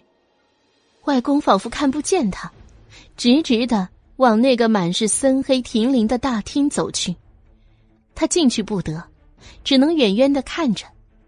那个沧桑的背影，满头华发，像是突然间就被抽走了精气神。从前挺得笔直的脊背，也佝偻了下去。比一个普通的七十岁的老人还要苍老，而从前那个英武不凡的二舅舅凤泽天，发了疯一般要披甲上阵，嚷嚷着就要去报仇。二舅母在院子里死死的抱着他，一脸悲戚。这究竟是怎么了？为什么一夕之间，全都变了样呢？阮明心惊恐的挣扎醒来。阮明星惊魂不定的喘息。小姐，出什么事了？今晚是宿主守夜，他睡得迷糊之间，突然听到内室里传来一声尖叫。宿主已撩开床帐。呀，怎么着了？这么多的汗水！床上的阮明星坐起身子，汗水将头发打湿，凌乱的贴在脸上，眼神空洞，回不过神来。宿竹坐下去摸他的背，里衣也湿透了。他赶忙去柜子里拿出一套新的寝衣过来。阮明心才将将回过神来，眼神迷离的任由宿竹抬胳膊动腿的穿衣服。重生归来这安逸舒心的日子，令他除了霍征跟复仇，几乎将他的前尘往事都忘尽了。而今天的和乐融融太过温馨。将他迷醉，然而心中总是惶惶。终于在夜深人静的时候，那种恐惧爆发，过去的种种纷至沓来，如潮水将他泯灭。阮明星一掀薄被就要下床，素竹连忙将他拦住：“小姐，你要去哪呀？”阮明星一脸急切：“我要去见外公，我有事情要跟他说。”素竹不由着急。那你也不能现在这个样子去啊！现在老将军已经睡了，您今天也累了一天了，明天再去不成吗？阮明心总算是冷静下来。屋子里灯火灰暗，素竹还没来得及将烛灯挑亮，透过朦胧的窗户，外面漆黑一片。算算也将近夜半子时了，外公年龄大了。若是叫醒了，就很难再入睡了。况且他也要好好想想，该如何跟外公、舅舅他们说才行。他要说的事情姿势体大，空口白话的又关乎万千人性命，没有有力的理由，实在难以令人信服。阮明心被伺候着重新躺下，他挥挥手让素竹下去。昏黄的黄豆灯光穿透灯罩，发出一片朦朦胧胧。阮明星躺在床上，看着那床帐上隐隐绰绰的荷花莲纹，水波粼粼。已经春末了，很快就是夏季了。他还记得今年的荷花开得别样好，京城中一时间赏莲盛会层出不穷，不仅世家夫人们办。就连那些京城公众的场合，凡是有荷花堂的，也每日都是热热闹闹。学子们、小姐们，就连普通的平头百姓都驻足围观。荷花成了这个夏天最负盛名的高洁之物。然而，它们最特别的，不是艳阳高照、暖暖娇艳，而是经常雨打荷花，别样美景。是的。今年夏天的雨水特别的充沛，以至于在最初的兴奋之后，人们就不再出门了，水涝发生了。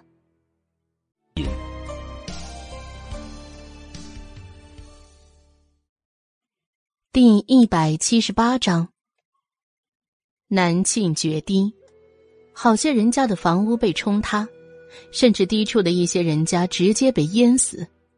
接踵而来的就是瘟疫，饿死浮漂，大街尸横遍野，跪着乞讨的哭天抢地。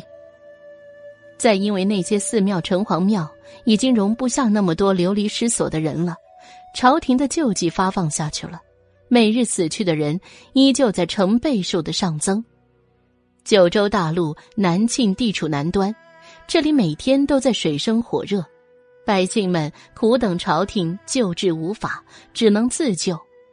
然后成群的人们开始北渡避难，然后就是阮明星梦境中的场景，那些都是前世里真实发生过的事。南庆国的百姓北渡避难。却给北狄现成了一个借口，说南庆将瘟疫传入了北狄，然后一直虎视眈眈的北狄国，在南庆国库粮仓都最困难的时候借机打来。凤家的两代四个将军同上战场，在那场坚毅又困难的战役中，凤家的下任家主、最善谋略的京城第一公子凤泽涵。跟凤家最勇猛善战、排兵布阵、所向无敌的三少爷凤泽川牺牲了。凤泽川将自己置之险境，换取了二哥凤泽天的生还跟南庆边境的平安，直入腹地，将北狄铁蹄逼退三百里。凤泽天怎能不恨？老爷子怎能不被抽去精气神？凤家八十万大军撑着饥饿与寒冷打仗，折损大半，而他最为出色的两个儿子也同样在那场战役中失去了。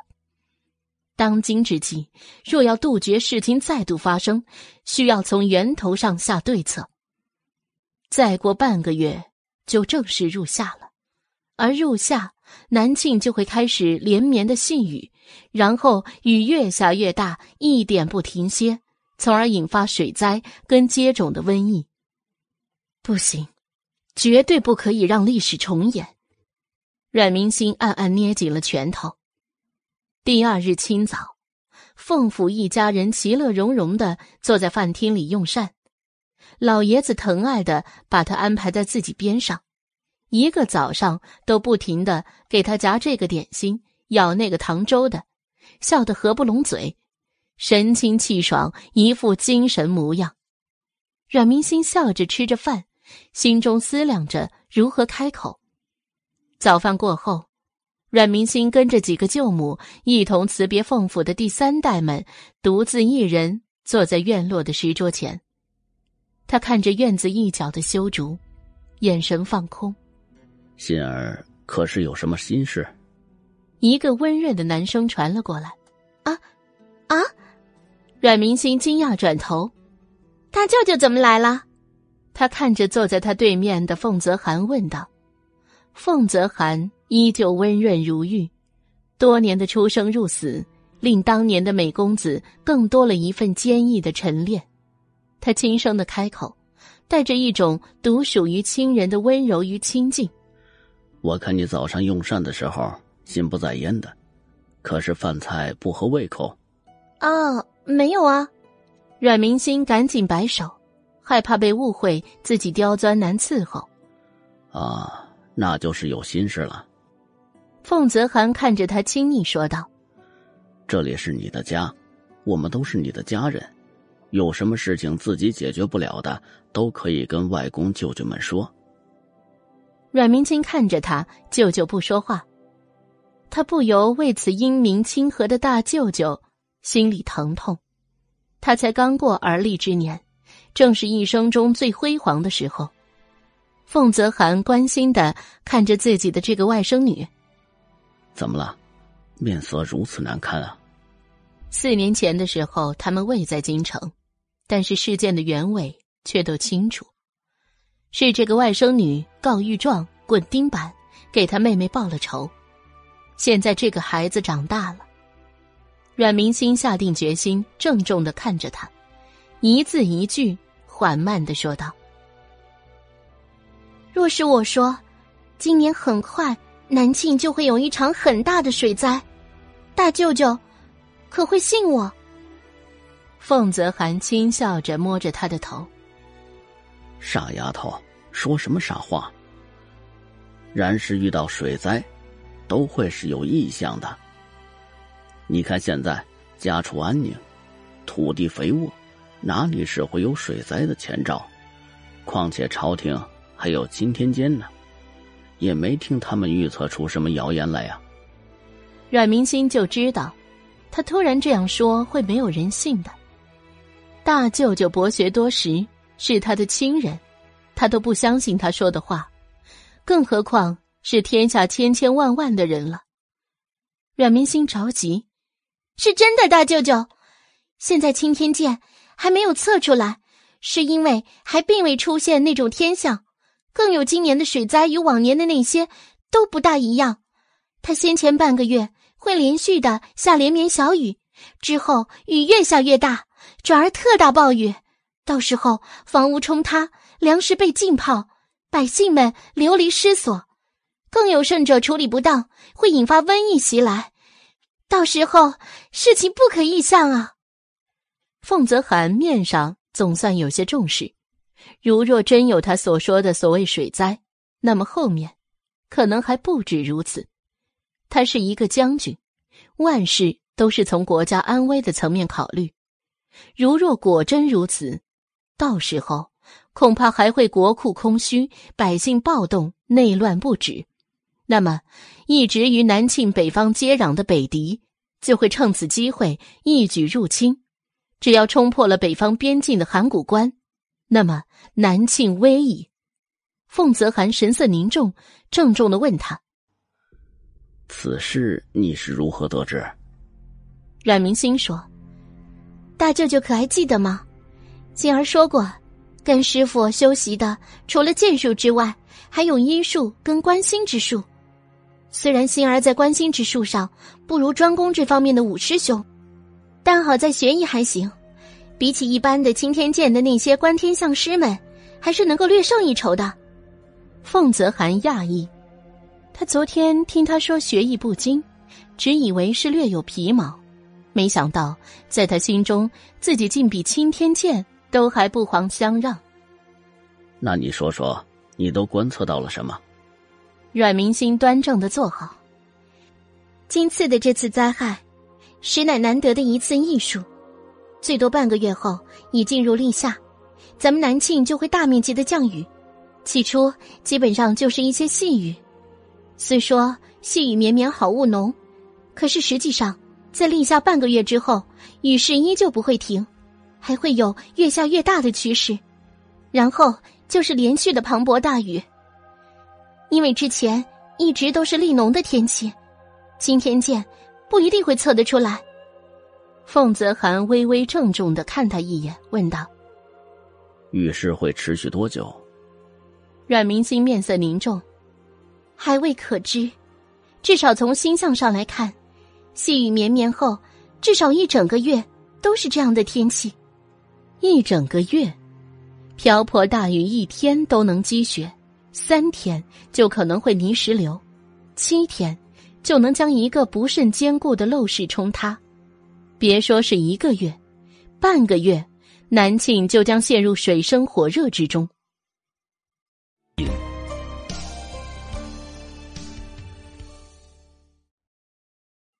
第一百七十九章，一个月如此长久，这期间。大雨阻挡朝廷发放的物资救助，等雨停了，那就是大面积的瘟疫跟随即而来的暴乱。凤泽涵最后沉重的问道：“可有几分把握？”阮明心看着大舅舅，郑重的说道：“百分之百。”凤泽涵先是沉默，这才开口说道：“这件事情必须慎重，我可要好好想想。”说完。凤泽涵站起身来就要离开，阮明星看着他的背影，竟然一时恍惚。舅舅，我可以保证的，水灾一定会发生的。他在凤泽涵的背后喊道，后者没有给他一句话，脚步一顿之后，接着离开了。阮明心知道舅舅的考量，这件事如若到时候没有发生，那么到时候捅出这么大一个乌龙的凤家，不说是被天下人耻笑，更有甚者，甚至会被皇上所厌弃，那他们凤家就是真的完了。还有。毕竟她才一个十岁的小女孩，就算是跟着大剑师修行有术，毕竟才上山几年呢。青天剑的那些可都是钻研这些几十年的了，总归不会真的抵不过一个小女孩吧？他想，舅舅肯定会去问青天剑的那些老道的，可是他们就真的测不出来啊，前世就没有一点风声透出来。后来皇上发怒，发配了好些人呢。他现在又不能请师傅来，因为自己那三脚猫的观心之术，确实敌不上青天剑的那群老匹夫。师傅一来，可不露馅了吗？重生回来，他就一直想着复仇跟霍长燕。细细思量了一生，也没觉得他这辈子在除了武功跟医术之外，会用到观心之术啊。何况还有五师兄在，所以观心术真的就是略懂皮毛而已。而且前世师傅传信回京的时候，已经开始大暴雨了，提前救资已经来不及了。做的更多的准备，就是灾害之后的百姓救助跟暴民镇压。这也就是为什么舅舅他们去打仗还会缺衣少粮，因为衣物粮草都已经派发给了那些灾民了。若不是舅舅们跟凤家军以性命相拼，南庆说不定早就不是龙逸轩后来能够夺得的那个南庆国了。可是现在舅舅不相信他，这件事又确确实实是会真的发生的，他前生亲身经历过的。有些事情可以人为的改变，可是天道是永远不可逆的，该来的就一定会来。阮明星着急，在细雨之前就一定要做好救灾准备，不然细雨绵绵，天运物资，就算是不被打湿，那些一路上的潮气也会让粮食发霉、衣服潮烂的。怎么办？他思忖良久，突然一拍桌子，把手疼得直甩。对了，舅舅那边走不通，是因为怕连累到凤家，可是。最终要决定的还是皇家呀，想要天下人重视，皇家表率岂不是最佳的捷径？阮明星一不小心就打了个响指，为自己的机智点点头。现在天下在靖康皇帝，也就是龙腾的治理之下，天下太平。可是正因为如此繁华，掩饰了争斗。龙腾有大志，是一代明君，生的儿子们。也个个英武非凡。虽然现在中宫已立，可是皇位的竞争一直从未停止过。不管是朝堂竞争，还是私下擦枪走火，一直都是摩擦不断。这也就解释了，为什么在前世，明明龙逸轩是最不起眼的，却能坐上皇位的原因。龙腾一世英明，却在老年的时候。在皇位继承上，各种放任。九个儿子个个都有争夺的野心，他也运用平衡朝堂的权术，同样来平衡各个儿子，一起一伏，一抬一压。九个儿子争夺不断，而他呢，一直做官，只有在发展不受控制的时候给予插手。可是他没想到事情的发展，竟然最后夺嫡的。是他那个他从未放在眼中的第七子。阮明心要复仇，不仅仅是母亲的仇恨，他原本要报复的，就是龙逸轩，那个杀害了他于霍征，还栽赃陷害阮家通敌卖国的龌龊小人。既然重生归来，他怎么还会让他有机会？现在时间还早，九龙都还未正式长大，至少表面上还是兄友弟恭的。再加上现在皇帝还对太子甚是宠幸，那件事当然是让太子来办最好。最重要的是，太子除了是皇帝儿子这个重要的身份，更重要的，他还是一国的储君。现在已经渐渐开始参与朝政，除了他，阮明星想不到第二个人既有这样的威望，还有这样的实权可以去做。其实说起来，现任的这个太子厚慈仁德，从出生开始就被立为太子，皇上也一直将他当做未来的接班人来培养。现在国之大定，下一任皇帝。其实他是很适合的，因为他虽然没有什么其他突出的才干，但是他的性格是非常适合守成的。只要他一直老老实实的当他的太子，将来的皇位也不会出现意外。坏就坏在他后来过于急躁。俗话说得好，“久病床前无孝子”，皇帝也是同样如此。当今圣上养生有道，长期霸着龙位不放，那下一任接班人铁定会着急造反。毕竟岁月有限，老子的爹活得太久，那他岂不是一辈子都在当太子吗？所以，后来龙腾晚年的时候，诸位皇子长成，而这个时候，一直评价中肯的太子不干了，别人都是相互斗争。绝对是将他老子放在头顶供着的，太子却开始将主意打到了他爹的头上。龙腾这还如何忍的？在太子多次动作了之后，终是将他的耐心、慈爱耗尽了，最终罢黜了他的太子之位。而现在太子的那些小动作还没有开始，正是受到朝臣拥戴、皇帝喜爱的时候。阮明星决定了，将让太子来当这件事的主导人。想到，就要做到。阮明星急不可耐的站起身来，去找百灵备车，去博望侯府。侯府内，霍征的书房内，阮明星老大不客气的坐在三面书架围起来的中间那唯一的一把座椅上，前面，就是霍征平日写字的书桌。霍征一派悠闲的靠在窗边，任他霸占着自己的座椅。晌午的阳光明媚的打在他的身上，照出浅浅的一层光在他身上，眼睫毛都看得根根分明。下面的眼眸漆黑幽邃，倒映着少女的身影。有风吹来，是芭蕉晃动了阴影，打落在他的身上，令他有了人间的气息。见到阮明星久不说话，霍征抬脚向他走来，到他面前后，伸手抓住他那个椅子两侧的扶手，面孔渐渐向他俯来。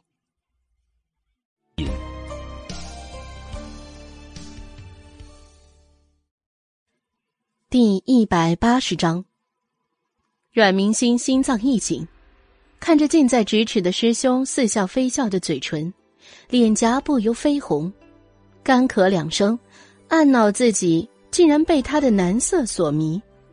才一月的光景不见，他好像又变了，似乎是长高了一些，还有棱角更加分明了。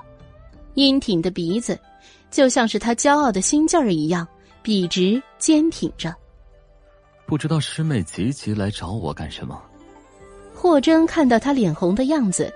嘴角的笑意更深，双臂却还是撑在椅子的扶手上，像是把他整个人圈在了怀中。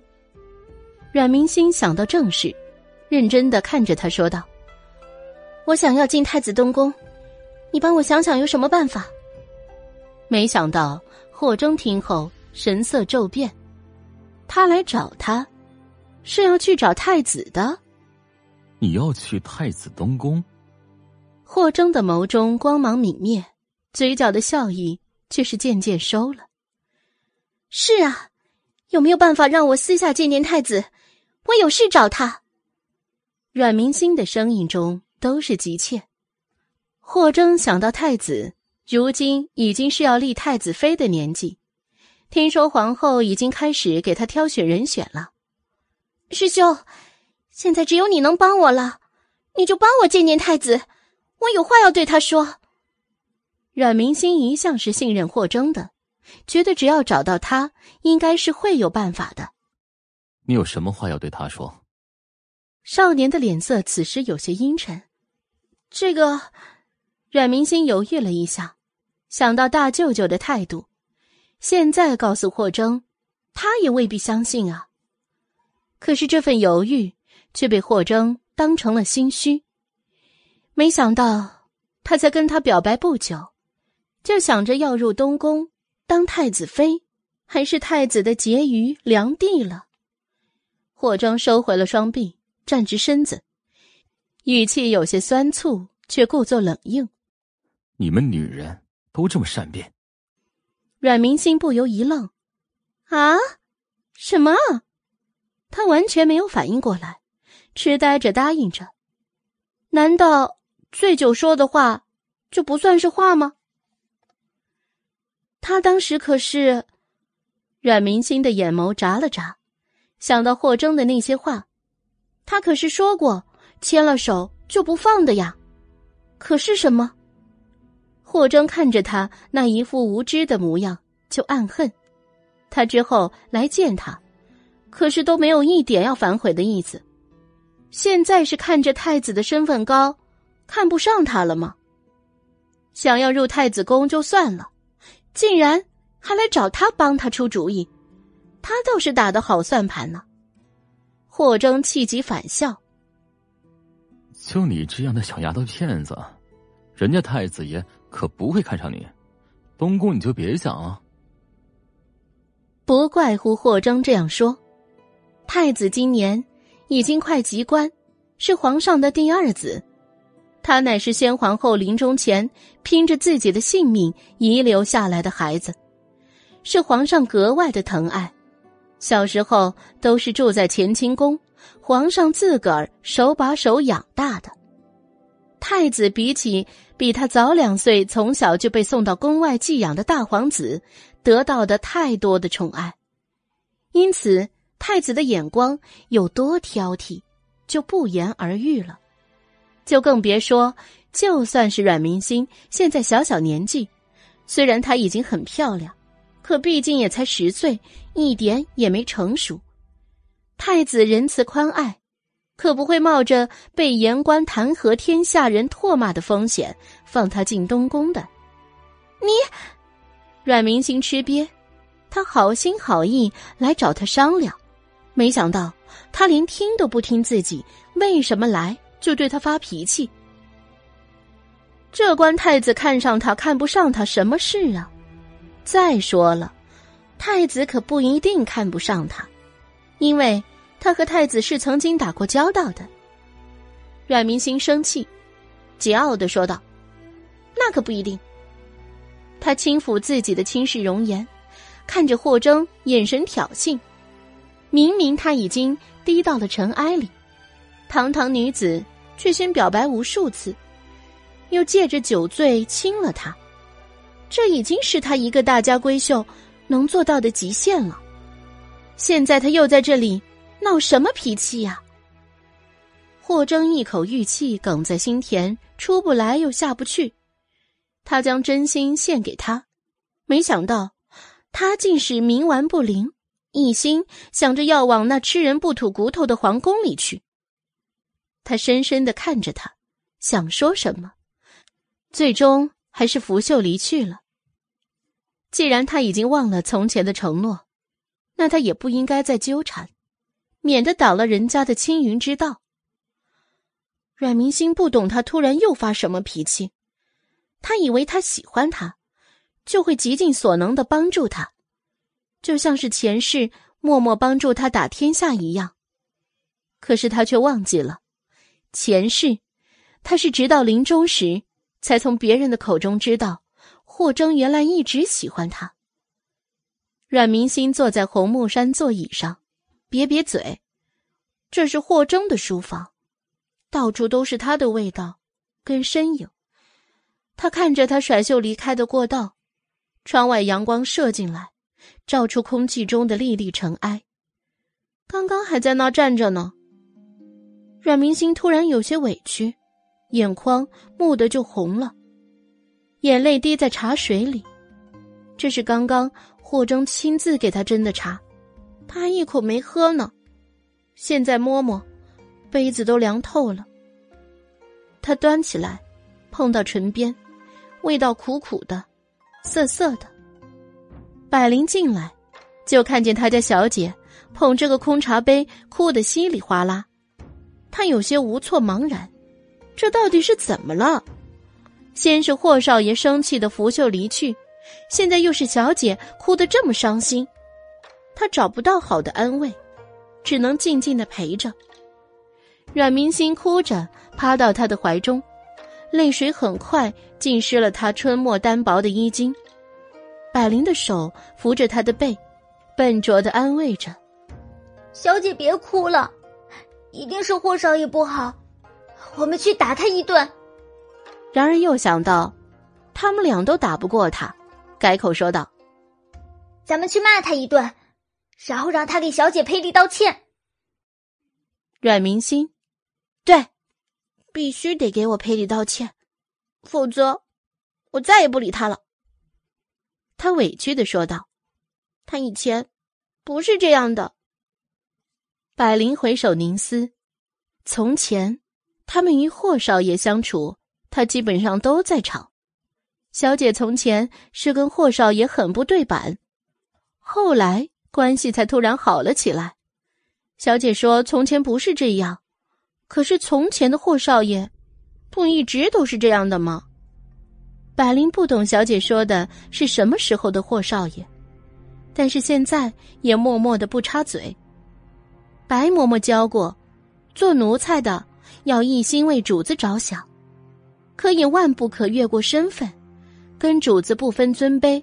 什么话该说，什么话不该说，自己要有个分寸。这是他当时才从千仞山回来没几天，嬷嬷私底下找他谈的。百灵虽然有些不习惯，却一直谨记自己身为一个心腹婢女的身份。